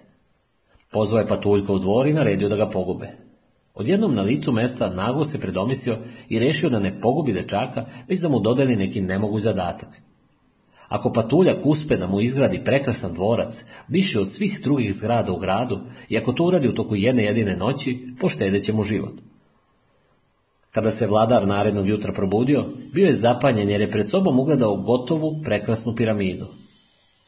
Patuljak ipak nije pogubljen, a piramida je nazvana Čarovnjakov hram. U nekim verzijama ove priče i patuljka je nekom čarolijom preko noći stvorila na ista starica. U drugim pričama je on prošao mnogo ispita i proba, uključujući i zadatak gradnje piramide. Ipak, u svakoj verziji postoji zajedničko mesto. Piramida je izrađena u toku jedne noći, rekao je Kava. Zatim je dohvatio dve boce vode iz ranca. Jedno je dao meni, a sam je otpio dobar gutlje iz druge i obrisao usta nadlanicu. Možda je to zbog posla kojim se bavim, nastavio je, ali me je ta priča uvek očaravala. U njoj se govori o našim snovima i željama. Šta taj vladar zapravo želi? Nije to želja za ogromni hram. On želi neverovatno ostvarenje koje će se dogoditi preko noći. Pa ni do danas se ništa nije promenilo, rekao sam smejući se. Svi žele da nešto postignu na brzinu. Da, baš tako, rekao je Kava. Samo što to nije moguće, zar ne? Najzad, brzo ispunjenje zadatka koje je vladar postavio dokazuje da je patuljak zapravo bio čarobnjak. Nije u ljudskoj moći da se u jednom času stvori nešto veličanstveno. Ljudi moraju da budu strpljivi. Ma koliko da želimo nešto da postignemo na brzinu, na ovom svetu stvari se ne odvijaju na taj način. Genijalnost se dokazuje u toku dužeg vremenskog perioda. To je dug proces. Kava je spustio plateni ranac u krilo i prekopavao po njemu. Izvukao je vrećicu od pletene tkanine i dao mi je. Treba li sada da je otvorim, u pitos, Klimnuo je glavom. Vrh crvene pletene vrećice bio je stegnut vrpcom. Petljao sam oko čuvara sve dok nije popustio, pa sam otvorio vrećicu i izručio njen sadržaj sebi u krilo. Tu je bila kratka beleška i mala figura od terakote. Pažljivo sam je pogledao i video da je to zapravo minijaturni model piramide. Razmotao sam papir i pročitao poruku. Napreduj svakoga dana pomalo. Način na koji se bavimo sitnicama određuje način na koji radimo sve drugo u životu. Ako dobro obavljamo neke manje zadatke, bit ćemo dobri i u većim poduhvatima. Majstorstvo postaje deo naše ličnosti. No, ima i nešto važnije. Svaki taj mali napor predstavlja podlogu za sljedeći, tako da ciglu po ciglu gradimo divne građevine, stičemo izuzetno poverenje i ostvarujemo neobične snove. Pravi mudrac zna da svakodnevna sitna poboljšanja uvek vode do izuzetnih rezultata. Sunce je bilo prilično skočilo na nebu i nalazilo se na mnogo višem položaju nego onda kada smo počeli naš uspon. Vredina je počela opet da me muči. Podigao sam kraj košulje i njime obrisao znoj sa čela. Kava me je pogledao i odmah ustao. Žao mi je što sam vas tako dugo zadržao ovde, rekao je. Znam da niste navikli na ovako visoke temperature. Hajdemo polako nadole. Želim da vam dok budemo silazili pokažem još nešto. Počeli smo da silazimo što mi je bilo mnogo teže od uspinjanja. Silazak niz uske stepenice sa licem okrenutim prema čistini ispod nas stalno me posjećao na to koliko smo se visoko popeli, a nije bilo baš ničega što mi je pridržavalo i sprečilo da padnem niz klizave stepenice. Laknuo mi je kada mi je Kava objasnio da nikako ne treba da se saginjem, već samo da se okrenem bočno i da tako silazim išao ispred mene, a onda je stao ispred jednih zasvođenih vratanaca na jednoj strani piramide. Ovo je, rekao mi je Kava mašući rukom prema vratancima, najveća ironija legende koju sam vam ispričao, barem po mom mišljenju. Zaista, rekao sam. Pretpostavka je da je piramida stvorena preko noći, ali ništa ne može biti manje istinito od takve jedne tvrdnje, rekao je Kava. Istina je da je piramida građena stotinama godina, zapravo je više puta građena iznova. To se, koliko znamo, ponavljalo pet puta. Svaki put je nova piramida građena na mestu prethodne. Moji preci su verovali da će njihovi novi hramovi upiti svu akumuliranu moć i veličinu onih prethodnih. Ova vratanca nas podsjećaju na jednu od ranijih piramida. Sve ovo što vidite oko njih izgrađeno je znatno kasnije. Viditi to, rekao sam. Posmatrao sam neke u kamen urezane mitske figure. Možda su to bili bogovi Maja, ravnomeno raspoređene duž okvira. Bila je to fina i detaljna umetnička obrada. Bila bi prava čarolija da se tako nešto napravi i u roku od nekoliko meseci, a kamoli za samo jednu noć. Juče sam vam objasnio da se moj posao sastoji uglavnom u tome da nastojim da otkrijem tragove i stvarne uzroke propasti carstva Maja, rekao mi je Kava, ali ono što me zaista zanima su njegovi počeci. Kako je sve to nastalo? Rekli ste da su arheološka iskopavanja mukotrpan posao, ali stvaranje jedne civilizacije, izgradnja velikih gradova, nastanak ovih piramida, sve to također spor i mukotrpan posao. Klimnuo sam glavom pa smo obojica sljedećih nekoliko minuta čutali. Dobro je setiti se činjenice da svaki veliki san počinje od sitnica, mirno je rekao Kava. Sljedećeg dana me Kava odvezao na aerodrom u Meridi. Vožnja je trajala skoro dva sata i pošto smo prvih pola sata prijateljski časkali, odjedno smo začutali. Uzeo sam mobilni telefon, ali i dalje nije bilo signala. Umjesto da pošaljem poruku, počeo sam da pregledam neke fotografije koje sam imao u telefonu. Zastao sam kod slike Adama u futbalskom dresu sa jednom nogom nesigurno oslonjenom na loptu. Kava je bacio pogled preko mog ramena. Hvata vas nostalgija za kućom, rekao je. Da, tako je, odgovorio sam. Vi ste već na putu ka kući, Jonatane, odgovorio mi je poslije kratke pauze. Na putu ste za kuću. Prošli smo kroz mestašce po imenu Tikul i vozili se pored skromnih njiva i pašnjaka puni kamenja. Sedeli smo neko vrijeme u automobilu bez reči, a onda sam uzeo dnevnik iz ranca i pronašao svoju posljednju belešku. Ispisao sam utiske o putovanju, o talismanima i porukama koje sam dobio uz njih, baš kao što je to Julian tražio od mene. Nisam bio baš sasvim siguran šta treba da mislimo o posljednjoj Julianovoj poruci. Kava je na kraju pogledao svesku koju sam držao u krilu i rekao Jonatane, da li vam je Sikina nešto rekla o našem sinu Avaliju? Samo to da živi u Meksiko Sitiju i da je veoma nedostaje, odgovorio sam mu. Na to se Kava glasno nasmeo. Pogledao sam ga ispitivački. Žao mi je, rekao je Kava. Ne mogu nikako da poverujem da se na tome zaustavila. Avali je doktor. Sikina se veoma ponosi njime. Najčešće prvo to ispriča ljudima koju pozna. Sasvim je jasno zašto se ponosi njime, rekao sam. Nastala je mala pauza, onda je Kava nastavio da priča. Kada je Avali imao osam godina, došao je do mene i rekao mi, tata, želim da budem doktor i da pomažem onima koji su bolesni. Kako mogu to da postignem? Pa, Jonatane, šta sam mogao da kažem na to? Ni Sikina ni ja nismo išli na studije. Većina moje porodice nije završila ni osnovnu školu. I ne samo to, niko od nas nije putovao nikuda van Jukatana. Nisam imao pojma kako moj sin može da postane doktor ali mali Avali je stajao ispred mene sa svim svojim dečijim nadama i ja sam shvatio da ipak znam jedno. Uzeo sam ga u krilo i rekao mu, sine, ćeš tako što ćeš sutra otići u školu i pažljivo saslušati sve što učitelj bude rekao. Učit ćeš više nego ikada. Onda ćeš doći da mi kažeš šta si naučio. Kava se nežno osmehnuo, kao da i sada video sina kako stoji pred njim. Klimnuo je glavom i nastavio da priča. Tako je počelo.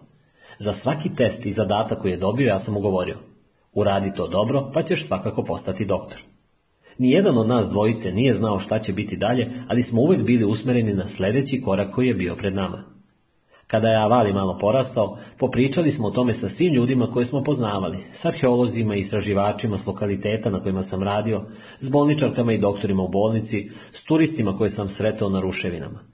Polako, ali sigurno, Avali, Sikina i ja smišljali smo svaki naredni korak.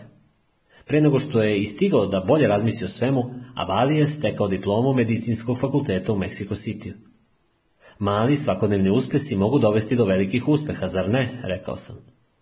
Najmanja akcija uvijek bolja od najodvažnije namere, odgovorio je Kala. Rezultati govore uvijek više od reči. Kao i ostali čuvari talismana, Kava je shvatao, a i sam proživao mudrost sadržanu u talismanu koju je čuvao. On je to shvatio radeći svoj posao. Znao je šta treba da radi kada je u pitanju bio njegov sin. Ali kako bi se ta mudrost mogla primeniti u mom životu? Nisam bio siguran za kojim velikim uspehom jurim, ni prema kakvom ostvarenju sna treba da me vode ti mali svakodnevni koraci. Nekada sam verovao da želim da budem izvršni rukovodilac, da imam veliku kuću, a možda i Ferrari nalik na one Giuliano.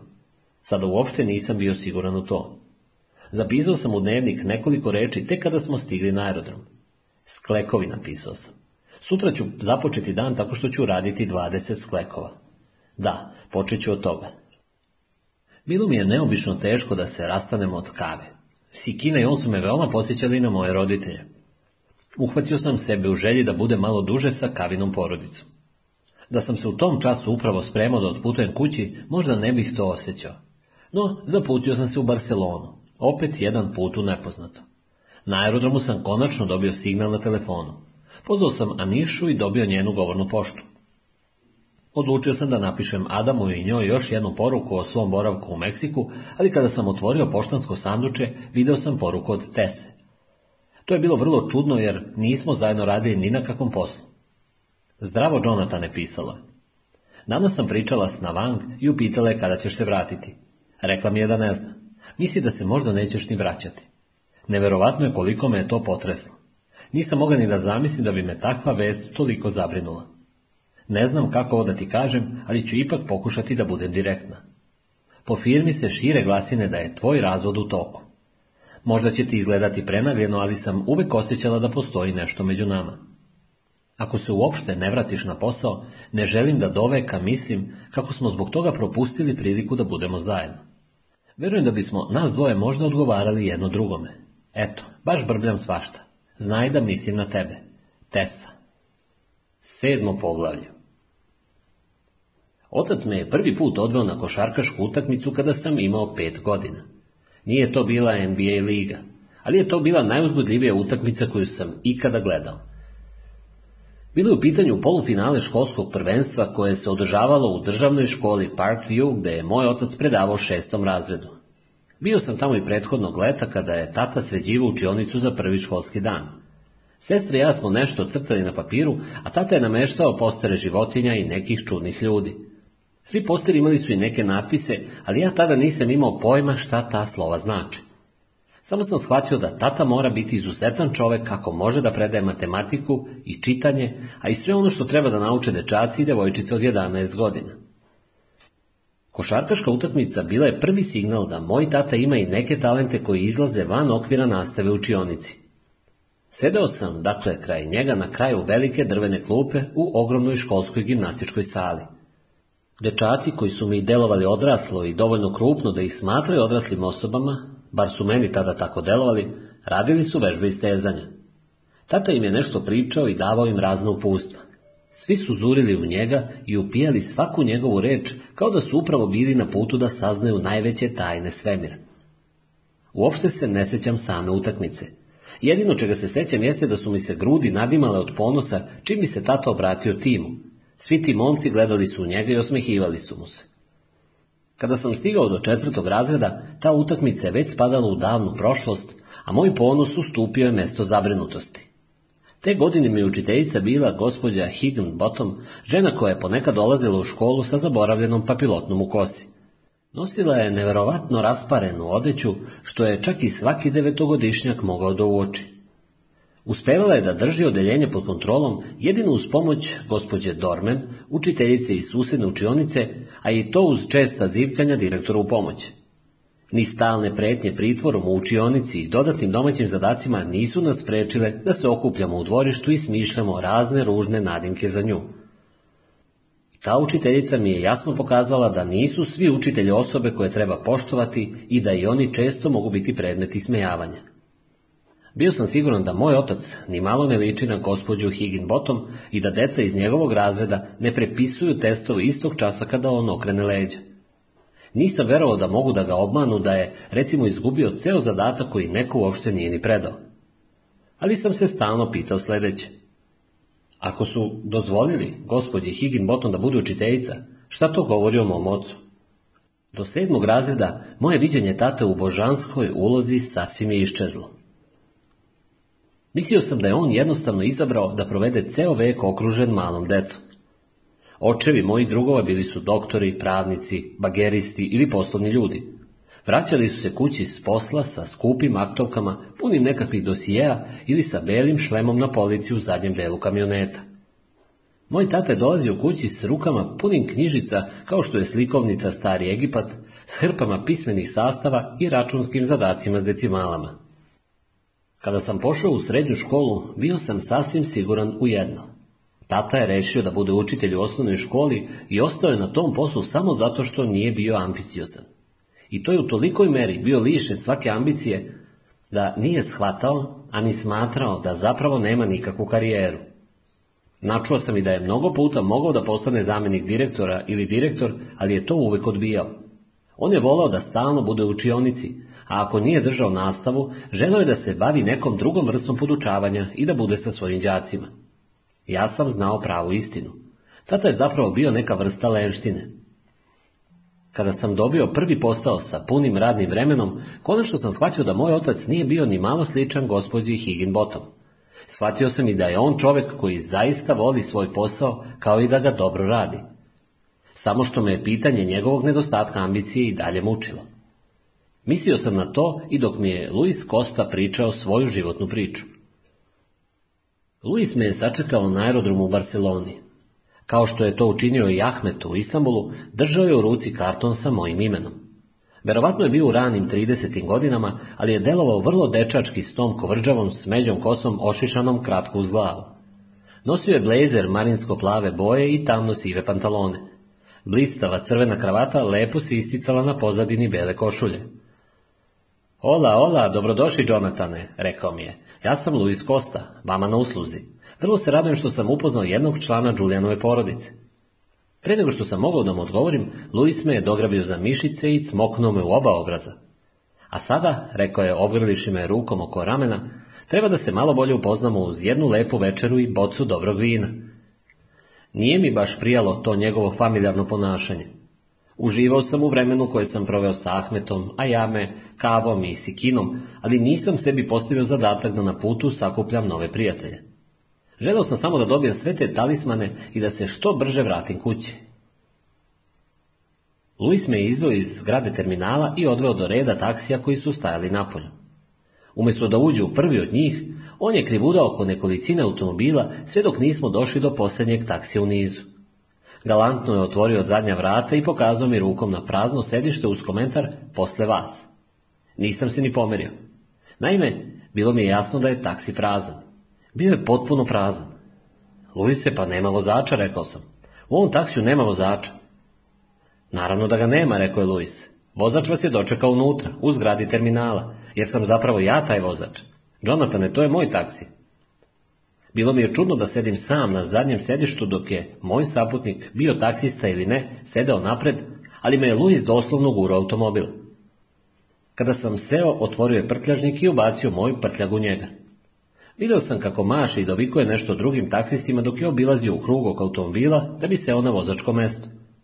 Za profesionalnog taksistu bio je vrlo veseo što u mom rodnom gradu uglavnom nije osobina vozača taksija. Čim je seo za volan, okrenuo se prema meni. Pa, Jonatane, da li ste već bili u Barceloni? Kada sam odmahnuo glavom, Luis je dodao. Pa, ako je tako, onda zaista imate sreće. Dobili ste pravog vozača koji će vas vrlo rado provesti po gradu. Pošto ste sigurno umorni, rezervisao sam vam sobu u jednom velikom hotelu u kraju Eixample. Odvešu vas tamo da se malo odmorite i osvežite. Doći ću po vas oko devet uveče, pa ćemo večerati negde na obali. Da li vam to odgovara? Morao sam da priznam da je Luis dobar vozač. Činilo mi se da se vrlo lako ubacuje u duge kolone automobila i izlači iz njih. U taksiju je bilo sveže, ali ne i hladno. Tiho je svirala neka klasična muzika. Video sam da na naslonu vozačkog sedišta ispred mene visi neka mala vreća. U njoj je bio paket papirnih maramica, boca dezinfekcionog sredstva za ruke i pakovanje salveta. Iz futrole koja je bila zakačena za naslon suvozačkog mesta vidjela su dva smotuljka raznobojnih flajera i papira. Izvukao sam jedan od tih papira i vidio da je to mapa Barcelone i vodič kroz gradske galerije. Pitao sam se da li su svi ovdašnji gradski taksiji tako dobro opremljeni. Kada smo stigli u centar, Luis se vrlo vešto provlačio kroz uske ulice. Ovo nije najdirektniji put, ali je najživopisniji. Pomislio sam da ćete možda poželjeti da pogledate neke lepe zgrade iz 19. veka koje se nalaze u ovom delu grada. Zaista su neverovatno zanimljive. Luis je bio u pravu. Mnoge od tih zgrada posjećale su me na art Nouveau građevine iz Pariza i Njujorka. Imale su lepe kamene fasade, balkonske ograde od kovanog vožđa i izdužene čipkastim ukrasima u okvirene prozore. Hej, ovo je divno.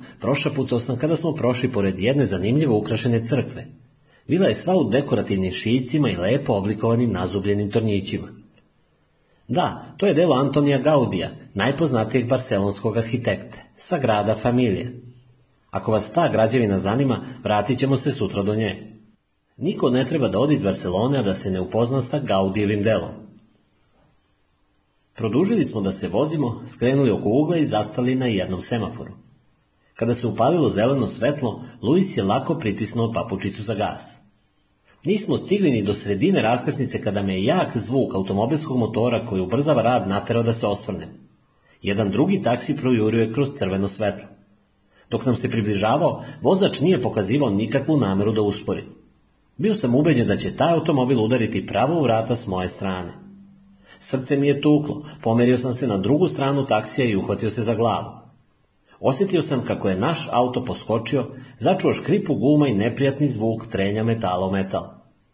No, nekim čudom, naš se taksi i dalje kretao lagano napred, mada nešto sporije. Podigao sam glavu i pogledao unokolo. Luis je pažljivo izvukao taksi iz gužve i našli smo se na drugoj strani raskasnice. Uspio je za malo da izmakne ispred onog zahuktalog taksija i izbegao je udarac.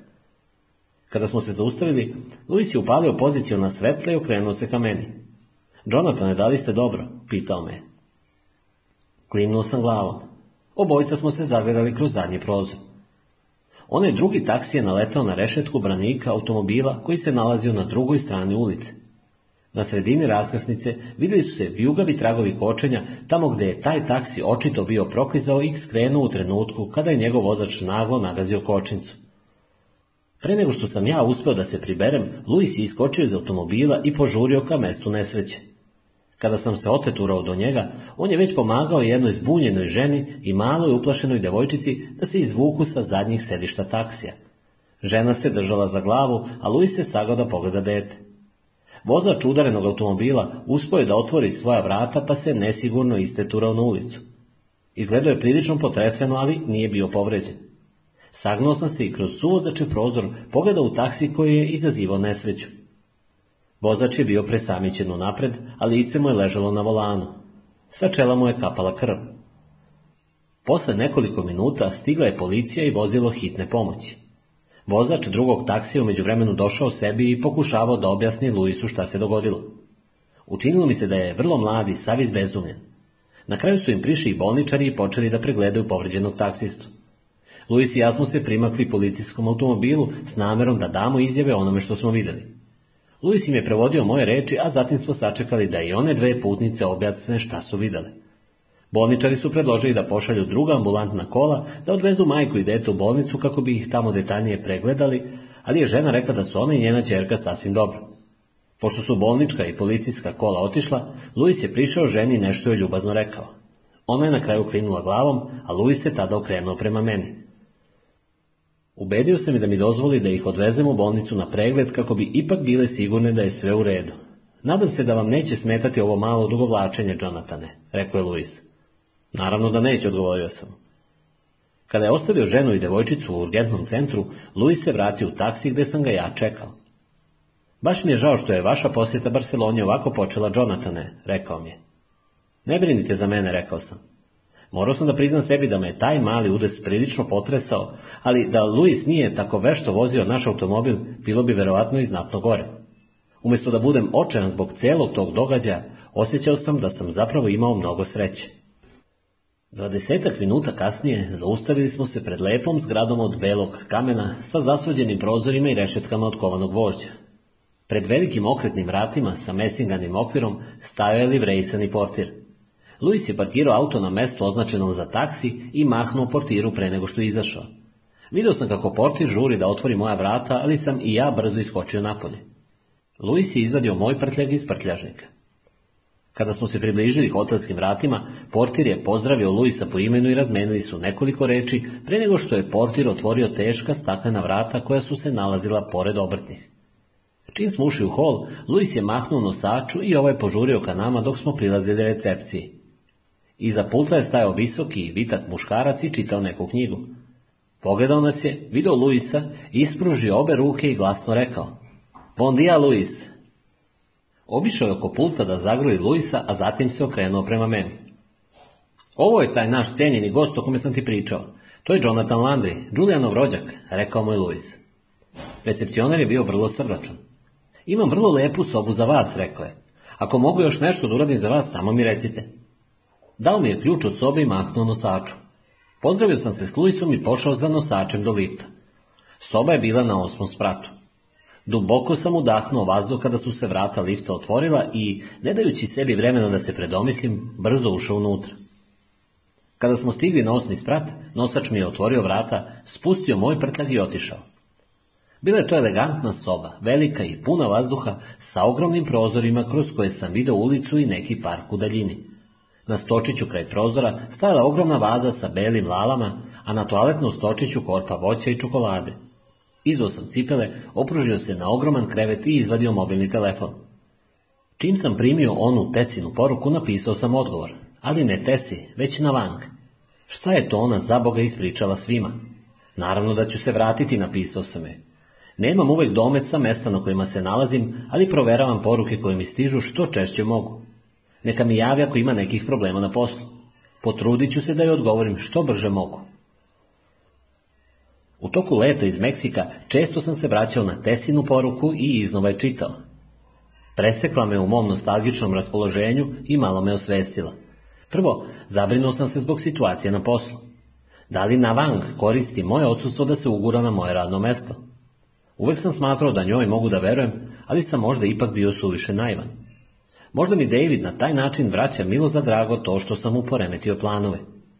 Da li je on možda nagovestio mojim klijentima da je sada na Vang ta koja vodi moje poslove? Dok sam se tako mučio raznim paranoičnim mislima, čuo sam u sebi slab odjek Đulijanovih reči. Ljudi koji ne vjeruju drugima nemaju vereni u same sebe. Možda sam bio pretjerano napet, ali ta mahnita zabrinutost svakako ne može biti dobra za mene. Znam samo da mi se nije ni malo dopadalo kako se osjećam zbog svega toga. Ipak me je Tesina privatna poruka mučila više od panike zbog moje buduće karijere. Naravno, znam i sam da se prethodnih meseci nešto dešavalo između Tese i mene. To me je u nekim teškim trenucima pomalo i tešilo. Posle mojih rasprava sa Anišom i dugih noći u praznom stanu, ušao bih ujutru u kancelariju i spazio Tesino na sveno lice.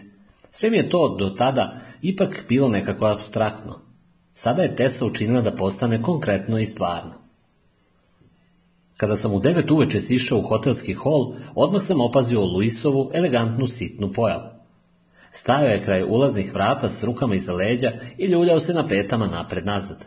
Očigledno je tu čekao već neko vreme, ali mu je na licu titrao ljubazan osmeh koji je govorio da se uopšte ne ljuti zbog toga. Taksi mu je bio parkiran na drugoj strani ulice, odmah ispred hotela. Ovog puta mi je dozvolio da sednem napred, na sedište kraj njega. Prijateljski smo časkali dok smo se vozili kroz grad. Prava je šteta što imate tako malo vremena da obiđete ovaj naš divan grad, rekao mi je. U njemu ima toliko toga da se vidi. Uvek naglašavam da je ovo grad izuzetnih umetnika. Bilo mi je jasno da smo se zaputili u stari deo Barcelone. Ulice su bivale sve uže i mračnije. Zaista, odgovorio sam. Da, znam da ljudi, kada im se pomene umetnost, obično pomisle na Firencu, Rim i Pariz. Misle i na Louvre, Ufići, Sikstinsku kapelu. Ali Barcelona je u prošlom veku bila zavičaj mnogih sjajnih umetnika. Juana Miroa, Salvadora Dalija, Pabla Picasa, a tu je naravno i veliki arhitekta Antonio Gaudi.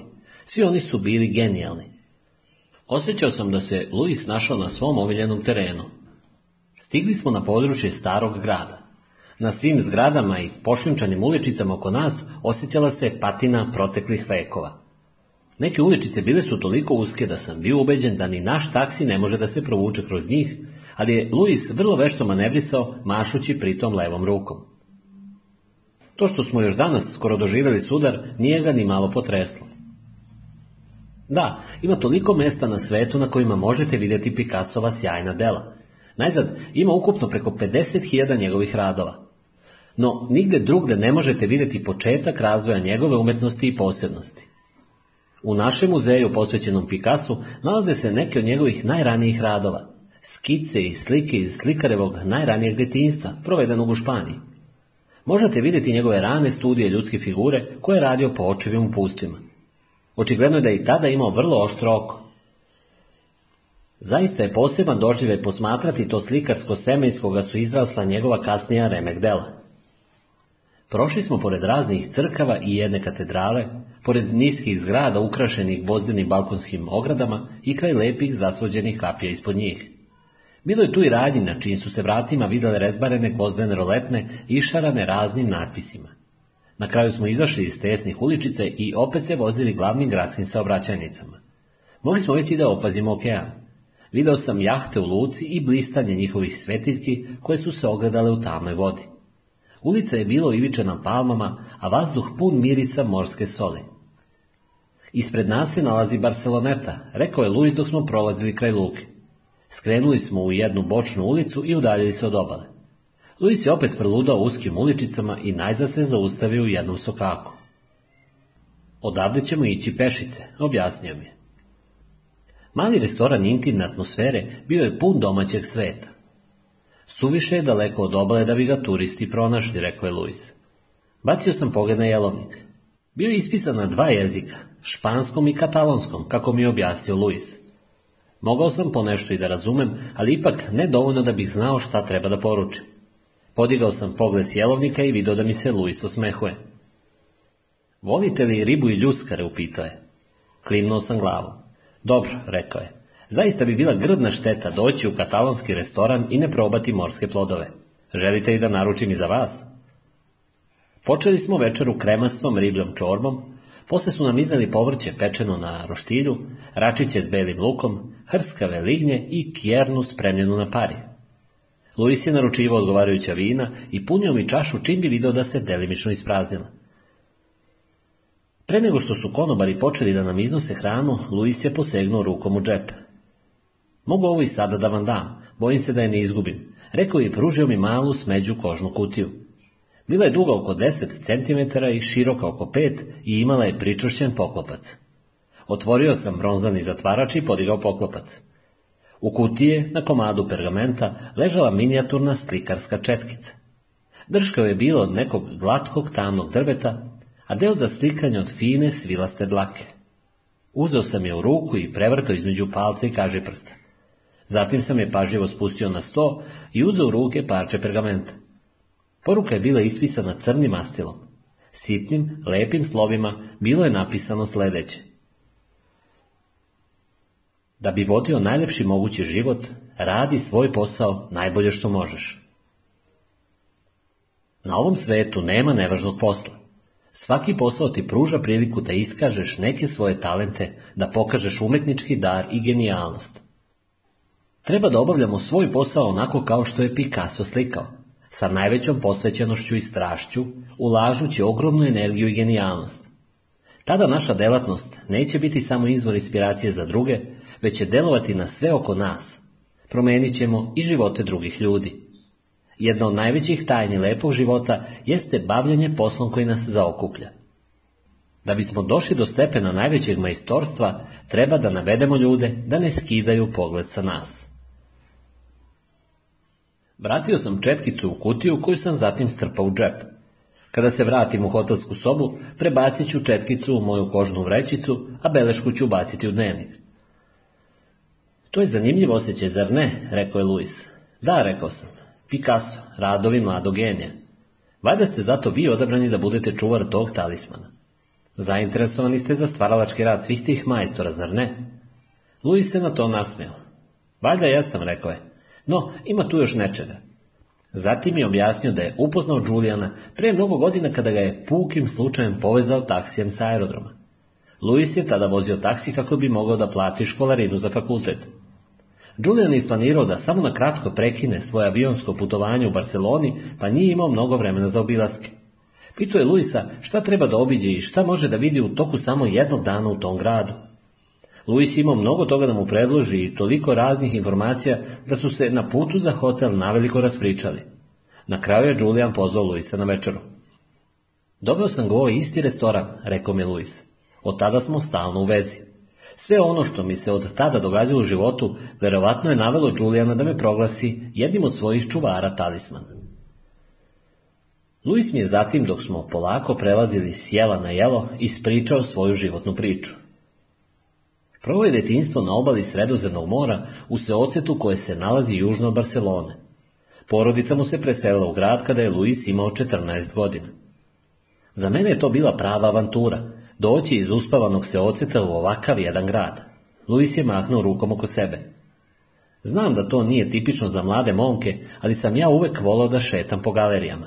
Volao sam i istoriju, ali sam najviše volao gradske ulice. Bilo mi je veliko uživanje da hodam iz laramlu i odjednom opazim mirov mozaik baš tu, na tlu ispred mene. Radove bih se uvek kada bih dok lutam kroz gotsku četvrt naišao na neku pikasovu skulpturu ili srednjovekovnu crkvu sa ostatkom rimskih zidina. Često sam uzimao bicikl i u slobodno vreme lutao una okolo po gradu, da saznam šta sve može da se vidi u njemu. Kada je Luis završio srednju školu, u njihovoj porodici mnogo se raspravljalo o tome čime mladić treba da se bavi. Otac mu je bio poslovan čovjek koji je želao da Luis bude pravnik.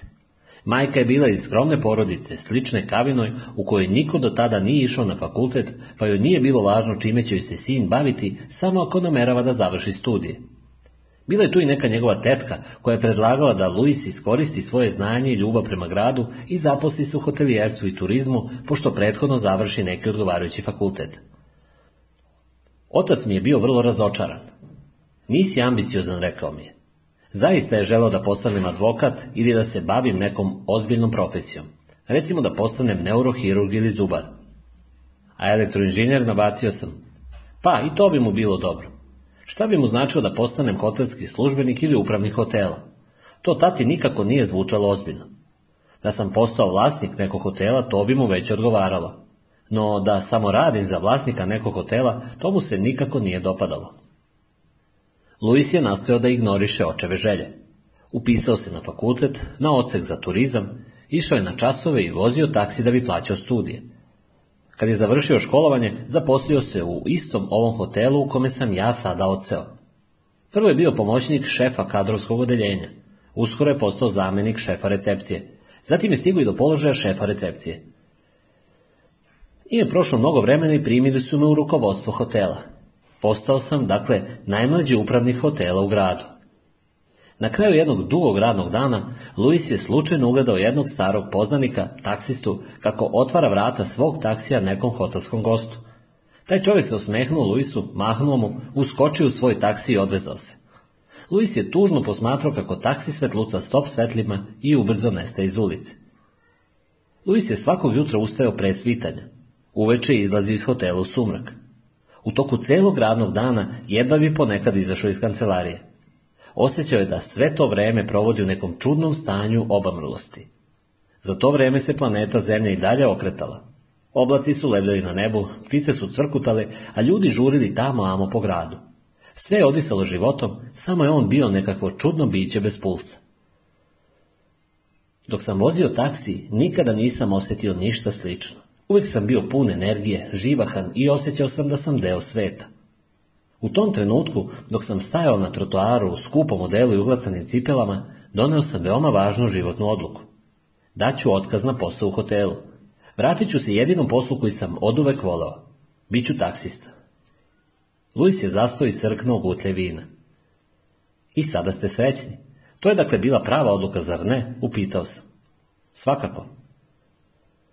Da li je vaš otac i dalje razočaran? Pitao sam ga. Jeste, odgovorio mi je. Više i ne razgovaramo. Ponaša se kao da sam na odsluženju zatvorske kazne. A znate li šta je u svemu tome najveća ironija, Jonatane? Šta me najviše rastužuje? Taj čovjek zapravo mrzi posao kojim se bavi. Njegov otac ga je svojevremeno naterao da se uključi u porodični posao, pa ga je tata preuzeo kada se deda povukao i otišao u penziju. Moj otac i danas svakog dana odlazi na posao od koga mu pripada muka. Zakleo se da nikada neće terati svoju decu da se zaposle u porodičnoj firmi. Broji dane do penzije, a tada će svakako konačno prodati firmu. Luis je zurio u stolnjak i odmahivao glavom. Kelner je u tom trenutku prišao našem stolu i donao nam poslastice. Kada je Kelner otišao, opet sam pogledao Luisa. A zašto se vaš otac odmah ne povuče iz tog posla? Pitao sam ga. Pa, rekao je Luis, kao što možete zamisliti, moj otac toliko mrzi svoj posao da u njemu nije bio naročito uspešan. To je baš kao u onom starom vicu koji mi je ispričao jedan klijent. Znate li kako lošim poslovanjem možete stvoriti pravo malo bogatstvo? Odmahnuo sam glavom. Treba početi sa velikim bogatstvom, rekao je Luis. Obojica smo se nasmjeli, Zatim je njegov smeh naglo izgledao Očeva firma više ne vredi mnogo, ali on i dalje radi nadajući se da će uspjeti da obnovi neke poslove i da ode u penziju kao bogat čovek. Kada je reč o tome, ja vjerojatno imam više šansi da se obogatim nego on. Začutali smo. Luis je uzeo jednu sitnu jagodu iz svoje voćne salate, a zatim ju je pustio da ponovo padne u činjenicu. Znači, Julian vam je dao da čuvate ovaj talisman zato što ste se opredelili za posao koji volite, upitao sam. Nekako mi se sve to nije baš uklapalo, da li obavljanje posla koji volimo mora biti isto što i dati sve od sebe? Ne, mislim da nisam dobio taj talisman zbog toga, rekao je Luis. Mislim da mi ga je Julian dao zbog nečega što sam sebi obećao onog dana kada sam stajao na trotoaru pred hotelom. Znao sam da će moji prijatelji i porodica dovoditi u pitanje moju odluku. Smatrao sam da ne treba nikome da se izvinjavam zbog posla koji obavljam. Želeo sam da se ponosim sobom a to sam mogu da postignem samo ako odlučim da radim ono što najbolje umem. Luis me pogledao i osmehnuo mi se. Onaj mladi taksista s kojim smo se danas skoro sudarili ne shvata šta znači dobro voziti. On misli da to znači odvesti što brže putnike na naznačenu adresu, juriti kroz grad i preduzimati ludo rizične poteze. On ne shvata da je najbrži način da se iz tačke A stigne u tačku B taj što ćeš dobro upoznati grad i izabrati najbolju trasu izbjegavajući pritom rizična područja. To ja uvek činim. Ne postoji uličica ni sokak koji ne poznajem. No, biti najbolji mogući taksista ne znači samo biti efikasan vozač. Kada vozim posetioce kroz Barcelonu, ja mogu da odgovorim na svako njihovo pitanje. Kom restoranu služe najbolju hranu? Koje je radno vreme muzeja savremene umetnosti? gdje se u Barceloni mogu kupiti najljepši antikviteti. Ako moj klijent stigne avionom u ponoć, grickajući američku zemičku sa uvijek uvek znam kuda treba da ga odvedem. Dakle, Julian mi je dao taj talisman zato što veruje da unosim svu svoju dušu u ovaj posao, koji je za sve druge samo jedan običan posao. Neki ljudi bi rekli da sam ja samo običan taksista ali za mene je to posao u kome pomažem posetiocima Barcelone da zadrže u sećanju detalje koji će im trajno obogatiti život. Ovaj posao mi daje priliku da pokažem malo humanosti u svetu u kome mnogi ljudi veoma čeznu za običnim ljudskim kontaktom. Izmamljujem klijentima osmehe, pa oni odlaze odavde kao bolji ljudi nego što su bili kada su došli. Ja verujem da je svaki posao sredstvo za otkrivanje naših darova i izražavanje potencijala, kao i prilika da budemo od koristi drugima. Stigla nam je kafa i obojca smo je srkali u tišini. Nisam znao na šta je Luis tada mislio, ali ja sam se u mislima vratio na svog oca, u njegovu učionicu, onakvu kakva je bila pre mnogo godina. Pre nego što smo se rastali, Luis me je zasuo sa još malo svoje tipične ljubaznosti. Obećao mi je da će ujutru doći po mene u hotel da me odvede u za grada. Dogovorili smo se da se nađemo u 9 sati. Kada je narednog jutra budilnik zazvonio u šest, skoro sam se okrenuo na drugu stranu i nastavio da spavam. U trenutku sam se setio onoga što sam zapisao u svoj putni dnevnik o sklekovima. Iskobelio sam se iz kreveta i oteturao se do torbe. Setio sam se da sam u nju spakovao i neku sportsku odeću. Kad god sam išao na poslovna putovanja, nosio sam i takvu odeću, šorceve, majice i kratke čarape, i sve bi to obično ostalo uredno zapakovano u torbi sve do mog povratka kući. No, tog jutra nisam samo ležao i smišljao sve moguće razloge da ne odem u hotelsku teretanu, već sam ustao i navukao sportsku odeću pre nego što je moje telo uopšte uspelo da se pobudi. Bio sam svestan svojih granica, ali i spreman da nešto naučim. Činilo mi se da su svi moji dotadašnji izgovori bili zapravo laži koje je poturao moj strah. Odvukao sam se u kupatilo i oprao zube, ispljuskao lice hladnom vodom, dograbio ključi i izašao iz sobe. Nekih dvadesetak minuta kasnije, dok sam hodao po pokretnoj traci u teretani s pogledom prikovanim za televizijske vesti koje nisam razumeo, mozak mi se konačno razbudio sasvim dovoljno da shvatim šta to zapravo radi. Prvo što sam učinio kada mi je mozak konačno proradio, bilo je da čestitam sebi. Posle džoginga uradio sam i nekoliko sklekova koje sam najavio u dnevniku i nekoliko vežbi za trbušne mišiće na bench klupi teretani. Zatim sam se zaputio natrag u sobu s namjerom da se okupam. Posle vrlo dugog tuširanja obukao sam se i sišao u predvori. Glavni recepcioner nije bio tu, ali me njegov pomoćnik poslao u kafeteriju iza ugla uz napomenu da u njoj imaju najbolju kafu u kraju. Dok sam doručkovao u toj kafeteriji, čitao sam tek prispele poruke. Dobio sam utešnu poruku od Navang koja me je ubeđivala da stalno misli na moje interese i da jedva čeka da se vratim. Bilo je tu i hrpa prosjeđenih poruka i raznih cirkularnih pisama, pa sam se zapitao da li je na van konačno shvatila da me u posljednje vreme prilično isključila iz poslovne prepiske. Odgovorio sam na skoro sve poruke samo zato da bih svim kolegama stavio do znanja da sam još uvek živi živahan. Zatim sam se vratio na Tesinu poruku. Opet sam je pročitao i ponovio to nekoliko puta, ali mi se i dalje činilo da mi sve to ni malo ne pomaže. Prosto nisam znao šta da joj odgovorim. Zatim sam izvukao dnevnik koji mi je Julian dao. Možda će mi, ako zapišem svoje misli, neke stvari postati jasnije. Istina je da sam u posljednje vreme mnogo mislio na Tesu. Tačno i to da me je sama pomisao da je nečim ohrabrim u pomisli na početak neke naše veze veoma plašila i ispunjavala osjećajem krivice. Najzad, još sam zvanično bio u braku. Koliko će to još potrebati? Prvih mjeseci, pošto me Aniša zamolila da odem iz naše porodične kuće, verovao sam da je ta razdvojenost samo privremena.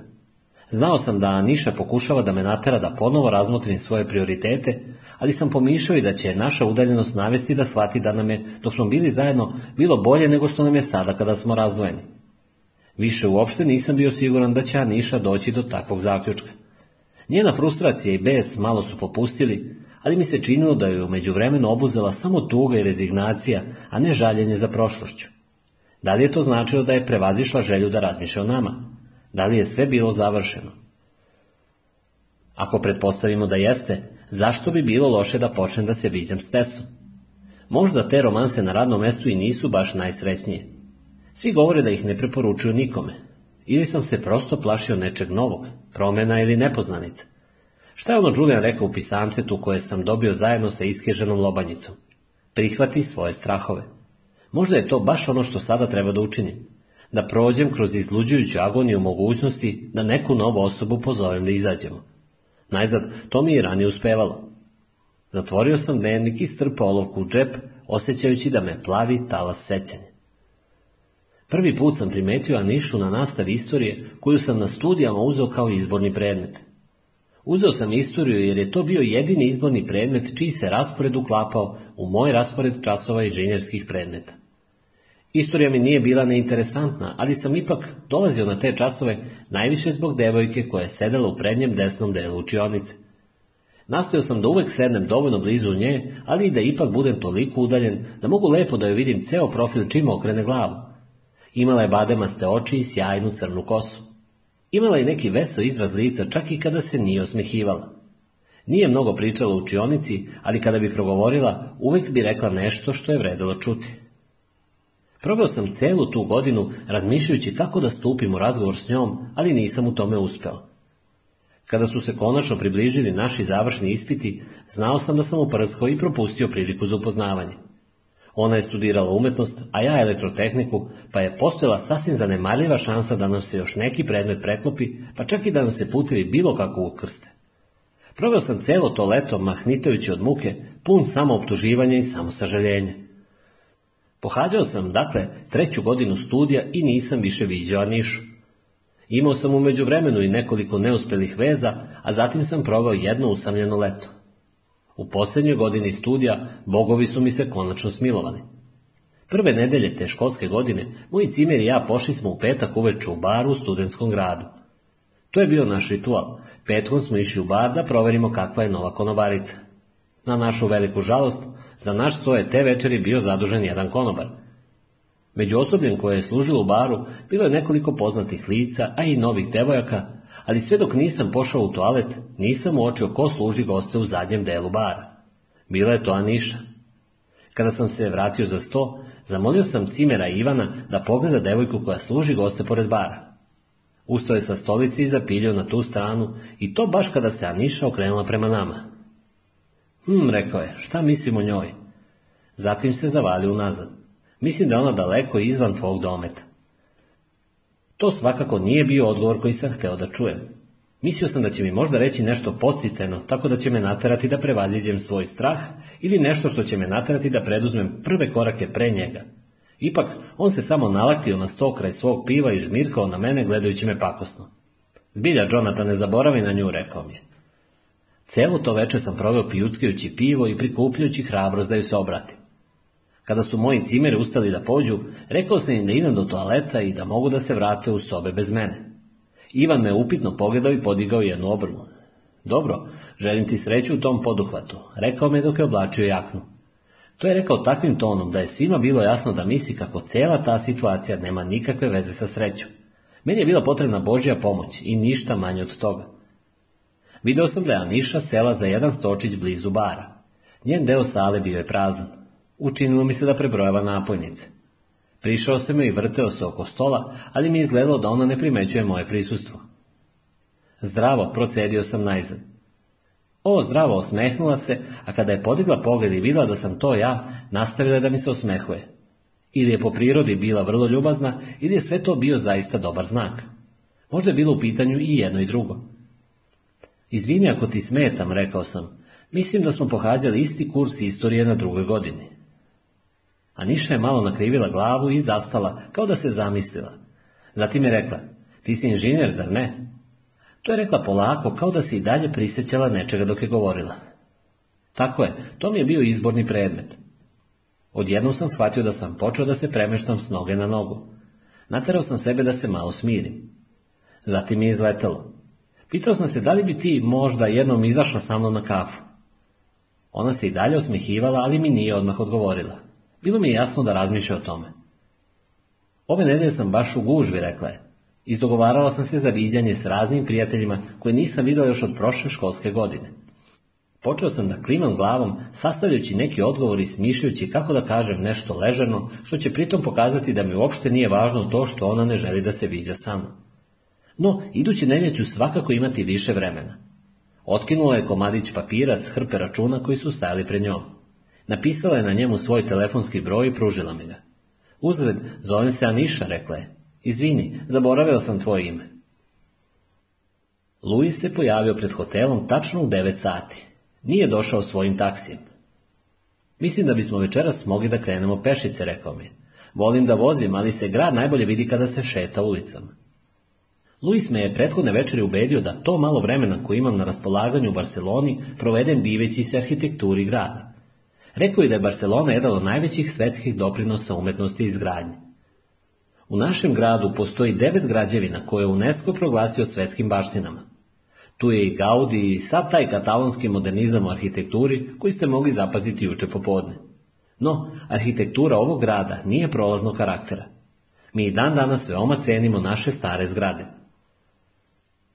Luis mi je zatim objasnio da u Barceloni živi preko 5000 aktivnih arhitekata, Čikam vas da nađete toliko arhitekata po glavi stanovnika u makom drugom gradu sveta, rekao je. Nisam ni pokušao. Pričao mi o Žanu Nuvelu, Zahi Hadidu, Franku Geriju, Richardu Rogersu. Jedino mi je Gerijevo ime bilo poznato, ali nisam želeo to da mu priznam. Pošto smo prilično rano napravili kratku pauzu za ručak, proveli smo naredne sate i deo popodneva hodajući po gradu. Povremeno bismo uskočili u neki autobus i okretali bismo glave na sve strane posmatrajući lepe zgrade oko nas. Vidjeli smo Gaudijevu stambonu zgradu La Pedrera, njeni talasasti zidovi i opšti utisak vodom ispravnog kamena fasade, kao i balkoni sa kvozdjenim ogradama u formi vodenih biljki, podsjetili su me na drevni izgubljeni grad Atlantidu. Grad na dnu okeana svakako bi baš tako izgledao. Lutali smo kroz park Guelj s njegovom pečurkasnom kapijom, kulturom guštera u mozaiku i kružnom kupolom popločanom keramičkim pločicama. Na kraju smo otišli na isto mesto na kome smo bili prethodne večeri i našli se ispred crkve sa grada Familija, Gaudijevog nedovršenog testamenta i vizije vere. varim je Luis tako mislio. Baš volim ovo mesto, rekao me Luis zamišljeno zureći u četiri isturene hrapave kamene kupe. Ali sam rekao da je moj pradeda nekada radio na ovom mestu. Zaista, rekao sam. Da li je bio građevinar? Ne, odgovorio je Luis. Mislim da je bio običan radnik.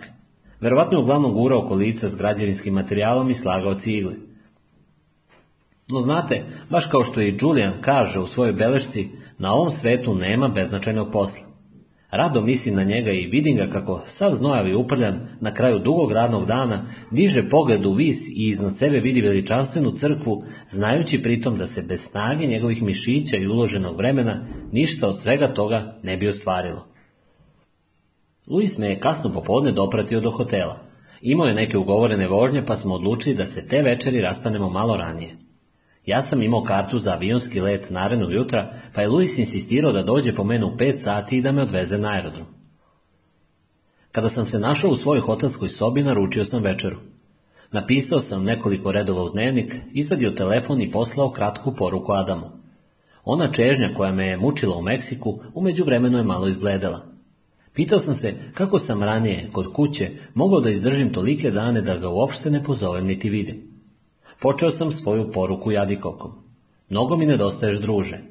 Onda sam se setio Adamovih tužnih očiju kada sam ga pre mog leta za Istanbul na rastanku poljubio.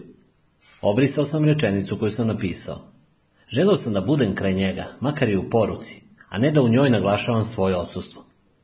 Zato sam mu napisao nekoliko reči o čarobnjakovom hramu i ruševinama grada Maja koje sam video. Pisao sam mu o crkutu ptica na drveću i pumama koji se šunjaju po prašumi Jukatana i o tome kako sam vrlo srećan što nisam sreo jedno od njih. Opisao sam mu i kako sam proveo prethodni dan u Barceloni. Sjećaš li se prošlog leta kada smo pravili dvorce od peska na plaži i kvasili pesak da bismo napravili šiljaste kule koje streme u vis? Rekao sam mu da sam prethodnog dana video jednu takvu crkvu. Imala je mnogo špicastih zvonika. Projektovao je čovjek po imenu Antonio Gaudi a mogao bih da se kladim da je kada je bio dečak i on pravio takve dvorce od peska. Zatim sam malo zastao pre nego što sam napisao sljedeću rečenicu. Ipak sam na kraju napisao ovo. Kada se budem vratio, odvešću te preko vikenda na plažu. Znam da je opasno da ti ma šta obećavam, ali ću ovo obećanje svakako održati. Ako ne bih održao dato obećanje, to bi mi slomilo srce, baš kao i Adamu. Rano jutarnje svetlo tek se probijalo kroz tamu na horizontu kada me je Luis istovario iz taksija na terminalu. Bio je zadovoljan i veseo, kao i obično, ali je svakako primetio da sam ja još poprilično pospan i zamišljen. Dok je vadio moju putnu torbu iz prtljažnika, Luis me je pogledao prilično zabrinut. — Da li si sigurno poneo sve sa sobom, Jonatane, upitao me. Uhvatio sam se za džep da provjerim da li su mi tu novčanik i pasoš, a onda me u trenu spopala panika. A gde su talismani? Da li mi je kožna vrećica još okačena oko vrata? Nisam je osjećao. Raskopčao sam jaknu i opipao košulju. Tu je ipak bila ta mala, kvrgava kesica okačena oko mog vrata. Kako to da je nisam osjećao? Mada je bila teža nego ranije, vrpca na koje visila više mi se nije usecala u vrat. Skinuo sam je sa vrata i ugurao u džep. I onako treba da ubacim u plastičnu korpicu kada budem prolazio pored aerodromskog obezbeđenja. Čim sam se prijavio na let, otišao sam u čekaonicu za putnike u odlasku, pronašao jedan miran ugao i pozvao Anišu. Pomislio sam da je kod njih sada već prilično kasno, verovatno je negdje oko ponoći, ali sam čeznuo da je čujem i da saznam nešto Adamu. Kada se Aniša javila, izvinio sam se što je zovem tako kasno, ali mi se učinilo da u njenom glasu čujem izvesno olakšanje. Baš se radujem što si se javio, rekla mi je. Danas je u Adamovoj školi došlo do malog incidenta. Izgleda a Niša je zastala. U pozadini sam čuo tanak deči glasić. Mama, ne mogu da zaspim. O Bože, čuo sam je kako kaže. Dođi ovamo i sedi kraj mame. Želiš li da priča s tatom o tome šta ti trenutno ne da da zaspiš? Kada mi se Adam javio, upitao sam ga kako je. Dobro sam odgovorio je mirno. A šta ima novo, pokušao sam ponovo. Ništa, rekao je.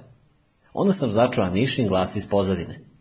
Htio si da ispričaš tati šta se danas desilo u školi, sećaš se? Uz malo ubeđivanja sa moje strane i uz podršku iz pozadine, Adam je danas rekao da ga je neki đak drugog razreda napao za vreme ručka, gurnuo ga na zemlju i oteo mu slatku štanglicu od žitarice. A šta si ti uradio, upitao sam ga. Adam je rekao da je taj događaj odmah prijavio učiteljici, gospođici Vandervis, koja je tog dana bila dežurna u dvorištu. Ona je zatim poslala napadača u direktorovu kancelariju. Da li se to nekada tebi desilo, upitao je Adam, Mislim, kad si bio dete, da li si nekada imao posla sa sileđijama?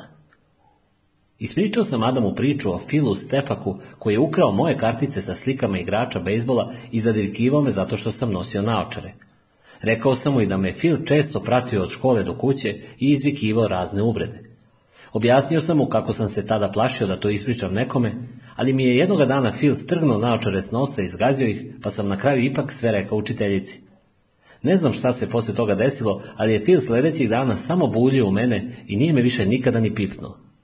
Dugo smo tako pričali, a onda je Aniša opet uzela slušalicu od Adama. Pogledao sam na sat. Izvini, rekao se me, ali mislim da ste oboje već vrlo umorni. U redu je, rekla Aniša. Bilo mu je zaista važno da popriča s tobom o tome. Sada ću pokušati da ga ubedim da legne i dobro se naspava. Svakako rekao sam. Još nešto, znaš li možda šta su u školi preduzeli povodom napada i šta je bilo s tim starijim dečakom? A Niša je poslala Adama u njegovu sobu i obećala da će mu se pridružiti za minut. Zatim je rekla da je gospođica Vandervis javila odmah posle ručka. Nije to bilo prvi put da taj dečak iz drugog razreda napada druge đake. Direktor je pozvao njegove roditelje na razgovor. Gospođica Vandervis je rekla i da će naredne velje nastojati da što više dežura u dvorištu, tako da može da motri na đake i njihovo ponašanje. Rekla je da su ostali đaci iz odjeljenja složno priskočili Adamu u pomoć, čim su vidjeli da je napadnut u dvorištu. Ona to zaista shvata ozbiljno, rekla je Niša. Bilo mi je mnogo lakše posle tog razgovora. Čekaonica za putnike u odlasku bila je prepuna sveta. Većina sedišta bila je zauzeta. To su uglavnom bili poslovni muškarci i žene s laptopovima u ruci. Bilo je i nekih roditelja s malom decom. Naspra mene sedela je neka tineđerka sa slušalicama na ušima, koja se zavalila na sedištu i bledo zurila u majku dok je ova pružala žvakaću gumu. Sjetio sam se sebe kao zbunjenog tineđera. Moji roditelji su bili veoma strpljivi sa mnom. Osjetio sam onaj poznati bol u predelu rebara. Otac mi je zaista veoma nedostajao. Dok sam tako sedeo na barcelonskom aerodromu i razmišljao o svom sinu, na koga u školi sada pazi gospođica Vandervis, prisjećao sam se oca iz sobstvenog ljetinstva i pomislio da je moj petogodišnji sin sasvim dobro prihvatio sve što mu se desilo. Moj otac je bio pravi genije za ponašanje u učionici i bavio se zaista plemenitim poslom. Dostigao je onu duhovnu veličinu koju je Luis težio. Morat ću naporno da radim na sebi da bih postao makar i približno takav čovjek kakav je bio moj otac. Osmo poglavlje Dok sam bio u Španiji, Julian mi je poslao podatke o mojim sljedećim destinacijama. Trebalo je da se vratim u Severnu Ameriku i da odem na ostrava Cape Breton smeštena uz istočnu obalu Kanade. Posle predsjedanja u Londonu i Halifaxu i dobrih 16 sati leta od trenutka kada me je Luis ispratio na barcelonski aerodrom, stigao sam na ostrva Cape Breton, odnosno u Sidney u Novoj Škotskoj. Bilo je rano veče. Kao što mi je Julian obećao, iznajmljeni automobil čekao me na aerodromu. Laknulo mi je kada sam vidio da u njemu postoji GPS sistem za navođenje. Naime, čim sam stigao, shvatio sam da nemam pojma kako mogu da stignem od Sidneja do Svete Ane. To je na oko jedan sat vožnje odavde, rekao je momak iz agencije za iznajmljivanje automobila. Sljedeća čuvarka talismana bila izvesna Mary McNeil. Poslao sam joj poruku da stižem. Dok sam se izlačio iz Sidneja s namerom da izađem na autoput, setio sam se onoga što sam nedavno video na poluostrvu Jukatan. Nisam mislio na vremenske uslove, ni na kuće, niti na vegetaciju. Ne, ovdje je vazduh bio svež i suv a oko mene je blistalo tamno zelenilo jela, borova i breza. Bilo je dovoljno vode. Mogla se vidjeti svuda unokolo. Put je bio pun krivina. Na GPS-u sam mogao da vidim da su one skoro kružne i da se na svakih nekoliko kilometara šuma prekidala nekim jezercetom ili zalivom čija je voda svetlucala u polutami. Na Jukatan me ovdje zapravo posjećao nedostatak stanovnika, koji je vrlo vidljiv i na Cape Bretonu. Baš kao i kada sam odlazio iz Meride, čim sam izašao iz Sidneja, osjetio sam da su ljudi i naselja ostali iza mene. Vozio sam se kroz duge klance gde svakako nije bilo žive duše. Povremeno bih u retrovizoru ugledao kuću ili dve, ali bi i one ubrzo nestale u moru drveća. Bilo je nečeg utešnog u tome što putujem sam kroz to bespuće da bi se sreo sa nepoznatom osobom koja me tamo negde čeka. Mary McNeil i Angus MacDonald živjeli su odmah pored živopisnog autoputa Cabot Trail naspram zaliva Svete Ane. Mary mi je u poruci napisala da ću kraj puta ugledati njihovo poštansko sanduče sa kućnim brojem, ali i da neću moći da vidim kuću sve dok ne skrenem na prilazni put i ne približim joj se. No, GPS je srećom odradio taj posao umjesto mene i kada sam skrenuo na prilazni put posut šljunkom i uivičen sa obe strane žbunjem, Ubrzo sam ugledao krov neke kuće kako štrči iznad drveća. Meri je očigledno motrila na moj dolazak jer sam, čim sam smestio auto iza dva kamioneta parkirana pored kuće, ugledao prosedu ženu koja je stajala na ulaznim stepenicama i mahala mi. To je svakako Meri, pomislio sam. Dok sam iskoračio napolje, Meri je već stigla do mene, a kraj nje je bio i neki muškarac, za koga sam pretpostavio da je njen muž Engas. Bio je malo niži od Meri i očigledno dosta zaobljeniji a na licu mu je blistao srdačan osmeh, sličan njenom. Nije me naglo dograbio za mišice, kao što je to učinio Luis, već me je samo potapšao po ramenu, a Mary je uzela moje ruke u obe svoje i predstavila mi se. Svakako si iscrpljeni, rekla je. enga se, rekla je zatim pomalo nervozno i pokazala na zadnje sedište automobila. Trenutak poslije toga nas dvojica smo se rvali otimajući se oko mog prtljaga, baš kao u nekom crtanom filmu. Najzad sam odustao od nadmetanja i pustio ga da sve moje stvari sam unese u kuću. Julija nam je javio da ste već dugo na putu, rekla je Mary. Spremili smo nešto za večeru, a zatim, ako želite, slobodno pođite na spavanje. Znam da je po španskom vremenu sada uveliko prošla ponoć. Uveli su me u dnevnu sobu. Bila je opremljena raznovrsnim nameštajem, a na zidu sam ugledao dva vrlo velika oslikana platna. Jedno mi je delovalo kao neki vodeni prizor, jer je sve na njemu bilo u tirkiznim i tamno-zelenim tonovima sa čudnim senkama koje su poigravale preko tih boja. Druga slika je bila mešavina raznih obojnih površina, koje kao da su se same smenjivale pred mojim očima. Meri mi je pokazala na jednu udobnu fotelju, okrenutu prema prozorima dnevne sobe. Čim sam se zavalio u fotelju, uočio sam ono što je bilo najzanimljivije u toj prostoriji. Naime, kroz prozor sam video zelene talase zaliva oivičene tamno-plavom prugom na horizontu. Bio je to zaliv Svete Ane, a iza njega su se videle vode Atlantskog okeana. Samo vi sedite, rekao Engas, Ja ću vas pozvati kad postavim večeru. Meri mi je donela pivo i sela kre mene. Postavila mi je nekoliko pitanja o toku mog putovanja. Izgleda je sve to bilo za vas vrlo naporno, Možda ćete sutra poželjeti da se malo odmorite, ali Engas i ja smo planirali da vas odvedemo na neka zanimljiva mesta. To me uopšte nije iznenadilo. Jedini dosadašnji čuvar talismana koji me je pustio da se nam stalazim u gradu bio je Antoan u Parizu. Osjećao sam se dvojako. Posle sedenja na svim tim dugim avionskim letovima bilo je dobro dobiti i neka zaduženja, ali mi nije stalo do detaljnog planiranja svakog koraka. Meri mi je rekla odmah da, ako se slažem s njenim predlogom, želi da naredne večeri priredi mali prijem u moju čast. Ništa posebno uveravala me, samo nekoliko prijatelja i rođaka. I jastozi. Sada im je sezona, pa sam pomislila da će vam rakovi prijati. Osmehnuo sam se i rekao da je to baš divno, mada u sebi nisam bio sasvim siguran u to. Meni je zatim objasnila da će ona u toku sutrašnjeg dana spremati tu večeru, a Engas će me provesti duž kebot Traila petlje puteva oko planinskog venca Cape Breton na severnoj strani njihovog ostrova. To su divni predeli, rekla mi je. Ja sam ovdje provela ceo svoj vek i nikada se nisam umorila od tog prizora. Rekao sam da nisam nikada bio u tim krajevima i da bih volao da ih vidim. Čuo sam od mnogih ljudi da ih ovi krajevi posjećaju na zelene predele u Irskoj, rekao sam. Mary je glavom.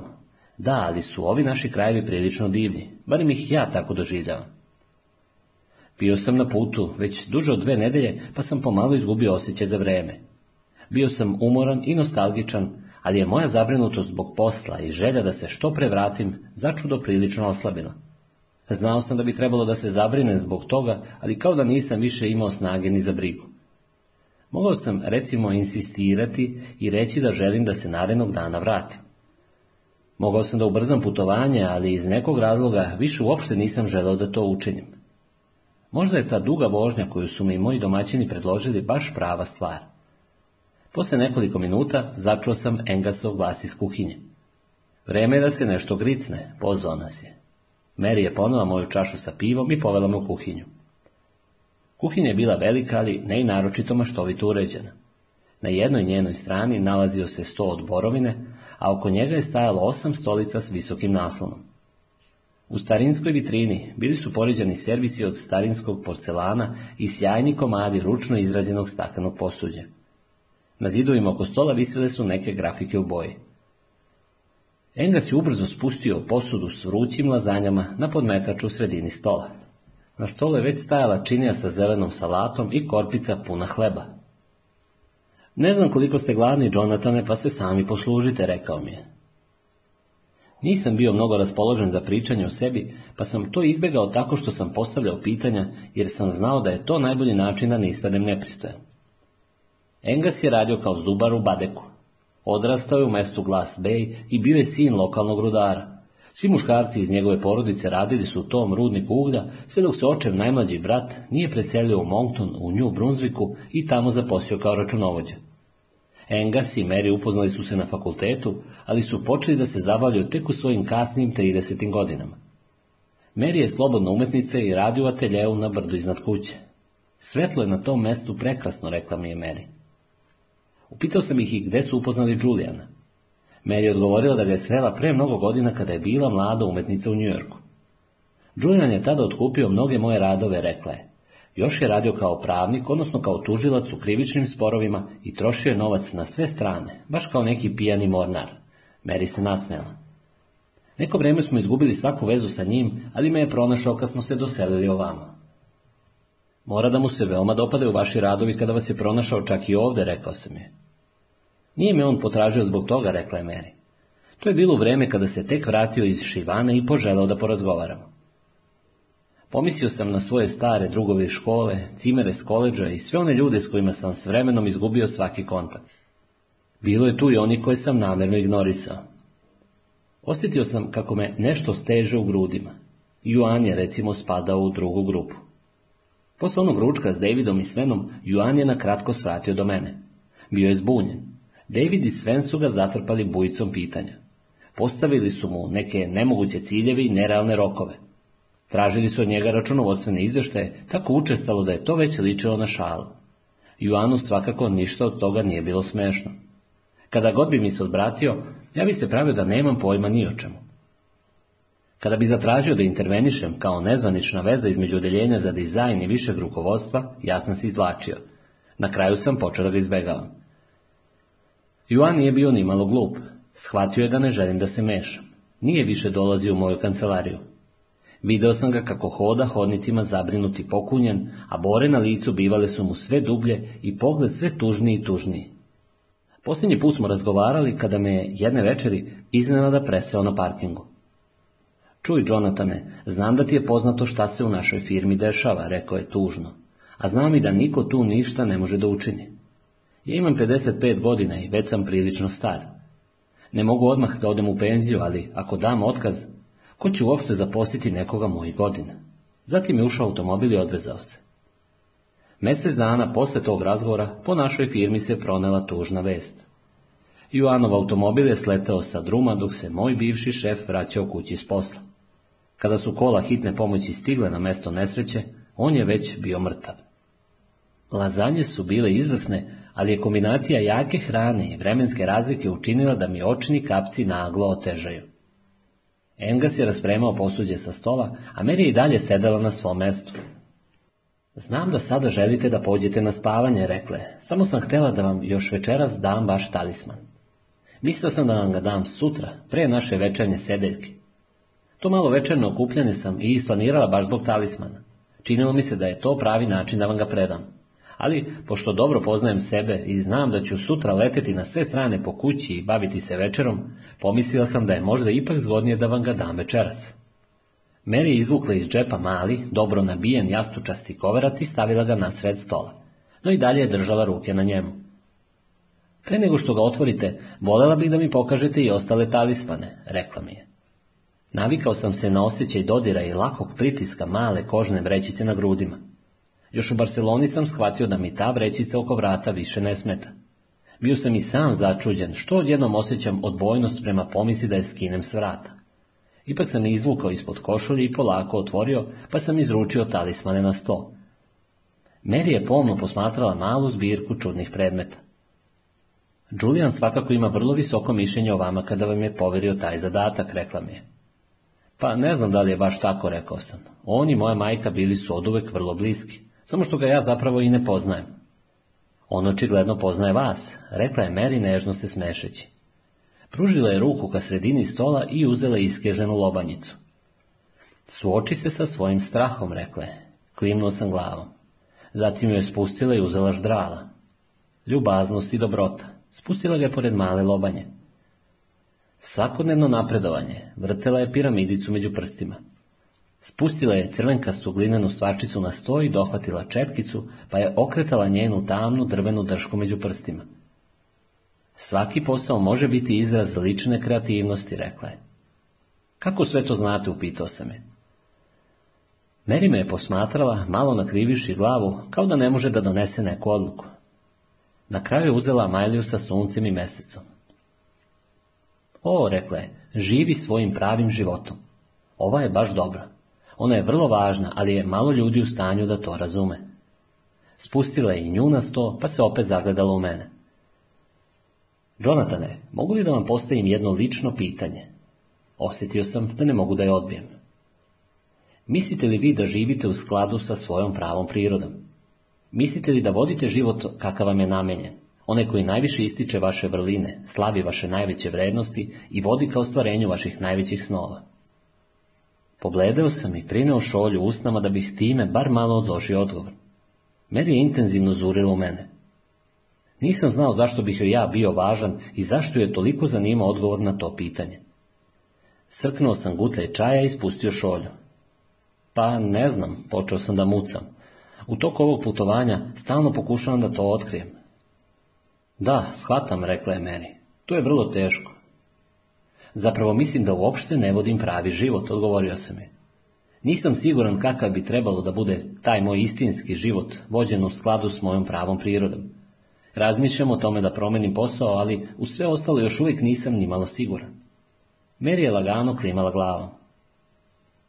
Pošto se već petljam u vaš život, treba nešto da vam ispričam i o svom. Svakako, rekao sam, bilo šta samo da ne moram više da pričam o sebi. Meri mi je ranije spomenula da je slikarka, ali je sada dodala i da njena životna priča nije klasična priča o mladalačkoj pobuni. Meri nije postala slikarka samo zato što je njena porodica, recimo, želela da ona bude računovođa. Nije doživjela neko posebno prosvjetljenje, niti je jednog dana shvatila da joj ne odgovara posao 9 do 5 i da je njena prava strast umetnost. Od uvek je znala da želi time da se bavi, još od detinstva je to mislila. Umetnost ju je uvek činila srećnom, Crtanje, slikanje, vajanje, pravljenje umetničkih predmeta, to je bilo ono što je žela da radi u životu. Baš kao Picasso, rekao sam je, Sjetio sam se onoga što mi je Luis ispričao o Picassovom detinjstvu.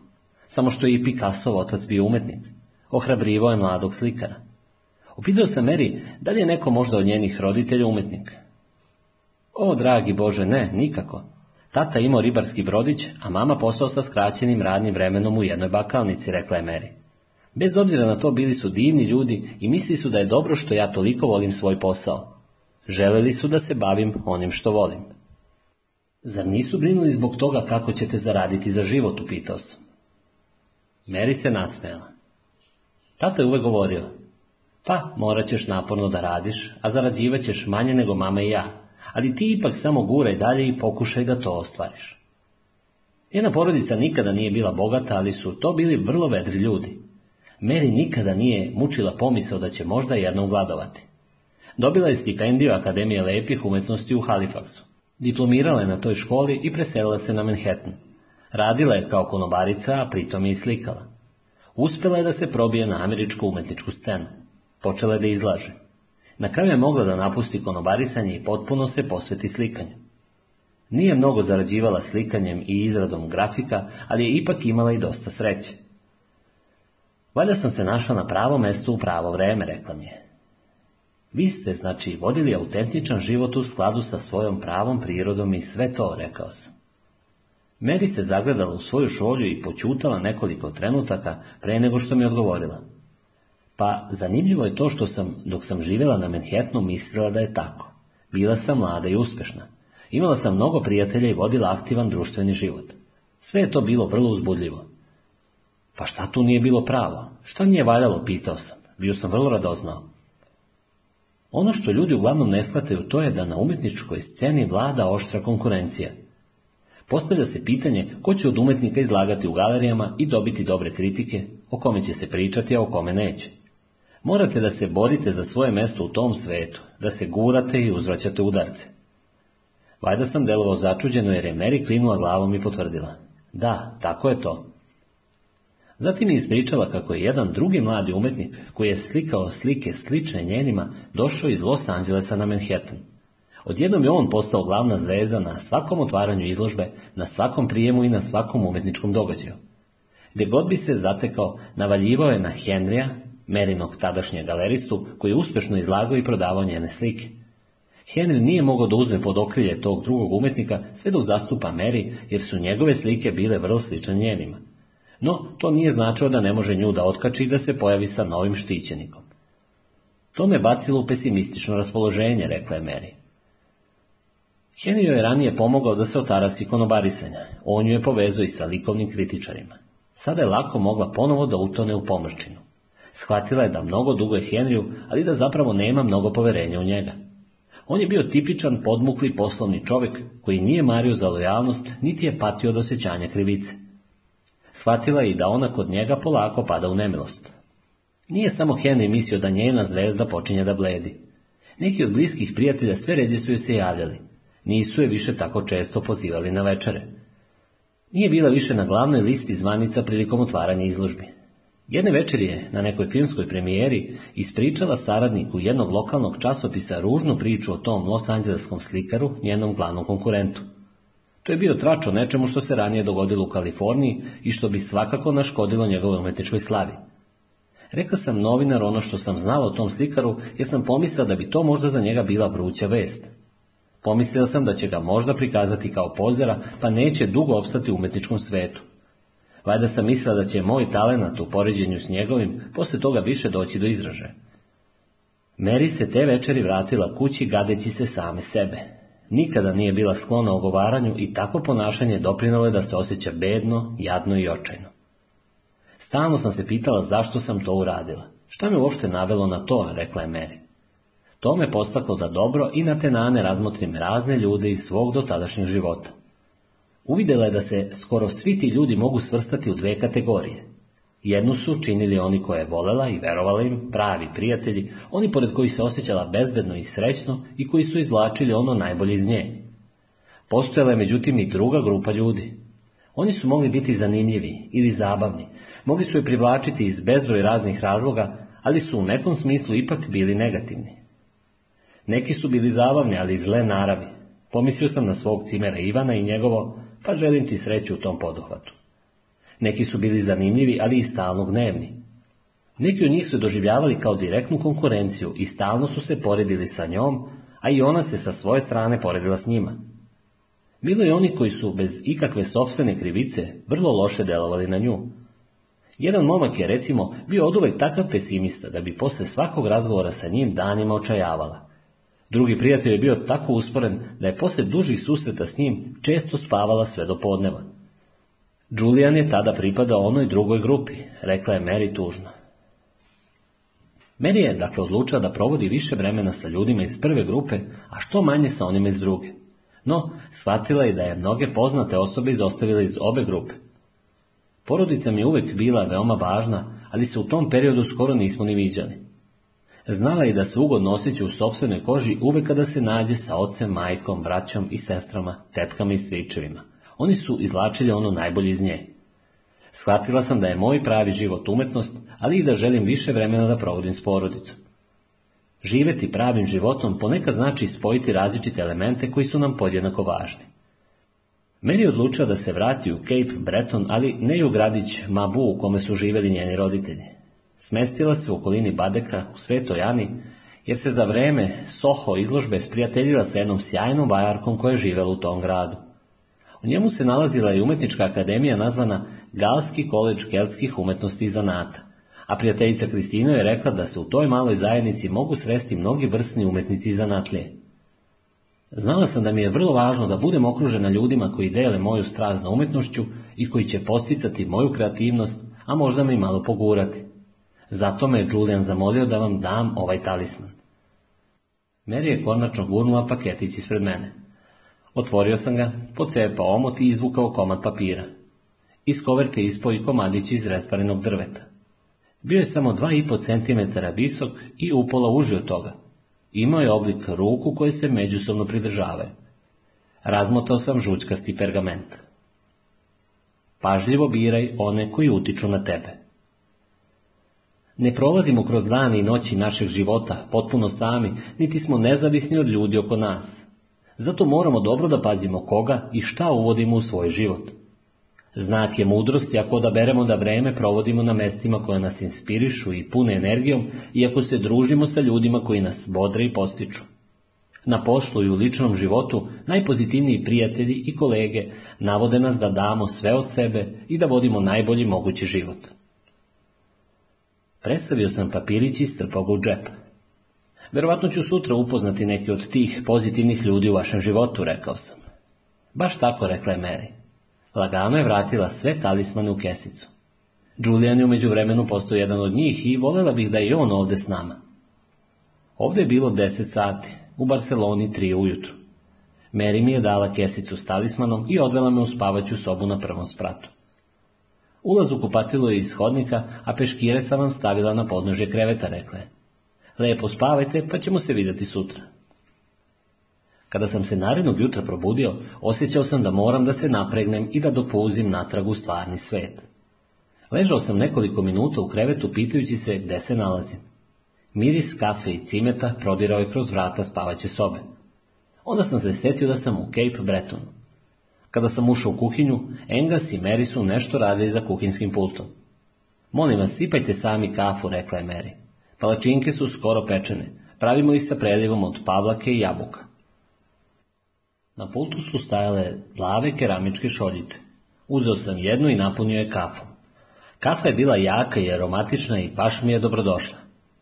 To je bila jedna od stvari koje su mi nedostajale u onom hotelu u Barceloni, a i u gostionici u Kyoto. Taj topli miris doručka koji se sprema i lagano se širi kroz kuću. Meri je upravo bila stavila vruću hrpu palačinki na sred stola kada je telefon zazvonio. Engas je podigao slušalicu i odmah se namrštio. Koliko? Dobro, ima li drugih povreda?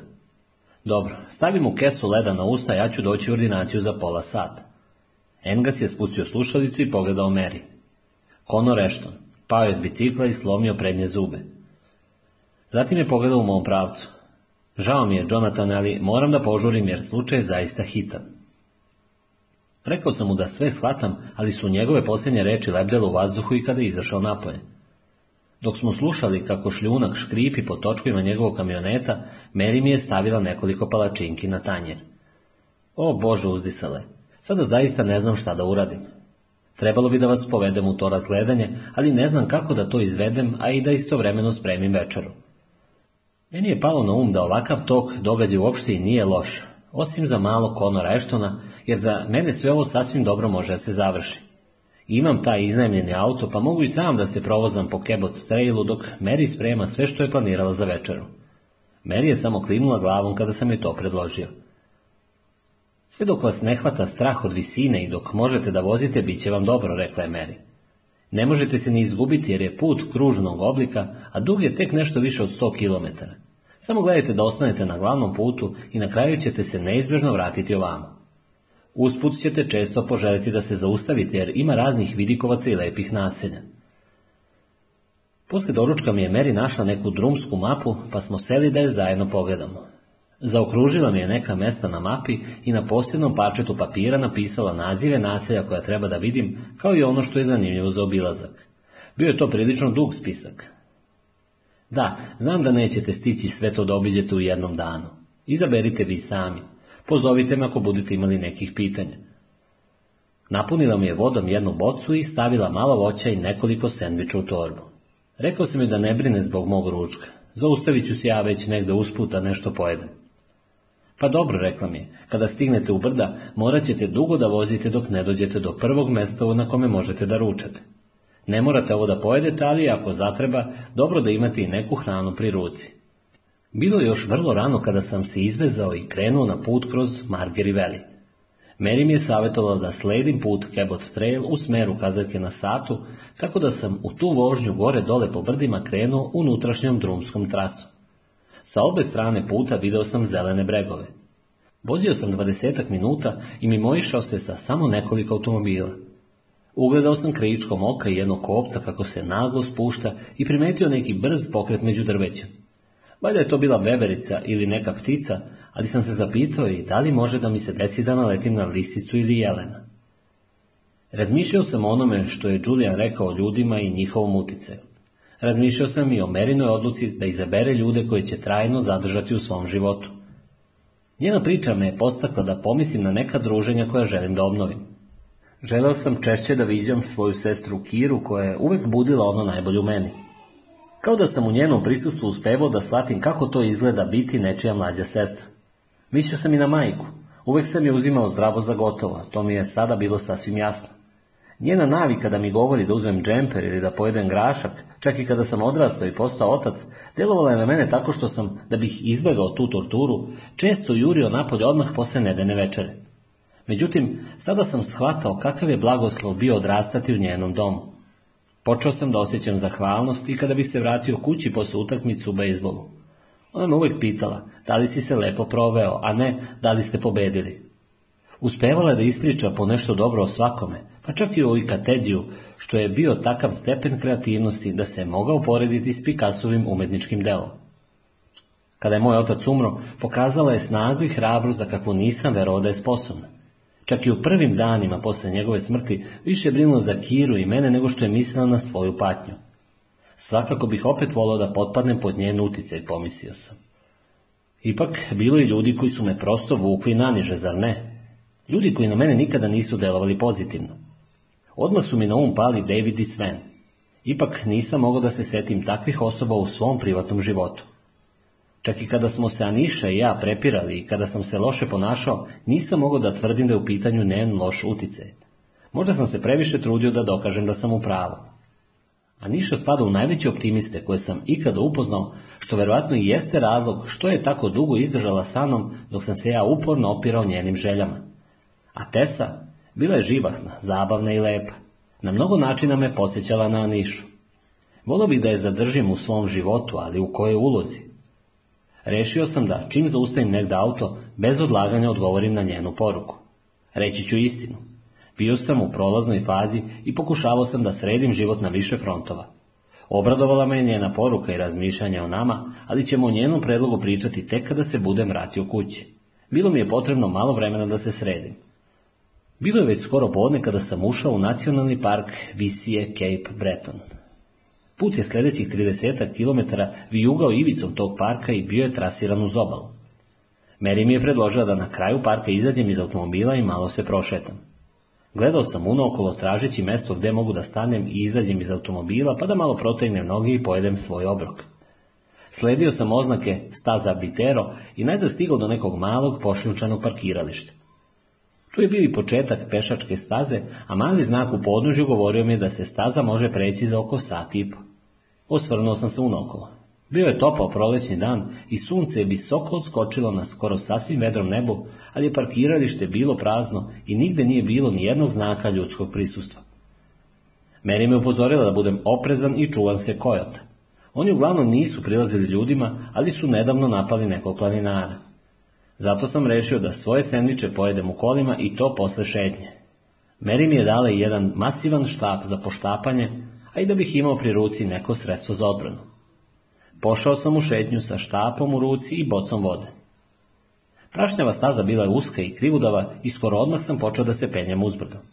Na nekim mestima nagazio bih korenje drveće ili poveći kamen, pa sam se osjećao kao da se penjem uz neko oštećeno stepenište. Oko mene se prostirala gusta borova šuma i vazduh je bio pun teškog mirisa četinara. Osim cvrkuta ptica u šumi se ništa nije čulo. Meri mi je objasnila da treba da se popnem stotinak metara naviše putem dugim oko 1 km pre nego što stignem do kružne staze oko vrha brega. S tog mesta se pruža fantastičan pogled, rekla je. Nije mi napomenulo da ću usput naići na neke istorijske ostatke. Poslije dvadesetak minuta uspona ugledao sam znak pored staze.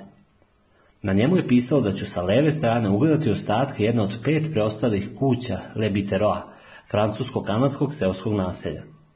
Zurio sam niz padinu i zaista sam među drvećim i gustim zelenilom opazio četvrtastu kamenu konstrukciju temelje neke male seoske kuće. Znao sam da se nalazim u francuskom delu Kanade, a meni mi je savjetovali da se pre nego što uđem u nacionalni park, zaustavim u malom akadijskom ribarskom selu Setikam. Stoga sam oko jedan sat pre polaska na ovo malo planinarenje izašao s autoputa i zastao kod restorana na obali zaliva. Tamo sam ugledao nekoliko prodavnica i drugih zgrada smeštenih na uskom pojasu zemlje između autoputa i zaliva Setika. Meri mi je napomenuo da pogledam kukičane prostirke, tipične lokalne rukotvorine i da ako budem dovoljno gladan da rešim da tu ručam, probam šod, lokalni riblji paprikaš. No, ja sam sišao niz drvene stepenice između prodavnice i krenuo stazicom uz obalu pored niza malih pristaništa. Video sam skromne ribarske prodiće, prilično slične onom Ahmetovom poređane u nizu uz dokove. Na jednom doku ugledao sam veliki plakat u kome se nudilo krstarenje s posmatranjem kitova. Video sam i brodić usidren ispod plakata sa znacima zodijaka. Meri mi je napomenuo da bih, ako želim, mogao da pođem na krstarenje i posmatranje kitova nekim od starih brodića, jer je onaj sa znacima zodijaka bio bučan i rasterivao je morske stanovnike. Posle kratkog razgledanja pristaništa, ipak sam rešio da odem do brda i popnem se na njegov vrh, umjesto da idem na krstarenje brodića. Pre nego sam se vratio u auto, prošetao sam malo duž autoputa, prošao pored nekih restorana i radnji i osmotrio drvene kuće. Ispred njih je postojao i nekakav uzani trotoar, ali im je saobraćaj sa autoputa ipak treštao skoro ispred samih pragova. Iza kuća se vidio uski pojas trave i sjaj vode zaliva Svetog Lorenza. Kebo Trail je nekada bio samo običan prašnja put. Bio je mnogo uži nego danas, sa kućicama kojima je slana voda s zapljuskivala zadnje ulaze poređanim uz ivicu puta. Mnogi su tvrdili da se u Setikama i okolini uglavnom još uvek govori francuski. Stanovnici su bili potomci ljudi iz Akadije koje su sredinom 18. veka Britanci isterali iz doline oko Anapolisa i Nove Škotske. Britanci su naime osvojili francusko područje Akadije 1710. godine i zahtevali su stanovnika da se zakunu na vernost Velikoj Britaniji. Većina tih ljudi uopće se nije bavila politikom i žela je da pre svega ostane izvan britansko-francuskih sukoba na severnoameričkom području. Neki od njih su snabdevali francusku vojsku hranom i doturali su namirnice u tvrđave Nova Škotska i New Brunswick. Mada je većina stanovnika Akadija decenijama mirno živela pod britanskom upravom, Britanci su zaključili da njihovo prisustvo predstavlja ozbiljnu pretnju engleskoj vlasti i da ih treba deportovati u Europu ili u neke druge britanske kolonije. Mnogi od kanadskih iseljenika koji su tada bili vraćeni u Francusku ponovo su emigrirali u francuske kolonije u Severnoj Americi.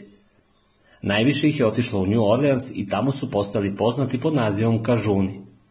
To sam već znao, ali mi je Mary objasnila da je jedan manji broj tih iseljenika došao i do Bretonskih ostrva i smestio se duž njihove severoistočne obale. Dok sam prolazio pored tih kućica, mislio sam kako su akadijici morali biti vrlo usamljeni. Tu se naselo možda samo nekoliko stotina duša koje su tavorile između mora i stenja. Kako li je to izgledalo? Poticali su iz seoskih zajednica sa više hiljada stanovnika, a onda se nekoliko porodica našlo u situaciji da u svemu zavise jedni od drugih. Ako je setikam tako izlovan od sveta, kakav je tek lebitero? Dok sam se vrteo oko temelja jedne stare kuće Lebiteroa, koji su bili tako ruševni i rastureni da su ličili na običnu hrpu kamenja, pokušavao sam da zamislim kako su nekadašnje porodice uspevale da prežive u tako malim zgradama. Pored kuća su bile prazne površine zemlje, ostaci nekadašnjih njiva koje su se prostirale sve do reke Setikam. Bilo mi je teško da zamislim da je se neko nekada bavio poljoprivredom na tako kamenitom tlu, kao i da su ljudi provodili dane na malim ribarskim brodovima, što su muškarci iz tih porodica tada svakako činili. Iz natpisa sam saznao da su ti ljudi, kada nije bilo dobro vreme za plovidbu, provodili nedelje kod kuće u Lebiterou, ali bi se u toku sedmice svakako vraćali na svoje ribarske barke smeštene u pristaništama Le Bitero i Le Blog. Zimi su starosedoci išli u gradiću nabavke hodajući preko zaleđene reke, a kasnije su i njihova deca tim putem išla u školu.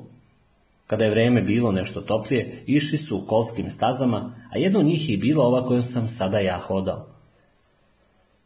U ovom naselju svakako nikada nije bilo mnogo stanovnika.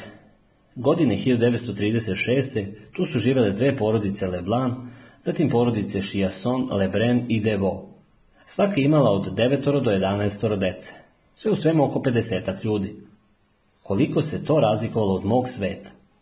U njemu su postale stotine saradnika i prijatelja, a moje američko susjedstvo protezalo se kilometrima unaokolo. U Adamovoj školi u prvom razredu bilo ukupno 80 učenika. Ima tako mnogo ljudi u našem današnjem svetu. Sjetio sam se Đulijanove beleške. Dobro da beri ljude s kojima se družiš. Ja sam zaista bio u situaciji da biram. Mnogi ljudi iz prošlosti nisu imali priliku da uživaju u takvom luksuzu.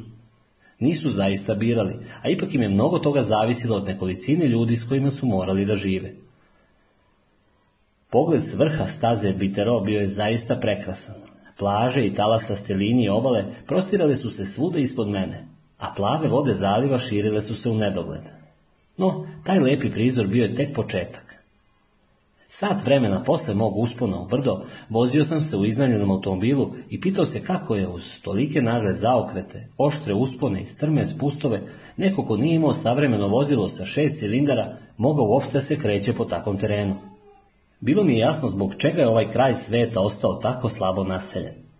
Zastajao sam kod mnogih vidikovaca i zurio okean ili sam se osvrtao unatrag da vidim tamno zelene šume i bistre potoke. Prošao sam pored nekog muzeja u mestu Pleasant Bay i zabeležio u mislima da jednom treba opet da dođemo vamo s Adamom. Zastao sam i da razgledam letnikovac Aleksandra Grahama Bela kod mesta Ingonish Center. Dugo sam sedao na plaži kod Rek Kova i posmatrao kako se talasi lomeo šljunak na obali. Tek kasno popodne opet sam dospeo na Merin i Engasov prilazni put. Merina sedeljka pretvorila se u veoma prijatno veče. Bilo je mnogo svežih jastoga, a kada smo raspremili sto, odjeknuli su zvuci violini i harmonike. Merini i Engasovi prijatelji bili su puni energije, angažovani, zabavni i posvećeni onome što vole. Pričali su o svemu, počeo od politike do umetnosti, od svetskih problema do muzike. Mislim da mi je najzanimljiviji bio tihi razgovor koji sam vodio sa Engasovim ocem pre nego što su ostali gosti došli. Ponudio sam Mary Engasu da im pomognem u kuhinji oko večere, ali me je Mary odvukla u dnevnu sobu. Popi pivo s Donom, rekla mi je. Engas i ja najbrže radimo kada smo sami. Don nije bio naročito visok, ali je, kao i sve osobe koje se celoga veka bave fizičkim radom, bio vrlo mišića. Vene na rukama bile su mu istaknute i krivudave, ramena blago opuštena, ali su njegove zelene oči ipak sipale vedre iskrice. Donao sam svakom od nas po flašu piva iz kuhinje. Kada sam ga zapitao želi li čašu, samo izustio nekakvo c. Potom smo se zavalili u udobne fotelje u dnevnoj sobi i zurili u drveće napolju. Engas mi je već ispričao da je Donov otac bio rudar, ali mi je zanimalo da saznam još po nešto o njegovom životu. Donu je izgleda bilo milo da priča o tome. Počeo je da radi u rudniku već sa 13 godina. Moj otac, stričevi i braća, svi su počinjeni da rade u rudniku već sa 10 godina. U moje vreme pomerili su granicu za zapošljavanje dece na 14 godina. Bio nam je potreban novac, Bog me jeste. Zato nisam mogao da čekam do 14. Slagao sam godine, a tata i njegovi drugari podržali su me u tome. Dečake nisu puštali u jame za iskopavanje. Mladi Don je sedao po 12 sati sam u mračnom hodniku i čekao da se otvore široka drvena vratanca koja su odvajala kopove od ostalog dela okna. Puštao sam rudare da uđu unutra i ponovo im otvarao vratnice da izađu s kolicima punim uglja. Dom je rekao da je bio manje usamljen kada je kasnije dovoljno porastao da ga puste da kopaju tovaru ugalj. Rudari su iznalazili razne načine da im vreme u oknu što brže prođe. Pričali su priče i viceve. Pevali su narodne pesme i balade. Ipak bi im se često otegli dani. Zimi su ulazili u rudnik po mraku i izlazili kada bi se već smrklo. Mesecima sam mogao čestito da se nagledam sunca samo nedeljom, rekao mi je Don smejući se. A bili su i ti česti udari. Doživio sam ih ukupno 16, rekao mi je Don i prešao ruko preko čela.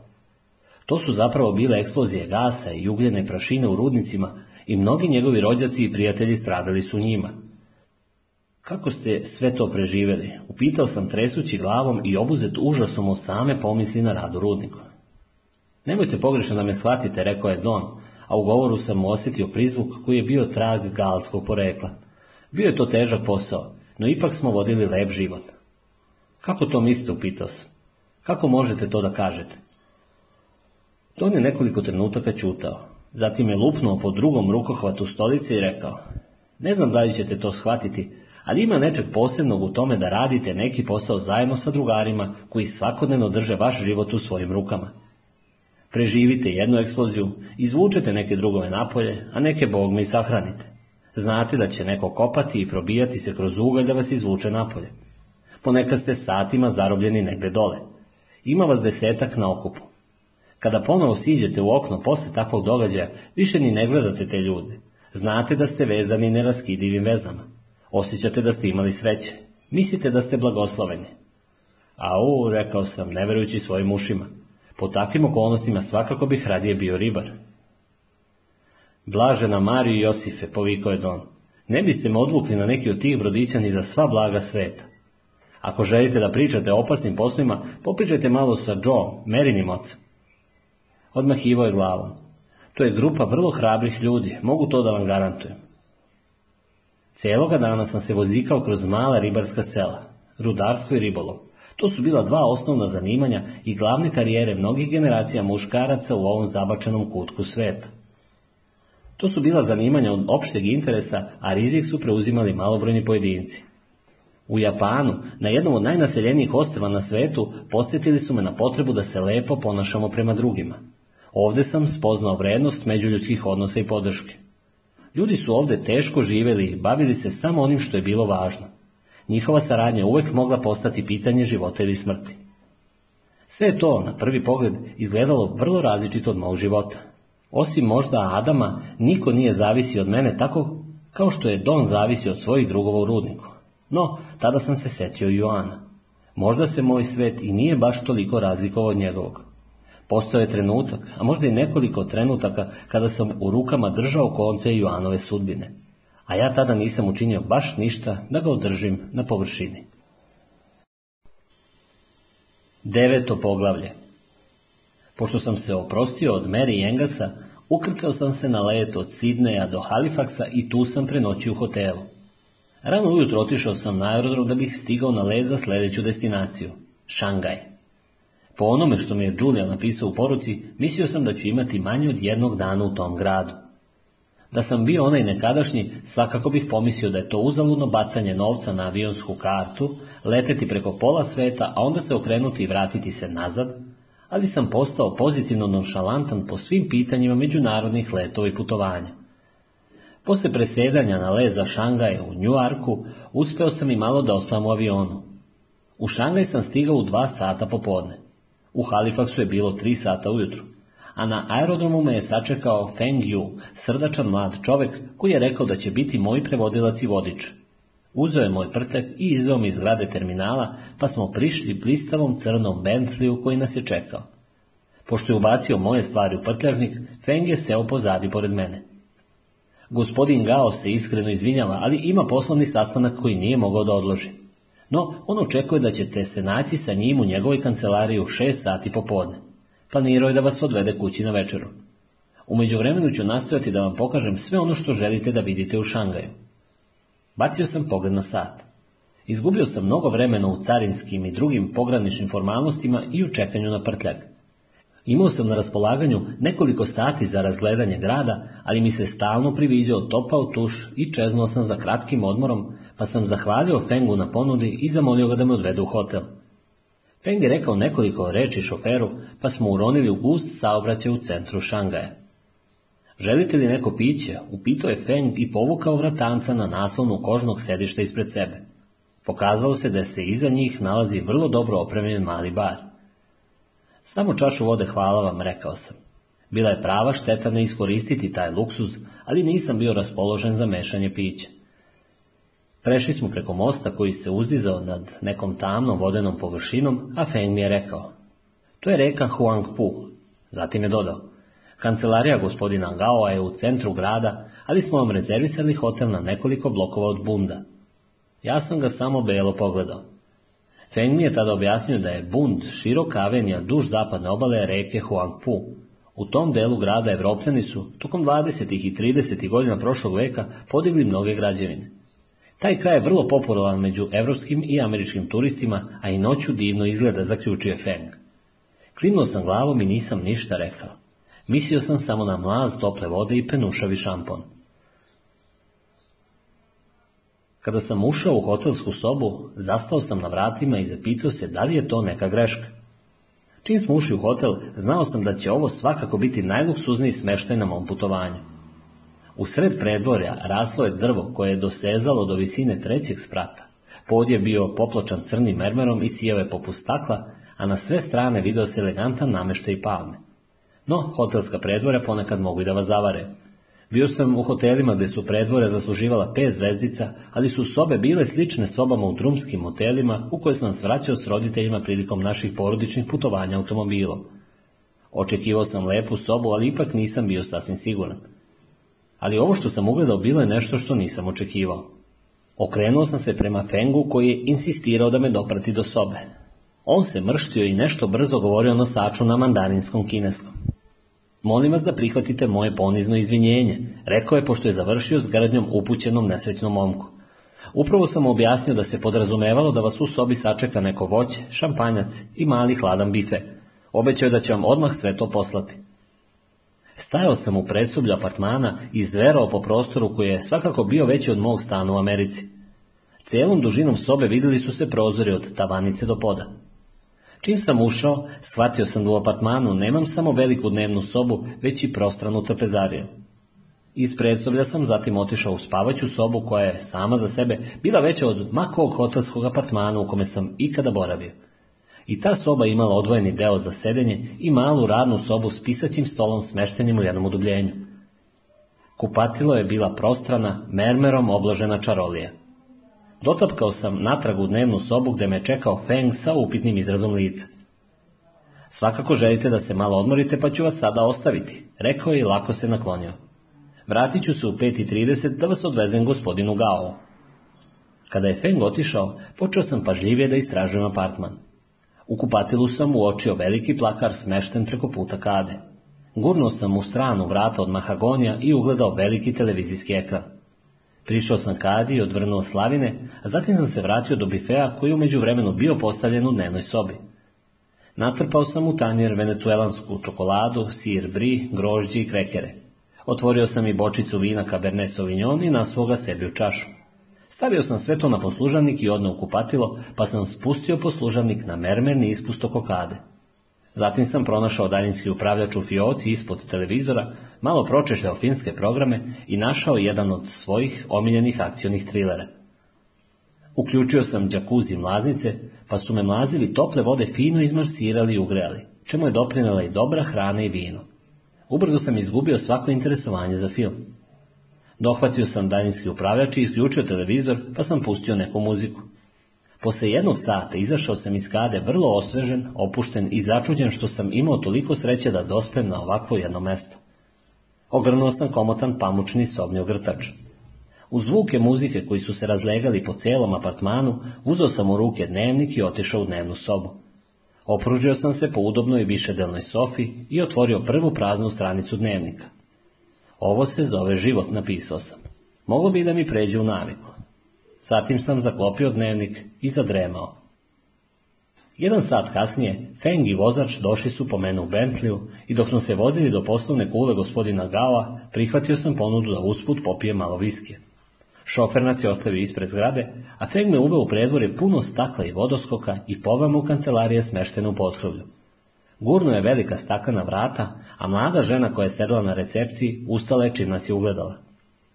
Gospodine Ju i gospodine Landri, rekla je, vrlo mi je žao. Sastanak na kome je gospodin Gao svakako će se završiti odmah posle šest sati, ali traje još uvek. Javit ću mu da ste došli. Vrata kancelarije su se u tom času naglo otvorila i napolje je pokuljala prava reka poslovnih ljudi. Odjekivali su zvuci glasnog razgovora i smeha koji su lebljali oko te grupe poput oblaka. Dok su se svi ti ljudi rasipali po holu, odjedno sam ugledao jedno poznato lice. Pomislio sam da mi se priviđa. No tada sam začuo i poznat glas. Li, drago mi je da se slažeš s nama. Ovo je svakako jedan od najboljih scenarija koje sam ikada dobio. To je govorio vrlo poznati hollywoodski glumac. Gledao sam ga u desetinama trilera, a povremeno i u nekim romantičnim komedijama. Išao je pravo prema meni. Pored njega je stajao čovjek koga sam također prepoznao, barem sam to pomislio. Nisam mogao da mu se setim imena, ali sam svakako nekad gledao intervju sa njim ili sam ga vidio na dodeli neke nagrade, nešto slično tome. Svakako je bio režiser ili poznati filmski producent. Držao je ruku na ramen onog glumca i nešto mu je tiho govorio.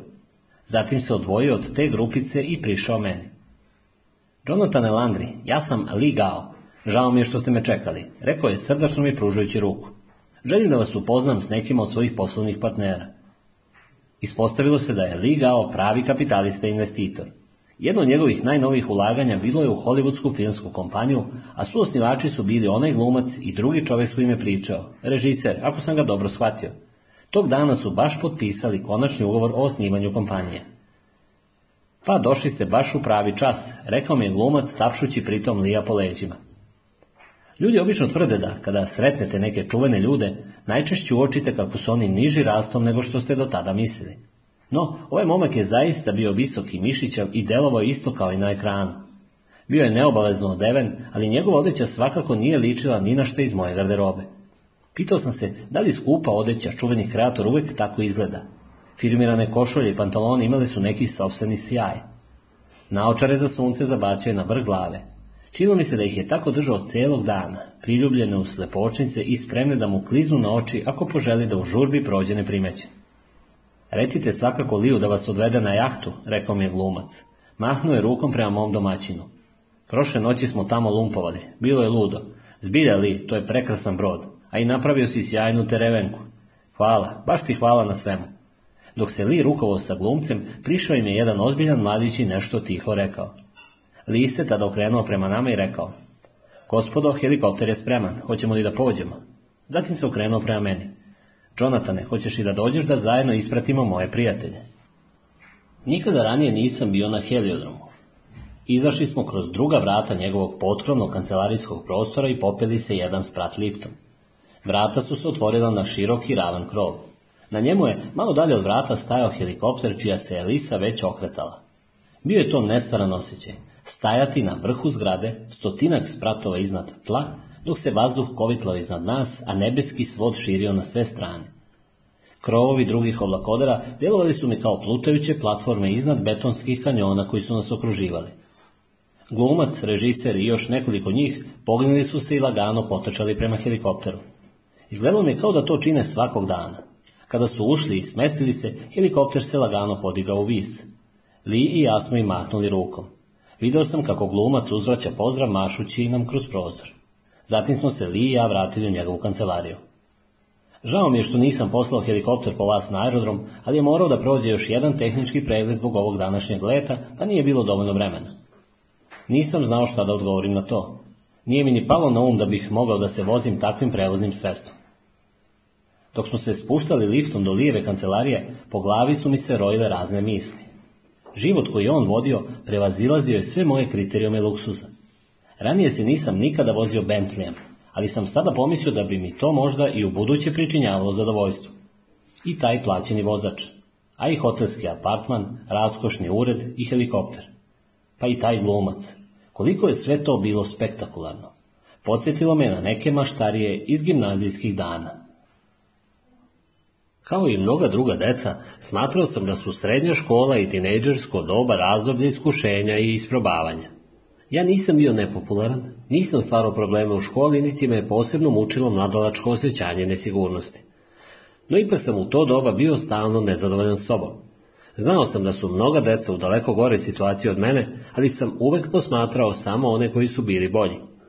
Kada bi došlo proleće ili školski raspust, ja bih u mislima pravio spisak dece koja će otići na divna putovanja, na Karibe ili na skijanje u martu, a možda i u neku evropsku vikendicu u julu. Uvijek sam uočavao ko ima najbolji bicikl, najnoviji model klizaljki i ko troši najviše novca. Pamtio sam kako izgledaju njihove kuće i kakve im automobile voze roditelji. A bilo je tu i dece koje su vozila sobstvene automobile.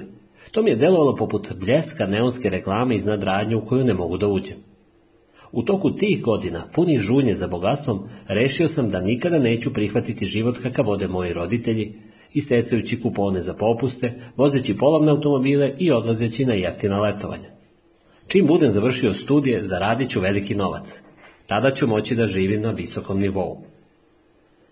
Naravno, nema ničeg boljeg od stvarnosti koja uvek može da preoblikuje naš zanost i velika očekivanja. Nisam zaradio dovoljno novca za Bentley, ali sam kupio kuću znatno veću od one u kojoj sam odrastao i uporno sam se probijao kroz korporacijsku hijerarhiju sve dok se nisam dočepao udobnije života. Ali u toku ovog putovanja na kojem je poslao Julian, počeo sam da manje oduševljeno razmišljam o tom svom cilju. Pitao sam se kakvi su mi prioriteti za budući dobar život sagledan u novom svetlu. Sada sam se setio i zbog čega sam sebi svoje svojevremeno postavio neke ciljeve. Lijev život mi je delovao prilično dobro, ali ja nisam mogao da živim takvim životom. Za razliku od Julijana, nisam imao Ferrari, pa nisam mogao ni da ga prodam. Pitam se, da li sam bio spreman da prodam svoje snove o Ferrariju. Lima je uveo u svoju kancelariju. Bio je to ogroman prostor na uglu zgrade, sav okružen velikim prozorima. Starinski lakirani namještaj naglašavao je veličinu prostorije. U uglu je stajao kauč tapaciran brokatom i isto tako presvučene fotelje, u drugom uglu bio je ogroman sto od abonosa. Na stočiću ispred nas, u vedru punom kockica leda, hladila se boca šampanjca. Ovo je ostalo posle sastanka, rekao je Li. Želite li čašu šampanjca ili ćemo svratiti kod mene na jedno piće pred večeru? Mada bih rado ostao još malo u tom elegantnom prostoru, pijuckao šampanjac i posmatrao šangajsku panoramu, bio sam još znali da vidim gde i kako li živi. Biće mi drago da krenemo, rekao sam. Dobro, odgovorio je Li, i ja žurim da se vratim kući. Posljednjih dana bio sam u velikoj gužvi, vodajući i zabavljajući ljude iz naše finske kompanije, pa sada osjećam da mi nedostaju žena i čerka. Pa da, čuo sam za tu zabavu na jahti, rekao sam. Da, Nadam se da mi nećete zameriti što vas neću provozati njom, rekao je Lee. Julian mi je pisao da nemate mnogo vremena, a osoblje još sprema brod posle prošle noći i naše terevenke. O, nije važno, rekao sam možda malo previše naglašeno. Bio sam pomalo razočaran što neću vidjeti taj trofejni brod, tako očaravajući čak i za čuvenog glumca koji svakako i sam ima poveliku jahtu. Li je prišao svom pisaćem stolu i pritisnuo dugme na telefonu.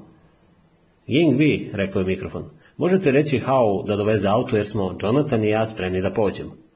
Zatim se okrenuo ka meni. Jutro sam se dovezao vamo svojim automobilom jer sam želeo da vozač i automobil kompanije budu slobodni da kasnije odu po vas. Dok smo se spuštali liftom, pitao sam se kakav li je auto čovjek poput Lija izabrao za sebe. Da li je to sedan, kao oni Mercedesovi, ili neki sportski auto? Da nije Maserati ili Porsche, možda Lamborghini, možda čak i Ferrari. Kada smo izašli iz zgrade kroz staklena vrata i stupili na trotoar, zagledao sam sve parkirane automobile. Tu se nalazi jedan Lexus, Alfa Romeo, BMW i Aston Martin. Bio sam spreman da se opkladim na Aston Martina i skoro sam pošao ka njemu kada sam čuo Lija da kaže Ovamo, Jonatane. Pošao je na suprotnu stranu od pravcu kome sam ja gledao prema čoveku u livreji koji mu je pružao ključeve. Taj čovek je stajao pored Volvo karavana. Hvala, Hao, rekao je Li, uzeo ključevi i seo za volan. Shvatio sam da i dalje stojim na trotoaru i zurim u lija otvorenih usta i nogu prikovanih za pločnik. Jedva sam uspeo da sklopim ilici i požurim da se smestim na suvozačko mesto. Otvorio sam vrata i opazio neki časopis na središtu. Izvinite zbog ovoga čerkinje, rekao je Li i bacio časopis na zadnje središte. Bio sam toliko zapanjen zbog automobila da nisam ništa rekao dok se Li izlačio iz saobraćene gužve. Takav automobil vozili su mnogi moji susjedi, a i mogli su se često vidjeti parkirani ispred Adamovog školskog futbolskog igrališta. Nije im ništa nedostajalo, ali to nikako nije bio tip automobila kakav bi čovjek sa primanjima, kakva je očito imao Li, trebalo da vozi. Izlazili smo na autoput i zatim opet silazili sa njega, a oko nas su se uzdizali poslovni i stambeni oblakoderi.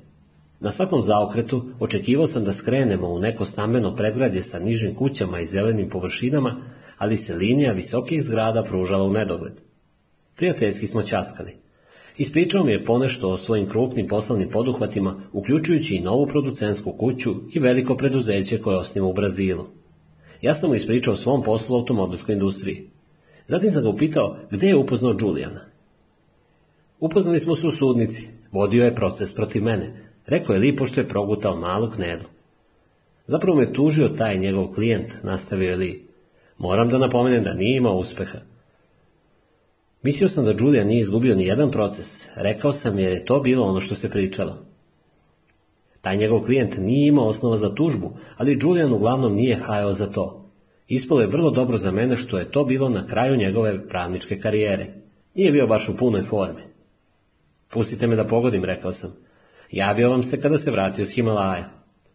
Niste se prevarili, rekao je lik koji je usporio i pronašao jedno od malobrojnih slobodnih mesta za parkiranje na ulici. Izvinite, rekao mi hoću da svratim ovdje po kafu, zadržat ću se samo minut.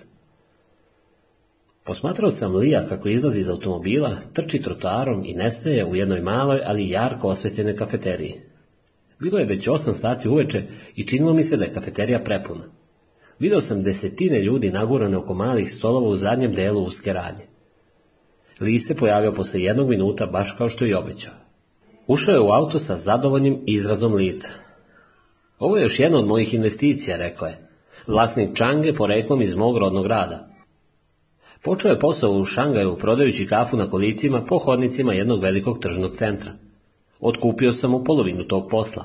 Sada ima svoju kafeteriju u jednoj od najprometnijih ulica u ovom delu grada. Razgovarali smo već i o otvaranju još jednog sličnog lokala. Izgleda mu baš dobro ide, rekao sam. Pa, uveče je ovo mesto uvek puno. Ljudi u Šangaju rado idu na kafu u to doba, popodne i uveče. U Kini se još uvek ne pije mnogo kafe ujutru. No, Čang radi i na tome. Već ima i neke stalne utanje mušterije. Pokušava da privuče stariji svet. Za sada uglavnom ima mlađu klijentelu. Poslovni ljudi mojih godina i dalje često smatruju da je kafa zapadnjačka ludorija. Zatim se Li opet zagleda u drum, a ja sam u retrovizoru posmatrao kako mala kafeterija neste iza nas. Činilo mi se da je to vrlo mali posao za poslovnog čoveka lijevo kalibra. Poslije dvadesetak minuta skrenuli smo sa prometne ulice i uvezli se u jedno podzemno parkiralište. Ta promjena pravca me zbunila. Bili smo sa svih strana okruženi neopisivim oblakoderima.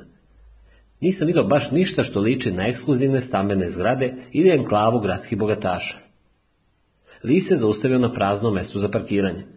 U garaži sam video uglavnom samo skromnije modele automobila.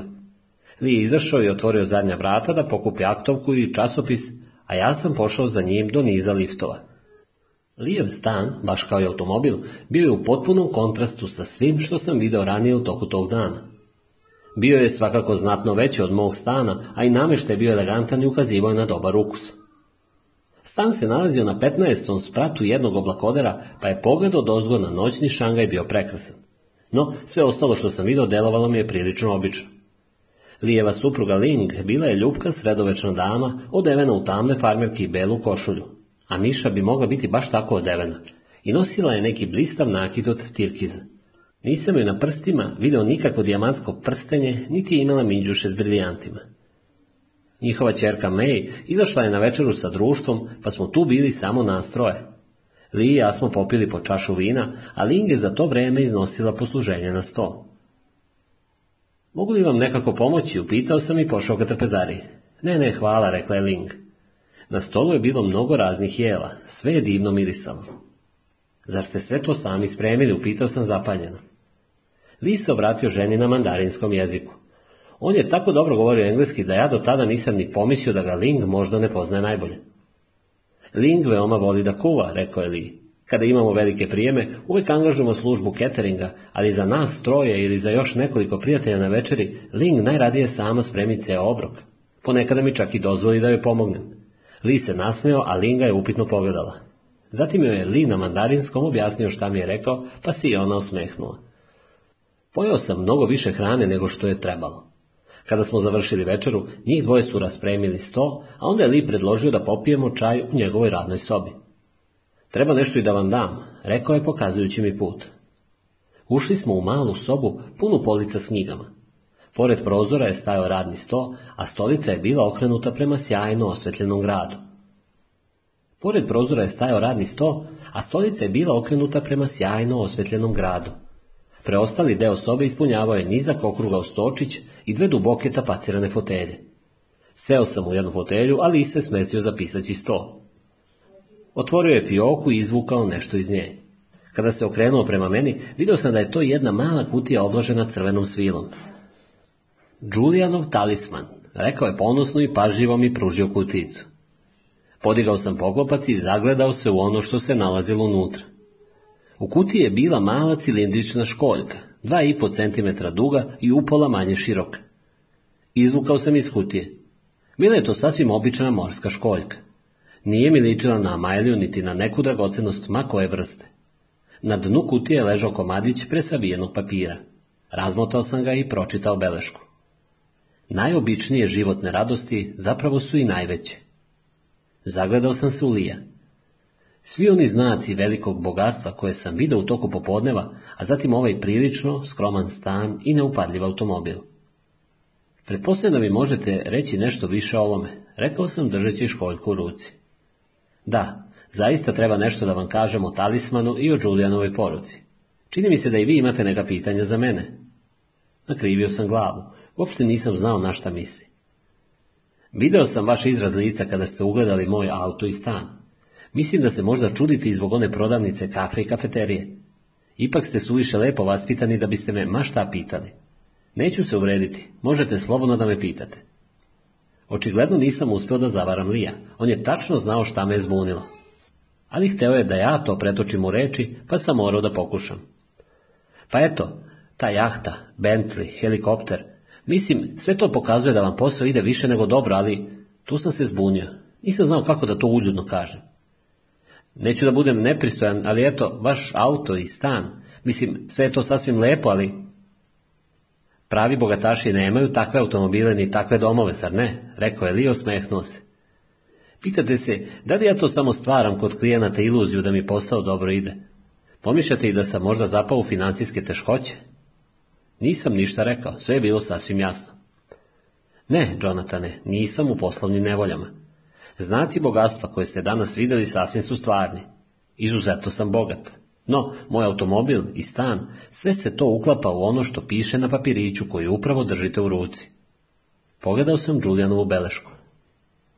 Ona je Volvo, dakle spada u male radosti, upitao sam. Li se nasmeo.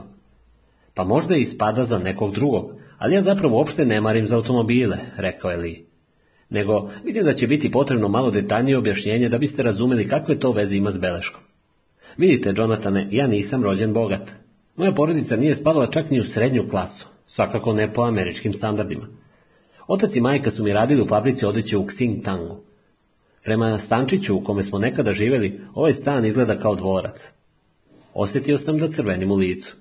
Shvatio sam da sam Liju pripisao svakakve osobine i da sam izlačio zaključke s pozicije tipičnog američkog pripadnika srednje klase. Ne želim da vam bude neprijatno, Jonatane, samo pokušavam da vam objasnim neke kontradiktornosti koje ste i sami danas uočili. Klimnuo sam glavom. Želio bih zapravo da vam ispričam kako sam od fabrike u Oksi Tango stigao do ovoga što imam danas, ali bi potrajalo celu noć, pa ću vam samo reći da sam uspeo da pobegnem odande i započnem jedan mali posao u Šangaju. Naporno sam radio, sreća me poslužila i najzad sam prodao taj posao za iznos koji mi je izgledao kao pravi kraljevski otkup. Taj novac sam zatim uložio u poslovanje drugih kompanija, velikih i malih. U toku posljednjih nekoliko decenija nisu nam u ovoj zemlji ni malo nedostale dobre prilike za sklapanje poslova. Limi je zatim objasnio kako je, kada mu se posao proširio, činio ono što pretpostavljam svi novi bogataši čine.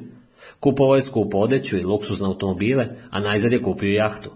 Rasipao je novac na skupe večere, luksuzne odmori i poklone.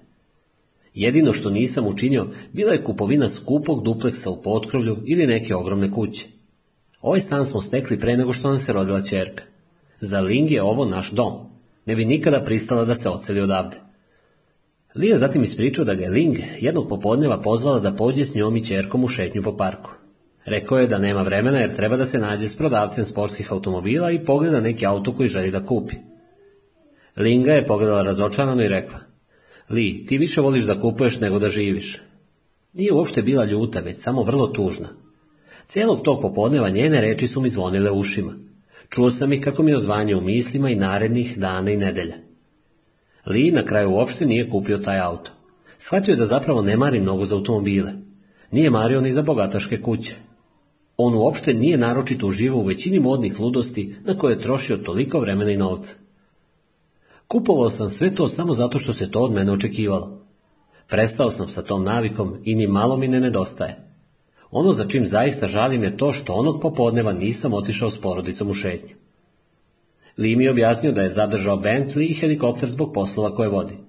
Helikopter mu pomaže da uštedi mnogo vremena, a to vreme može mnogo lepše da provede sa Link. Jahta mu dobro dođe za priređivanje raznih zabava, jer mu je kuća ipak premala za to. Dolazimo i do mudrosti iz talismana, rekao je Li. Shvatio sam da, vodeći određen način života, propuštam razne sitne životne radosti, one koje su nam najvažnije. Novcem se ne može kupiti sreća, zar ne, rekao sam. To je bila jedna od omiljenih izreka moje majke.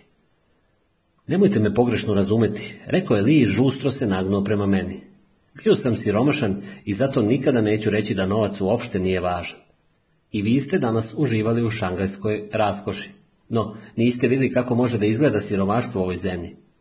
Ti siroti ljudi ne mogu da se rade običnim stvarima, jer najčešće prenaporno rade samo da bi se prehranili i malo ublažili svoje muke.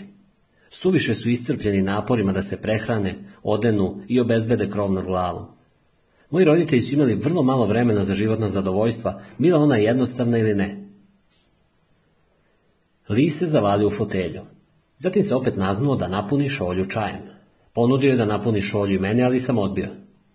Znate, Jonatane, rekao je polako, čini mi se da većina nas koji smo se spasli siromaštva zaboravlja kako izgleda imati vrlo malo novca. Novac nas oslobađa i daje nam priliku da biramo karijeru, mesto na kome ćemo živeti i slično.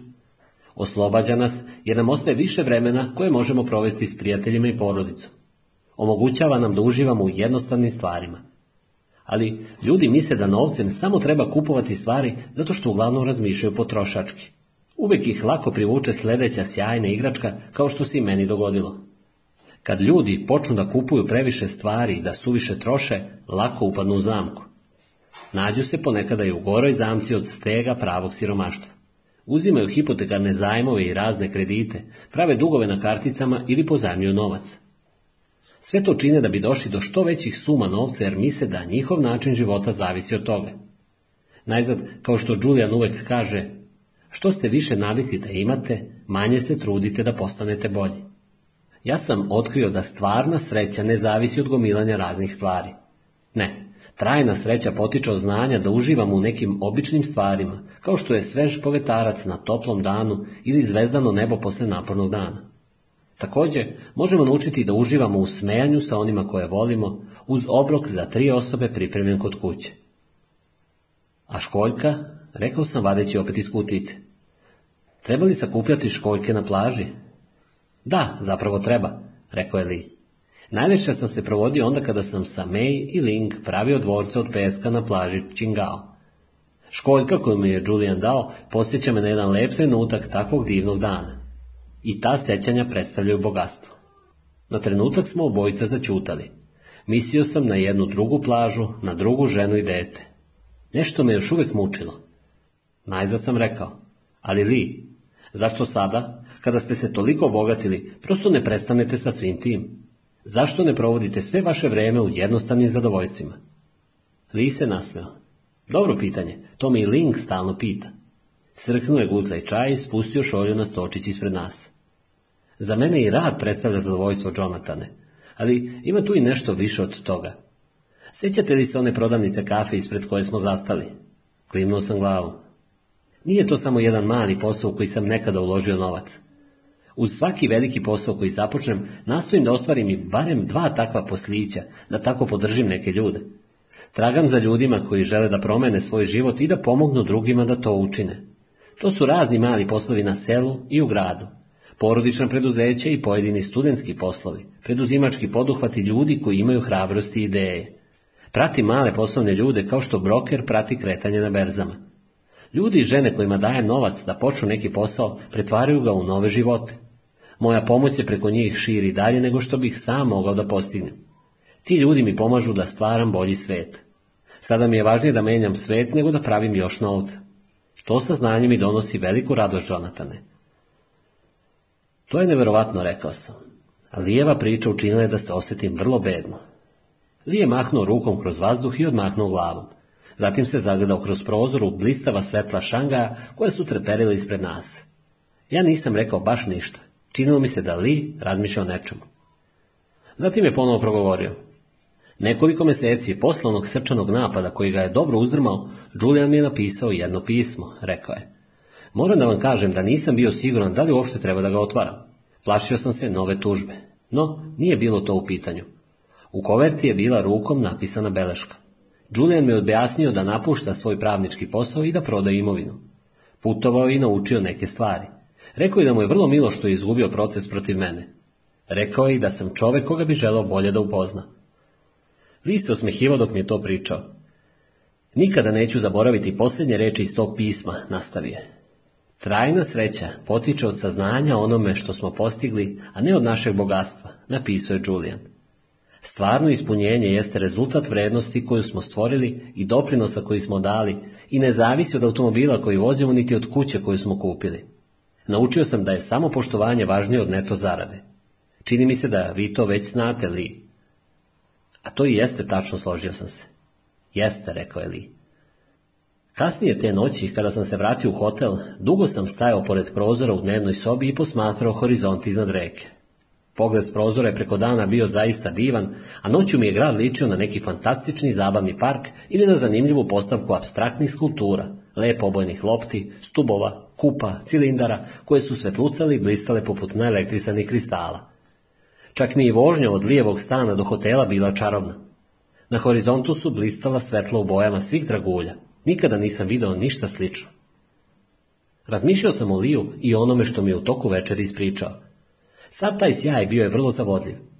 Volo bih da ostanem duže i malo istražim Šangaj, ali su mi sva ta čuda, Lije ured, Bentley, helikopter, poznati glumac i ovaj divni hotelski apartman bili više ugodni nego što su me zaista učinili srećnim.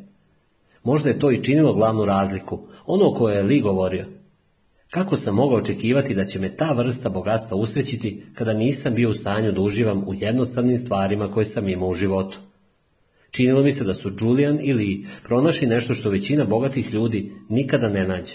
Osjećanje da imaju dovoljno svega. Istina je međutim da sam bio sam u hotelskoj sobi hiljadama kilometara daleko od kuće i da sam mislio da ako bih mogao da dobijem jednu jedinu stvar po svojoj želji, to ne bi bila jahta ni skup automobil, niti bogato uređena velika kuća. To što sam ja žarko želao, bio je samo odgovor na jedno pitanje. Još dok sam vozio od Svete Ane prema aerodromu u Sidneju po krivudavom putu Cape Breton, setio sam se Joana i njegovih posljednjih trenutaka. Živo je izvan grada i svake večere je dugo vozio do kuće i to u vreme kada na drumu više nije bilo gužve.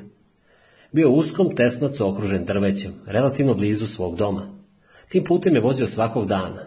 Ipak je nekako udario u čeličnu ogradu i skliznuo u jarak.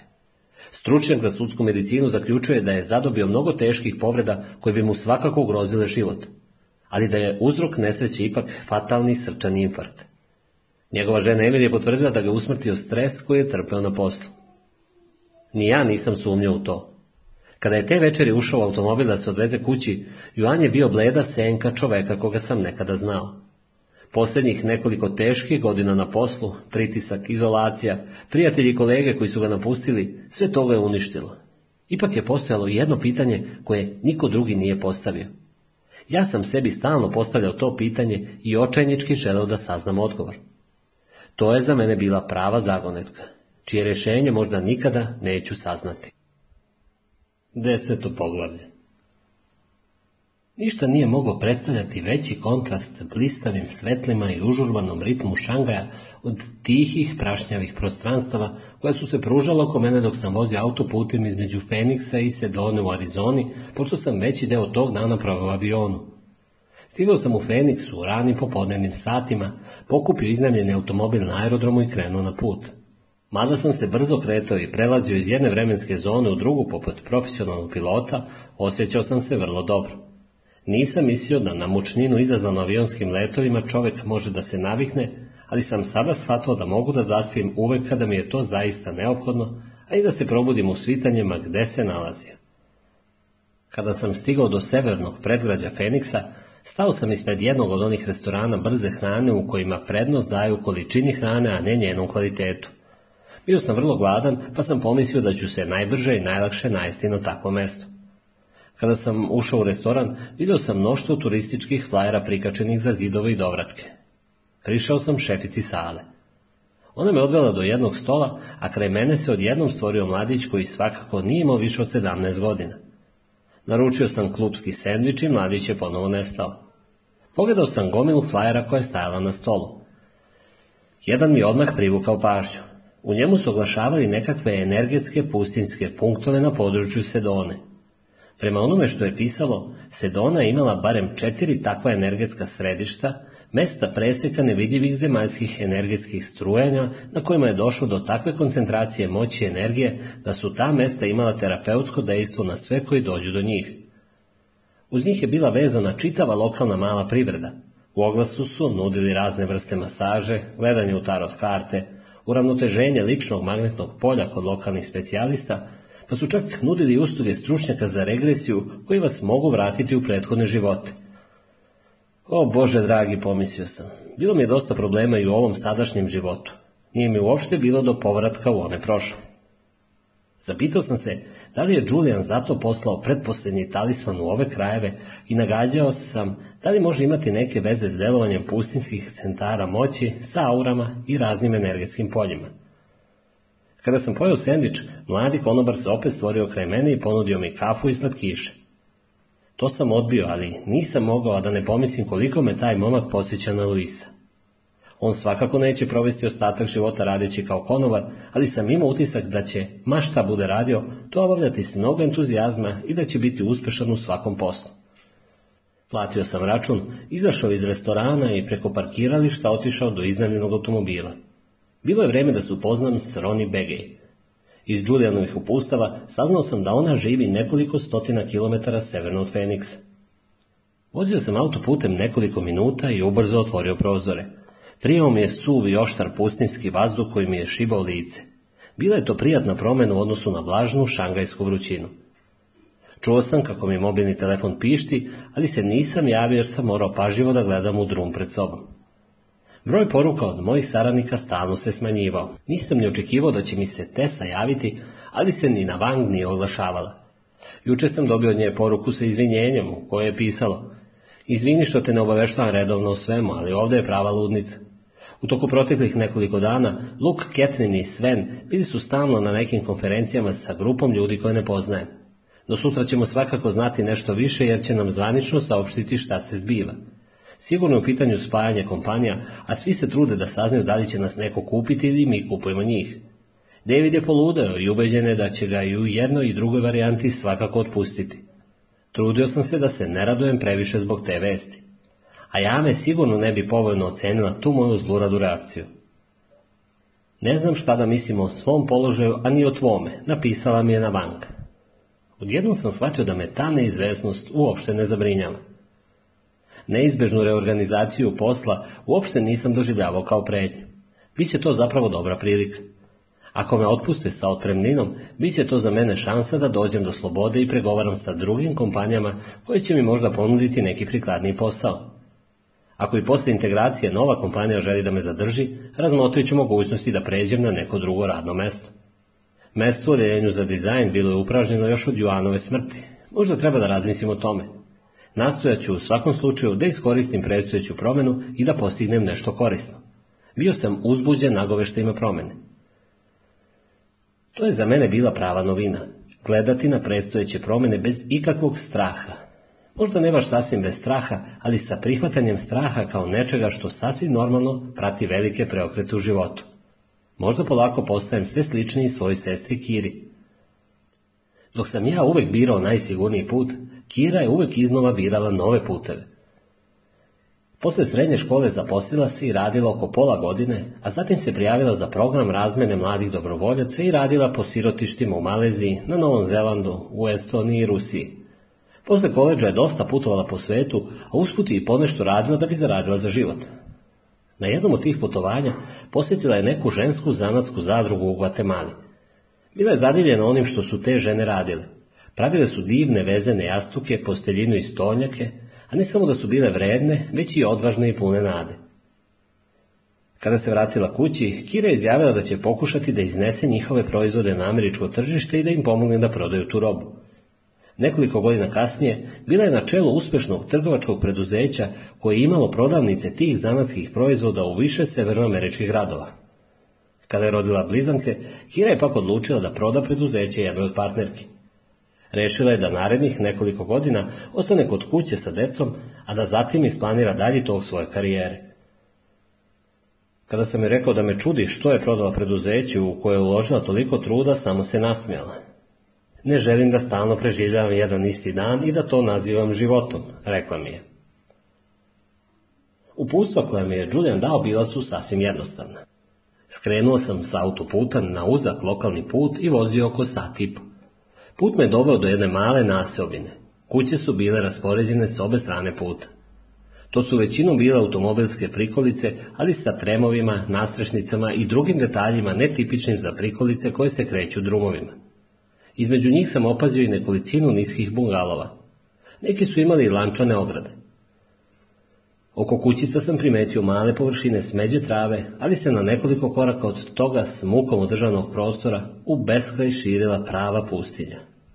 Najzad sam ugledao odgovarajući kućni broj na sandučetu za poštu ispred uredne smeđe kućice. Parkirao sam na pošnučanom prilazu iza jednog sivog kamioneta koji je stajao pred malom garažom. Čim sam izašao iz automobila, osjetio sam popodnevnu vrelinu i primetio neke raznobojne plastične stvarčice razbacane po tlu, Bile su to deči igračke.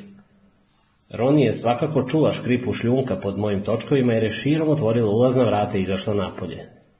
O, Jonatane, rekla mi je kao da smo stari prijatelji koji se dugo nisu videli. Verovatno je imala oko 60 godina. Kosa joj je uglavnom bila proseda, mada imala i neke tamne pramenove. Preplanulo lice bilo je izborano, ali nije delovalo ronulo. Kada se nasmjela, borice oko njenih očiju su prosto zaplesale. Uvela me u dnevnu sobu rekavši mi da pazim na igračke i dečije igre raspacane po podu. Ne biste verovali da sam od jutro sve ovo već jednom račišćavala, nasmjela se. Imam ja jednog šestogodišnjaka, pa znam kako je to, odgovorio sam je. Roni je otišla u kuhinju i zagadala se kroz prozor.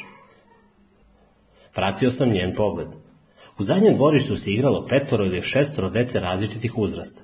Dobacivali su jedni drugima veliku loptu koja se nije mogla izduvati. Roni mi je objasnila da su je to unuci i deca njene nečake. Unuci su došli u popodnevnu posjetu, ali su deca njene nečake bila stalno tu. Moja nečaka je, rekla je Roni kao da je to nešto što se podrazumeva. od kako je znam, uvek upadala u razne nevolje. Majka joj nije bila zdrava i nije mogla brine o njoj. Pre nekoliko godina je zapala u pravu krizu. Mislili smo da će joj socijalna služba oduzeti decu. Otvorila je kuhinski prozor i povikala. Rozi, postaraj se da i Semi malo dobije loptu. Zatim se opet okrenula prema meni. Hoze i ja smo jedini u porodici imali dovoljno novca i mesta u kući da uzmemo tu decu. Roni je spustila ruku na grudi kao da želi da pogura srce nekuda u dubinu. To je najpametnija odluka koju sam donala u životu, rekla je sa osmehom. Otišla je do frižidera i izvadila veliki bokal. Želite li malo ledenog čaja, upitala me. Kada sam klinuo glavom, napunila je dve čaše koje su stajale na pultu i pružila mi jednu. Druga je opet spustila na pult i pošla do zadnjih vrata. Izvinite, ali obećala sam deci užinu, pa je bolje da im je dan pre nego što bude prekasno i pokvara peti za večeru, rekla je. Izašla je napolje, a ja sam kroz prozor posmatrao kako ide prema garaži. Malo kasnije vratila se noseći u naručju ogromnu lubenicu. Čim su je vidjela, deca su pojurila za njom u kuhinju, kličući i galamići sve glasa. Lubenica, lubenica, lubenica. Pevušili su kao da je na rock koncertu zovu izvođače da nešto izvedu na bis. Ovo nam je prva lubenica u sezoni, rekla mi je Roni. Znam da se one sada u samoposluzi mogu kupiti u svako doba godine, ali ja ih nikada ne uzimam van sezone. Mnogo su ukusnije leti. Rekla je deci da odu i sednu za sto s u dvorištu, a ona će im pripremiti i doneti užinu. Djeca su pohrlila na vrata. Ron je stavila lubenicu na veliku drvenu dasku za sečenje na kuhinskom radnom pultu, dohvatila ogroman nož iz fioke i zarila ga u sred lubenice. Začuo se zadovoljavajući zvuk vlažnog pucketanja. Kada je isekla prvu četvrtinu, ocekla je komad srca lubenice i pružila mi ga. Nisam mogao da se setim kada sam uopšte posljednji put jeo lubenicu, ali kada sam zagrizao to hladno, mesnato voće, odjednom su me preplavile razne uspomene. Sjetio sam se jednog dvorišta iza kuće i prizora od pre mnogo decenija. U dvorištu je stajala moja majka sa svetlom aramom i držala poslužavnik sa kriškama lubenice u ispruženim rukama. To su bili oni detalji o kojima je Li govorio. Ovde u Roninoj kući prva lubenica u sezoni bila je važan događaj i razlog za pravo malo slavlje. Pošto je Roni odala deci ogromnu činju lubenice i zatim ponovo otišla u dvorište da pokupi kore i obriše dečija lica, Vratila se unutra i konačno povukla dobar gute ledenog čaja. Nadam se da se ne ljutite zbog ovoga, rekla je. Sada ću početi da spremam večeru. Sedeo sam u Roninoj klimatizovanoj kuhinji dok je spremala porodičnu večeru. Njena čerka Rose će svakako doći na večeru i verovatno uveč ostati uz decu, a i njen muž Jose će uskoro stići kući. Možda će dovesti i svoju sestru, pošto njih dvoje rade zajedno. Moja kuća je uvek puna sveta, rekla je Roni. To ponekad može biti vrlo naporno, ali mi se ipak dopada. Otišla je do frižidera i izvukla poveliku vreću crvenih paprika. Dok ih je prala, bacila je preko ramena pogled ka meni. Ima nešto što treba da vam dam, a i bilo bi lepo da popričamo na nekom mirnom mestu. Pomislila sam da bi bilo zgodno da se posle večere malo izvezemo do Red Rocksa, da vidite naš zalazak sunca. Ne možete otići kući, a da to ne vidite. Nekoliko sati posle toga, Ron i ja sedeli smo na ivici jedne masivne stene i zurili u prekrasne crvene stubove od peščara koji su se u sred pustinje veličanstveno uzdizali ka nebu. Dok je sunce zalazilo, obasjavalo je stene vatrenom svetlošću koja je postepeno gledala. Stene su dobile lepu naranđastu boju sličnu čilibaru. Sve me to pomalo posjećalo na čuveni čarobnjakov hram osvetljen jutarnjim suncem. Čini mi se kao da sam ovo već negde video, rekao sam. U filmovima, u westernima, rekla je Roni. Pa da, valjda je to bilo to, pomislio sam. No, na tom mestu osjetio sam i nešto posebno. Kao da ima veze sa mnom lično. Upitao sam se da li su na mene uticali flajeri koje sam pročitao. Čitao sam nešto o tim vašim pustinskim energijskim centrima, rekao se me. Trepnula je. Ovdje ih zovemo vorteksi, rekla mi je. Pa da, vorteksi. Da li su nam neki od njih sasvim blizu? Ima li ih ovdje oko nas? Postoji jedan na nekoliko kilometara odavde. Ron je mahnula rukom nekuda udesno, ali mi nije saopštila nikakve druge detalje. Zvuči mi kao da ne verujete mnogo u to, rekao sam je. Roni se osmehnula i počela da kopa vrhom cipele po tvrdoj zemlji. Pa, moram vam reći da ovdašnjim starosedavcima te energetske tačke nisu bile nikakva sveta mesta, odnosno da oni ne misle da su ta mesta svetija od preostalog dela njihove rodne grude, rekla je polako. Sagnula se da očisti prašinu s cipele. Ali to ne znači da ovaj kraj nije poseban. Moj narod je oduvek verovao da postoji neka veza između starosedelaca i zemlje i da ova naša zemlja mi iseljujuće osobine. To je zapravo verovanje u jedinstvo ljudi i prirode. Ali, rekao sam, jer mi je bilo jasno da tu postoji još nešto. Ali, ponovila je Roni, pogleda uperenog u stene. Svetlo je lagano bledalo. Stene su sijale mekim sjajem. Verujem da izceljujuće snage postoje na svakom mestu gdje ima ljudi. To se ne odnosi na neko određeno mesto ili neke posebne okolnosti. Ispred nas je protrčao jedan sivi gušterčić. Posmatrao sam ga kako nestaje u žbunju. Da li nam je Julian ispričao kako smo se upoznali, upitala me. Nije, rekao sam, ali mogu da se gledam da je to vrlo zanimljiva priča. Priča je zaista bila zanimljiva mi je rekla da je Julijana upoznala u vreme kada je još bio poznati i cijenjen pravnik. No ja tada nisam znala čime se on bavi, rekla mi je. To mi je tek kasnije ispričao. Julijan je jednog kasnog popodneva vozio lokalnim autoputem u nameri da vidi stene koje smo nas dvoje sada posmatrali. Pre toga je bio na nekom takmičenju u golfu u Feniksu, a za vreme boravka u ovom kraju iznajmio je zgodan sportski auto. S njim je bila i izvesna lepa saputnica pa su krenuli na taj hleb sa beknom hleba, nešto sira i ogromnim termosom punim martinja. Smislili su da bi bilo vrlo lepo da naprave piknik na odašnjim stenama u vreme zalaska sunca. Ali auto im se pokvario pre nego što su stigli u Sedonu. Roni je ugledala žuti sportski automobil kraj druma. Motor mu se uveliko pušio. Zastala je i ponudila Julianu i njegovoj prijateljici da ih poveze. Odvela ih je svojoj kući, pa su pozvali kompaniju koja je iznajmila auto. Rekli su im da će im poslati vučnu službu i isporučiti im drugi automobil. Mogu reći da nam se to popodne baš oteglo, rekla je Roni. Kuća mi je kao i obično bila prepuna sveta. Tu su bila moja deca, tinejdžeri, nećaci i nećake. Bilo je vrlo bučno. Jose je svirao na gitari, deca su se smela i tičala, a i stalno su skakala po trambolini.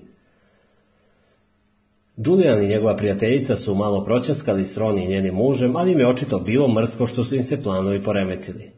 Roni je bilo jasno i to da im je njeno vrlo bučno domaćinstvo išlo na nerve.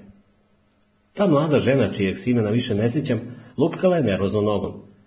Julian je stalno pijuckao Martini iz termosa i bacao poglede kroz prozor na svake dve sekunde. Pošto im zapravo i nije bilo do priče, Jose, deca i ja nastavili smo da radimo ono što smo započeli. Kada je posle nekoliko sati konačno stigao novi automobil, Ron je insistirala da ga vozi Julianova prijateljica jer je vidjela da on uopšte nije u stanju da vozi. To je bilo sve.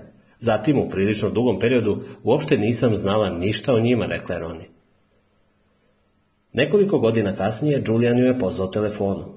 Morao je da joj objasni ko je i da je posjeti na ceo događaj.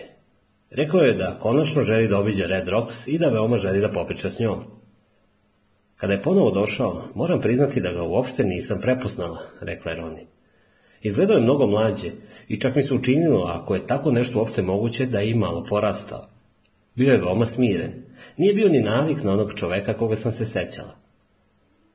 Julian je tada ispričao da se upravo vratio sa Himalaja i da je tamo proveo neko vreme u jednoj monaškoj zajednici. Ono što je naučio od njih navelo ga je da sasvim promeni život – Naučio je da drugačije posmatra ljude sa kojima se njegov životni put godinama ukrštao, jer je shvatio da može od njih mnogo da nauči i da podeli sa njima mnogo toga. Ron i Julian su tada zajedno otišli do Red Rocksa i posmatrali crvene stene u smiraj dana, baš kao što smo i sada nas dvoje posmatrali. Zatim su malo prošetali i gledali kako se stene prisijave u daljini. Taj mir i spokoj bili su izuzetan kontrast s troninom bušnom i užurbanom domaćinstvu. Po njenom mišljenju, taj kontrast je samo doprinao da oba mesta deluju kao nešto posebno. Dok su tako šetali, sunce je lagano zašlo za horizont, a Julian se okrenuo ka njoj. Mislim da ti znaš tajnu života. Ako bih te pitao koja je svrha života, šta bi mi odgovorila? Ron je za trem prekinula svoju priču. Pogledao sam je. Pa, znate li zaista tu tajnu života, začuđeno sam je upitao. Bilo mi je čudno što me Julian baš to upitao, rekla je Roni odmahujući glavom. Ja znam samo da je moja majka bila iz plemena Hopi, a otac mi je pripadao plemenu Navaho indijanaca. Oni imaju dosta zajedničkih verovanja, ali postoje i neke razlike. Odgajali su me u skladu sa indijanskom tradicijom, ali je moj muž katolik. Imamo prijatelje jevreje, budiste, muslimane. Zato sam se potrudila da naučim ponešto i o tim verama.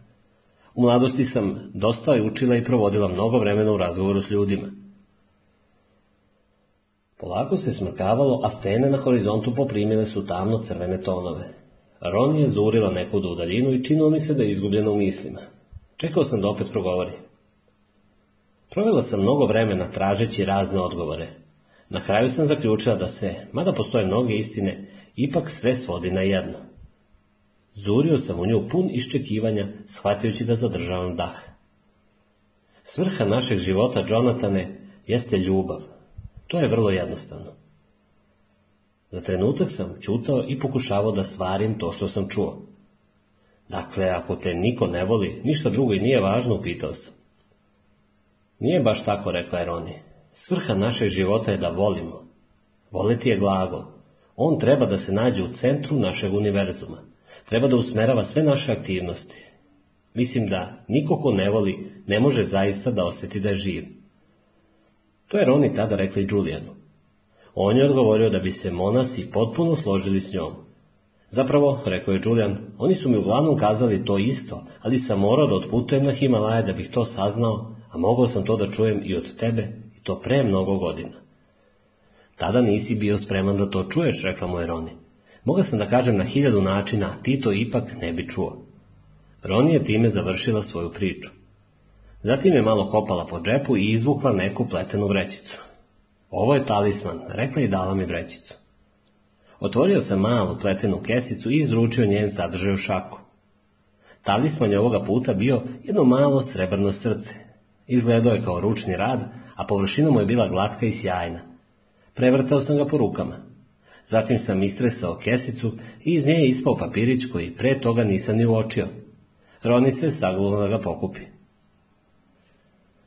Roni se sagnula da ga pokupi. Dodala mi ga je. Svrha života je voleti. Smisao tvog života je u ljubavi koju osjećaš. Srce je uvek mudri od glave.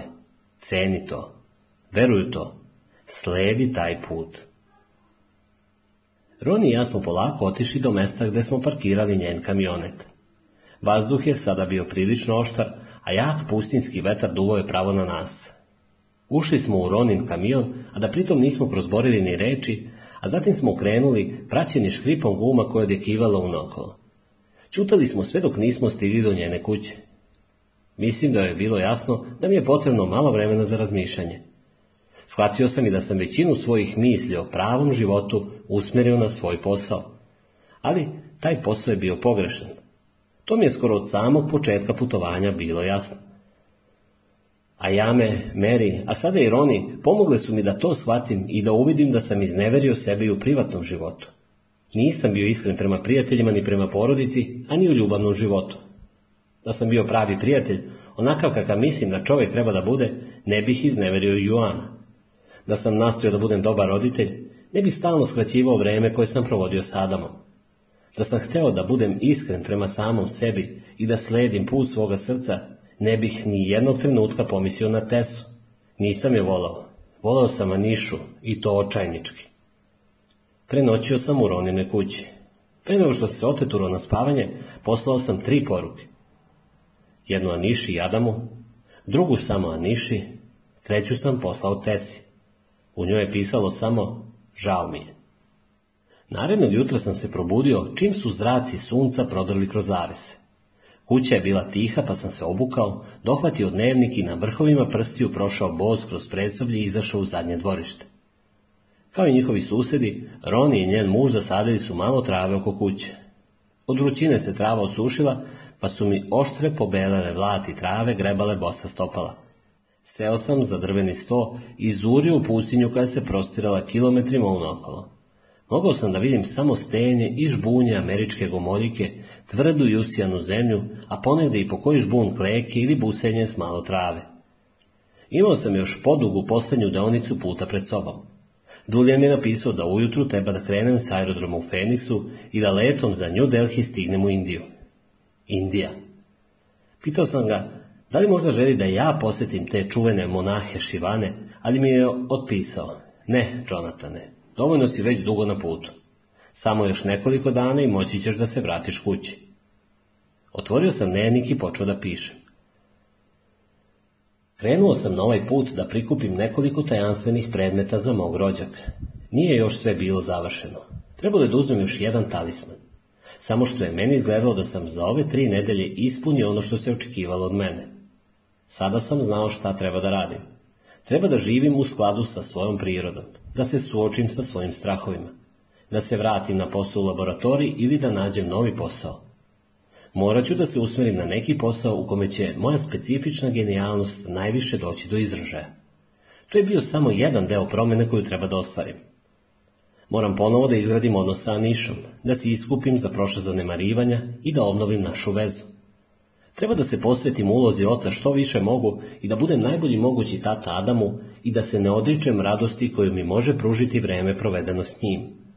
Zapravo, treba da prestanem da odbacujem pozitivne utice bliskih ljudi, moje majke, sestre, starih prijatelja, a i ovih novih. U pismu koje mi je Ajame dala uz talisman, bilo je lepo napisano da se naše ponašanje prema drugima iskazuje u našem ponašanju prema sebi. Zanemarujući druge ljude, okrenuo sam leđa sobstvenoj sreći. Nisam bio dobar ni prema kome. U buduće moram bolje da biram ljude koji će uticati na mene. Treba da uživam u jednostavnim životnim zadovoljstvima koje su mi dostupna. Ništa od toga ne može se izvesti preko noći, ali ako svakodnevno radim na tome, svaki moj dan će ličiti na život u minijaturi. Mala svakodnevna poboljšanja. Nema više izgovora. Osjećao sam da sada imam sve što mi je potrebno da bih se odlučno suočio sa budućnošću. Ona pisma koja sam dobio uz talismane dala su mi potrebnu snagu. Šta je još preostalo, pitao sam se. Koju novu mudrost može da mi podari posljednji talisman? 11. poglavlje Stajao sam ispred svenije građevine koju sam ikada vidio. Bio je to Taj Mahal, bio je već sumrak, posetioci i turisti su se razilazili. Činilo mi se da je to doba dana vrlo čudno vreme za susret na ovakvom jednom mestu, ali ništa na ovom putovanju nije bilo onako kako sam očekivao. Pre nego što sam krenuo s aerodroma u Feniksu, Julian mi je poslao poruku sa vrlo detaljnim upustima. Treba da prenoćim u New Delhiju gdje mi je bio rezervisan hotel. Narednog dana je trebalo da otputujem za Agru, ću se u pola osam uveče sresti s posljednjim čuvarom talismana ispred Taj Mahala. Pomisao da se sam uvam po Delhiju i putujem u agrubi me još samo nekoliko nedlja ranije veoma unervozila. Pošto sam do sada bio na toliko raznih mesta, hrabro sam se suočio i sa tim izazovima. Sve te moje prošle misli bile su prosto izbrisane dok sam stavio ispred Taj Mahala i posmatrao čuvenima mauzoleje. Došao sam malo ranije i razgledao ga pre zatvaranja. Shvatio sam da je bilo luckasto pretpostaviti da za tako kratko vreme mogu da vidim Bog zna šta. Julian mi nije javio kada treba da otputujem iz Zagre, Zato sam se nadao da ću imati dovoljno vremena da proučim to arhitektonsko remek dela od koga zastaje dah. Umeđu vremenu sam lutao oko njega zabačene glave i širom otvorenih usta. Bio sam zapanjen veličinom tog zdanja. Ništa što sam do sada vidio na fotografijama nije ukazivalo na veličinu te građevine. Ogromnu kupolu, elegantnu simetriju i izuzetan prostor. Shvatio sam i zbog čega mi je Julian ovaj sastanak ugovorio za večernje sate. Sunce se pri zalasku presijavalo na blistavim zidovima od mermera i krečnjaka, a kada sam se malo približio, video sam da su spoljašnji zidovi prekriveni rezbarijama i finom kaligrafijom koja se uzdiže stotinak metara u vis. Poludrago i drago kamenje uokvirivalo je kamenu čipku, u njoj sam video tirkize, lapis, lazuli, smaragde, crvene korale – Išao sam tamo amo ispred te izuzetne građevine, prilazio da iz blizine proučem divne detalje, a zatim se izmicao da osmotrim njenu veličinu. Vrteo sam se oko Taj Mahala, potpuno obuzet svojim trenutnim doživljajem i sasvim sam zaboravio zbog čega sam zapravo došao, kada sam krajičkom oka opazio neki crveni bljesak. Okrenuo sam se. Video sam neku visoku siluetu i to samo s Bio je to neki muškarac. Stavio je sasvim nepomično, a mantija je lepršala na povetarcu oko njegove vitke figure. Zatim se okrenuo prema meni i osmehnuo mi se. Bio je to Julian. Šta? Promucao sam. Ovo uopšte nije imalo smisla. Šta Julian radi ovde? Zašto mi nije rekao da će doći u Indiju? A ako je već sam došao vamo po talismane, zašto mu uopšte natrao na ovoliki put? Došao sam da preuzmem talismane od tebe, rekao je Julian i namignuo. Osjećao sam da mi se vilice pomeraju u naporu da nešto izustim i da nekako sročim sva pitanja koje su mi se uskovitala u glavi. Da, znam, rekao je Julian. Prešao si dug put i mene zatekao ovde. Opet putujem na Himalaje i tamo ću provesti neko vreme. Zato je ovo najbolje mesto za naš susret. Klimnuo sam glavom sav zgranut i zbunjen dok mi se pred očima maglilo. Hajdemo onuda, rekao je Julian i pokazao mi stazu ivičenu cvećem i drvećem, koja je vodila pored sjajnog jezerceta punog odraza. Hajde da pronađemo neko zgodno mesto za sedenje, na svežem večernjem vazduhu. Izašli smo kroz zasvođenu kapiju Taj Mahala i sišli kamenim stepenicama. Voda u bazenčiću bivala je sve tamnija, sunce je tonulo za horizont, a nebo je dobilo boju indiga. Dok smo hodali stazom, Julian je zavukao ruku u džep mantije. Želiš li da vidiš posljednji talisman, upitao je. Zar ga imaš kod sebe, rekao sam. Julian je klinuo glavom i izvukao iz džepa malu smeđu vrećicu. Ja sam ispružio šaku, pa mi je istresao njen sadržaj na dlan. Držao sam u ruci malu mermernu repliku Taj hala. Nije bilo nikakvog pergamenta ni papira. Nakrivio sam glavu. Dozvoli da ti objasnim šta to znači, rekao mi Ovaj talisman se odnosi na zaveštanje, objasnjuje Julian. Monasi kažu da je najbolji način da se oceni veličina neke ličnosti taj da se proceni snaga uticaja te osobe na naredne generacije. Ako smo zaista zainteresovani da se dokažemo kao ljudska bića, onda umjesto pitanja šta od toga može meni da posluži, treba da se zapitamo šta od toga može da posluži ovom svetu. Zbog toga je Taj Mahal sjajan primjer i simbol zaveštanja. Osvrnuo sam se i pogledao eteričnu građevinu iza nas. Svetlucala je u ružičastim tonovima i zračila poput nebeske zvezde. Da, to mogu da razumem, rekao sam. Ova građevina je inspirisala mnoge sanjare sa raznih strana sveta i uticala je na njih. To traje već stotinama godina. Prosto ne verujem da je to delo ljudskih ruku, niti da je to neko mogao da sagradi u jednom ljudskom veku. U to ipak ne treba sumnjati, rekao je Julian. To je izuzetno remek delo, likovno i arhitektonsko. Malo ljudi je za sobom ostavilo nešto tako lepo i značajno. Mislim da je pravo remek delo tvorca Taj Mahala za veštanje graditelja, a ne njegova divna arhitektura. Zurio sam u Đulijane jer nisam bio siguran o čemu govori. Želim da ti ispričam istorijat Taj Mahala, rekao je Đulijan. Šah Džehan bio je vladar Mogulskog carstva početkom 17. veka, objasnio mi je. Žena mu se zvala Mumtaz zmahal što znači dragulj iz palate. Obožavao je, a i ona njega. Mumtaz Mahal je tragično preminula rađujući njihovo 14. dete. Legenda kaže da je svojim posljednjim rečima izrazila mužu večnu ljubav. Šah Džehan je posle njene smrti pa u očajanje. Pošto se na godinu dana povukao sveta da je ožali i pošto je odbacio sva zemaljska uživanja, rešio je da svoje voljenoj napravi posljednje počivalište koje će biti pravi raj na zemlji. Danas svake godine od dva do četiri miliona ljudi dođe da vidi građevinu koju je Šah Džehan podigao kao spomenik svojoj ljubavi. Nema nas mnogo koji možemo da ovom svetu ostavimo nešto tako grandiozno kao Taj Mahal, rekao je Julian. No, i neki skromni doprinosi su vrlo dragoceni, nastavio zatim. Opet je prekopavao po džepu mantije, Izvukao je mali komad pergamenta i dodao mi ga. Pročitao sam sljedeće reči. Teži nečemu većem od sebe. Na ovom svetu nema previše ljudi. Svi smo tu iz nekog razloga i svi imamo neki cilj i posebnu misiju. Treba da izgradiš divan život za sebe i one koje voliš. Pritom treba i da se dobro zabaviš. Važno je i da budeš uspešan. Taj svoj uspeh treba da meriš sobstvenim merilima, a ne nekim ustaljenim društvenim normama. Naročito je važno da tvoj život ima značenje. Neka ti u životu bude važna svrha. Potrudi se da budeš od koristi što većem broju ljudi. Na taj način svako od nas iz carstva prosječnog može da se uzdigne do vrhunca izuzetnog. Budi među najboljim ljudima koji su ikada živeli. Vrlo je važno to što je carica Mumtaz postojala, mirno je rekao Julian. Njena senka dopire dalje i od senke njenog muža. Do svega ovoga dovela je ljubav. Julian je mahnuo rukom ispred sebe. Jonatane, znaj da su poneki naši doprinosi vidljivi cijelom svetu. To su novi koraci u nauci i umetnosti, osnivanje novih preduzeća, izgradnja kuća i gradova. Bez obzira na to što su nekada naši doprinosi manje vidljivi i merljivi, važno je da ipak postoje i da smo učinili nešto drugačije, da smo ostavili za sobom neko zaveštanje. Tada sam shvatio da u Sedoni nisam bio u pravu.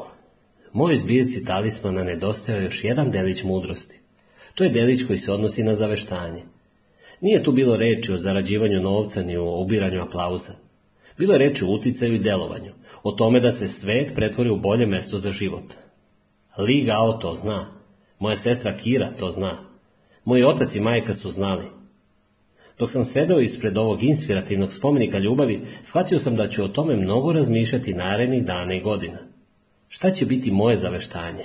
Čime ću dati svoj doprinos svetu? A sada mi reci, imaš li tu sve talismane? Upitao je Julian posle kratkog čutanja. O, da, skoro sam i zaboravio, rekao sam. To nije bilo sasvim tačno. Istina je bila da sam, začudo, osjećao odbojnost pri pomisli da se rastanem od njih. Izgleda si se vezao za njih, rekao mi Julian ljubazno. Otkrio si njihovu moć. Pa ne znam ni sam, odgovorio sam. Mislim da jesi. Kako se sada osjećaš, upitao je Julian. Dobro, rekao sam. Iznenađujuće dobro. Ne osjećaš muku od tolikog letenja avionom. Nisi umoran. Ne osjećaš gubitak energije. Pa da, tako je, rekao sam polako. Misliš li... Mudrost ovih talismana, ako je prihvatiš i posvetiš se tome, može da ti promeni život. Kao što sam ti već ranije rekao, to može biti spasonosno.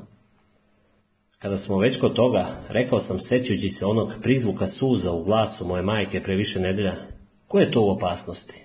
Čiji to život pokušavaš da spaseš ovim stvarčicama? Julian me pogledao, podigao obrve i nije rekao baš ništa.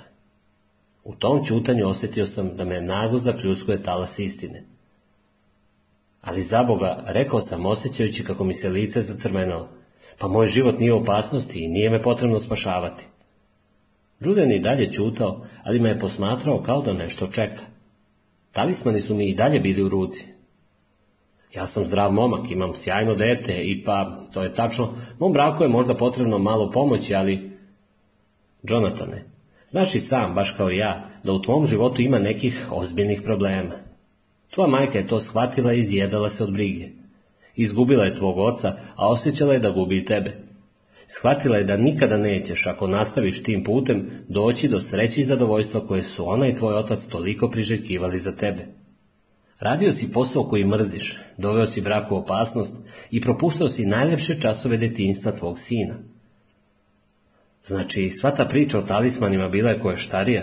Nije bio u pitanju nikakav čarobni lek, Stvarno čarovija u tim pismima, Jonatane. U njima i u tvom dnevniku. Talismani su bili samo jedan način da ti se privuče pažnja. Ovo putovanje je bilo idealna prilika koja ti je pružila dovoljno vremena da shvatiš lekcije iz pisama, a i moji prijatelji su ti pomogli u tome. Jonatane, pokazao si da si spreman da radiš ozbiljno na tome i da se suočiš sa svojim strahovima, kao i da rizikuješ sve da spasiš nečiji život. Kada si sve to započeo, nisi bio spreman da spašavaš sopstveni život. Mislim da si sada spreman i za to. A sve ono sa čuvarima talismana upitao sam. Znaju li oni da u tim stvarima nema magije, čak i kada se sve prikupe na jedno mesto? Julian se osmehnuo. To je jedina moja stvarna podvala, Jonathane. Prikupio sam sve te sitnice pre nekoliko meseci, posle jednog razgovora s tvojom majkom i poslao ih raznim prijateljima. Shvatili su šta se događa i bili srećni što mogu da pomognu.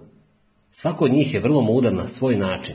Svako od njih je primjer uspešne primjene mudrosti koja je sadržana u odgovarajućem pismu. Naučio sam mnogo njih, pa sam želao da ih upoznaš i da i ti od njih nešto naučiš. To je jedini način koji sam mogao da smislim. Ti drugačije ne bi ni pristao da kreneš na taj put. Zaista sam uživao u susretima s Julijanovim prijateljima i moram priznati da bih volao da sa svakim od njih provedem više vremena. Podsjetili su me i na neke ljude, recimo na mog oca, i naveli da zažalim što sa njim nisam proveo više vremena. To se odnosi i na Joana. Julian je rukom pokazao malu kamenu klupu iza nas. Kada smo seli, nežno je spustio ruku na moje rame. Mislim da smo sada mnogo toga razjasnili, ali tebe očito još uvijek nešto muči, rekao je ljubazno. Toliko sam dugo sve to motao po mislima da sam teško mogao da smislimo dakle da počnem priču. Zato sam je počeo od početka. Ispričao sam Julianu o svom radu u laboratoriji sa Joanom i o odluci da odemo odatle. Objasnio sam mu kako su David i Sven pokušavali da natraju Joana da otkaz, kako ga nisam branio niti mu pokazao prijateljsku naklonost, pa čak ni simpatiju. Zatim sam mu ispričao sve o Juanovoj automobilskoj nesreći. To je bio udes, rekao je Julian sigurnim glasom, ali sam ipak u njemu osjetio i prizvuk pitanja. Pošto ja na to nisam rekao ništa, on je nastavio. Ali ti i dalje sumnjaš u to? Da, rekao sam najzad. Juan je svakako imao srčani infarkt, to je sigurno, ali kada ga je doživao, pre ili posle udesa? Julian me je tužno pogledao, kao da zna da nisam u stanju da izvedem nikakav zaključak iz te priče. Buljao sam u kamen ispod svojih nogu, a zatim je u velelepno zdanje u daljini. Dva dana pre svega toga nastavio sam, prošao sam pored Juanove kancelarije. Upravo izlazio. Zurio je pravo pred sebe, očigledno izgubljen u mislima. Skoro smo se sudarili. Izraz lica mu se uopšte nije promenio kada me je video. Govorio je kao da se ne obraća baš meni, već kao da samo razmišlja naglas. Do pre nekog vremena mislio sam da je on tada govorio o otkazu. Moram na svoju sramotu da priznam da sam čak osjetio izvesno olakšanje. Barem više neću svakodnevno viđati njegovo očajno lice, pomislio sam. Mogao sam bar da se pravim da mislim kako će se sve dobro okončati. Nisam tada Juanu ništa rekao, pa je prošao kraj mene i otišao hodnikom, a zatim sam začuo njegove teške korake na stepenicama. No kasnije, Juanove reči su me pekle poput kiseline kao da je sam najavio taj fatalni udes. Da li je to što je rekao značio da želi da okonča i život, a ne samo karijeru? Da sam ga tada zaustavio i popričao sa njim, ponudio mu pomoć i pokazao naklonost, možda bi i danas bio u životu. Obojica smo opet neko vreme čutali. Na vidiku je bilo vrlo malo ljudi. Praznina ovog mesta djelovala je nadrealno posle sve one buke na pretrpanim ulicama Nju Delhija i Jagre. Julian je zatim pljesnuo rukama i ispružio noge ispred sebe. Ispod njegove grimizne mantije pomolile su je smeđe kožne sandale. Jonatane, počeo je. Želim da ti kažem da bi bilo dobro da svi imamo uvid u ono što će se desiti u narednih pet godina, tako da možemo da predvidimo šta će se zbiti i da ne napravimo greše zbog koji ćemo sami kasnije najviše žaliti. Mogli bismo da preduzmemo akcije da sprečimo ono što će kasnije biti izvor našeg očajavanja. Julian je ispružio ruku i spustio je na moju. Mislim da si u toku ovog putovanja i ti započeo jedan takav proces. Tvoja budućnost je svakako biti mnogo drugačija od onoga što bi bila da nisi krenuo na ovaj put. No, to je budućnost. Ti mi sada pričaš o prošlosti. Znaš i sam da ti nikada niko neće moći tačno odgovoriti na pitanja koja sebi stalno postavljaš. Moraš da prikupiš dovoljno hrabrosti i da se pomiriš sa tim. Duboko sam uzdahnuo. Nadao sam se drugačijem odgovoru, ali sam u sebi znao da ga neću dobiti.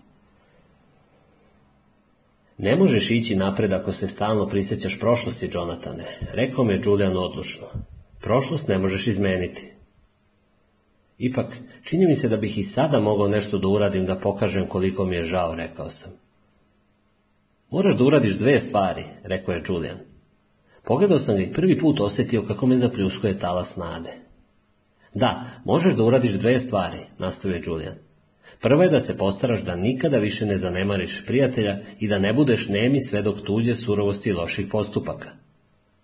Klinuo sam glavom. Tu sam odluku već i donao pre više meseci. A drugo je, nastavio Julian, što moraš sebi da oprostiš. Pomno se zagleda u mene. Sjećaš li se talismana u obliku ždrala, Jonatane? Da, rekao sam misleći s naklonošću na jame. Sjećaš li se šta je pisalo u tom pismu? O važnosti da prema drugima postupaš ljubazno, ali i da se tako ponašaš prema sebe. Važno je praštati drugima, ali je ključno oprostiti sebi. Prešao sam dlanovima preko Butina. Đuljan je bio u pravu. Možda je to bilo nešto najteže što sam ikada morao da učinim, ali morao sam da prestanem da kukam i žalim se. Moram sve to da prepustim zaboravu.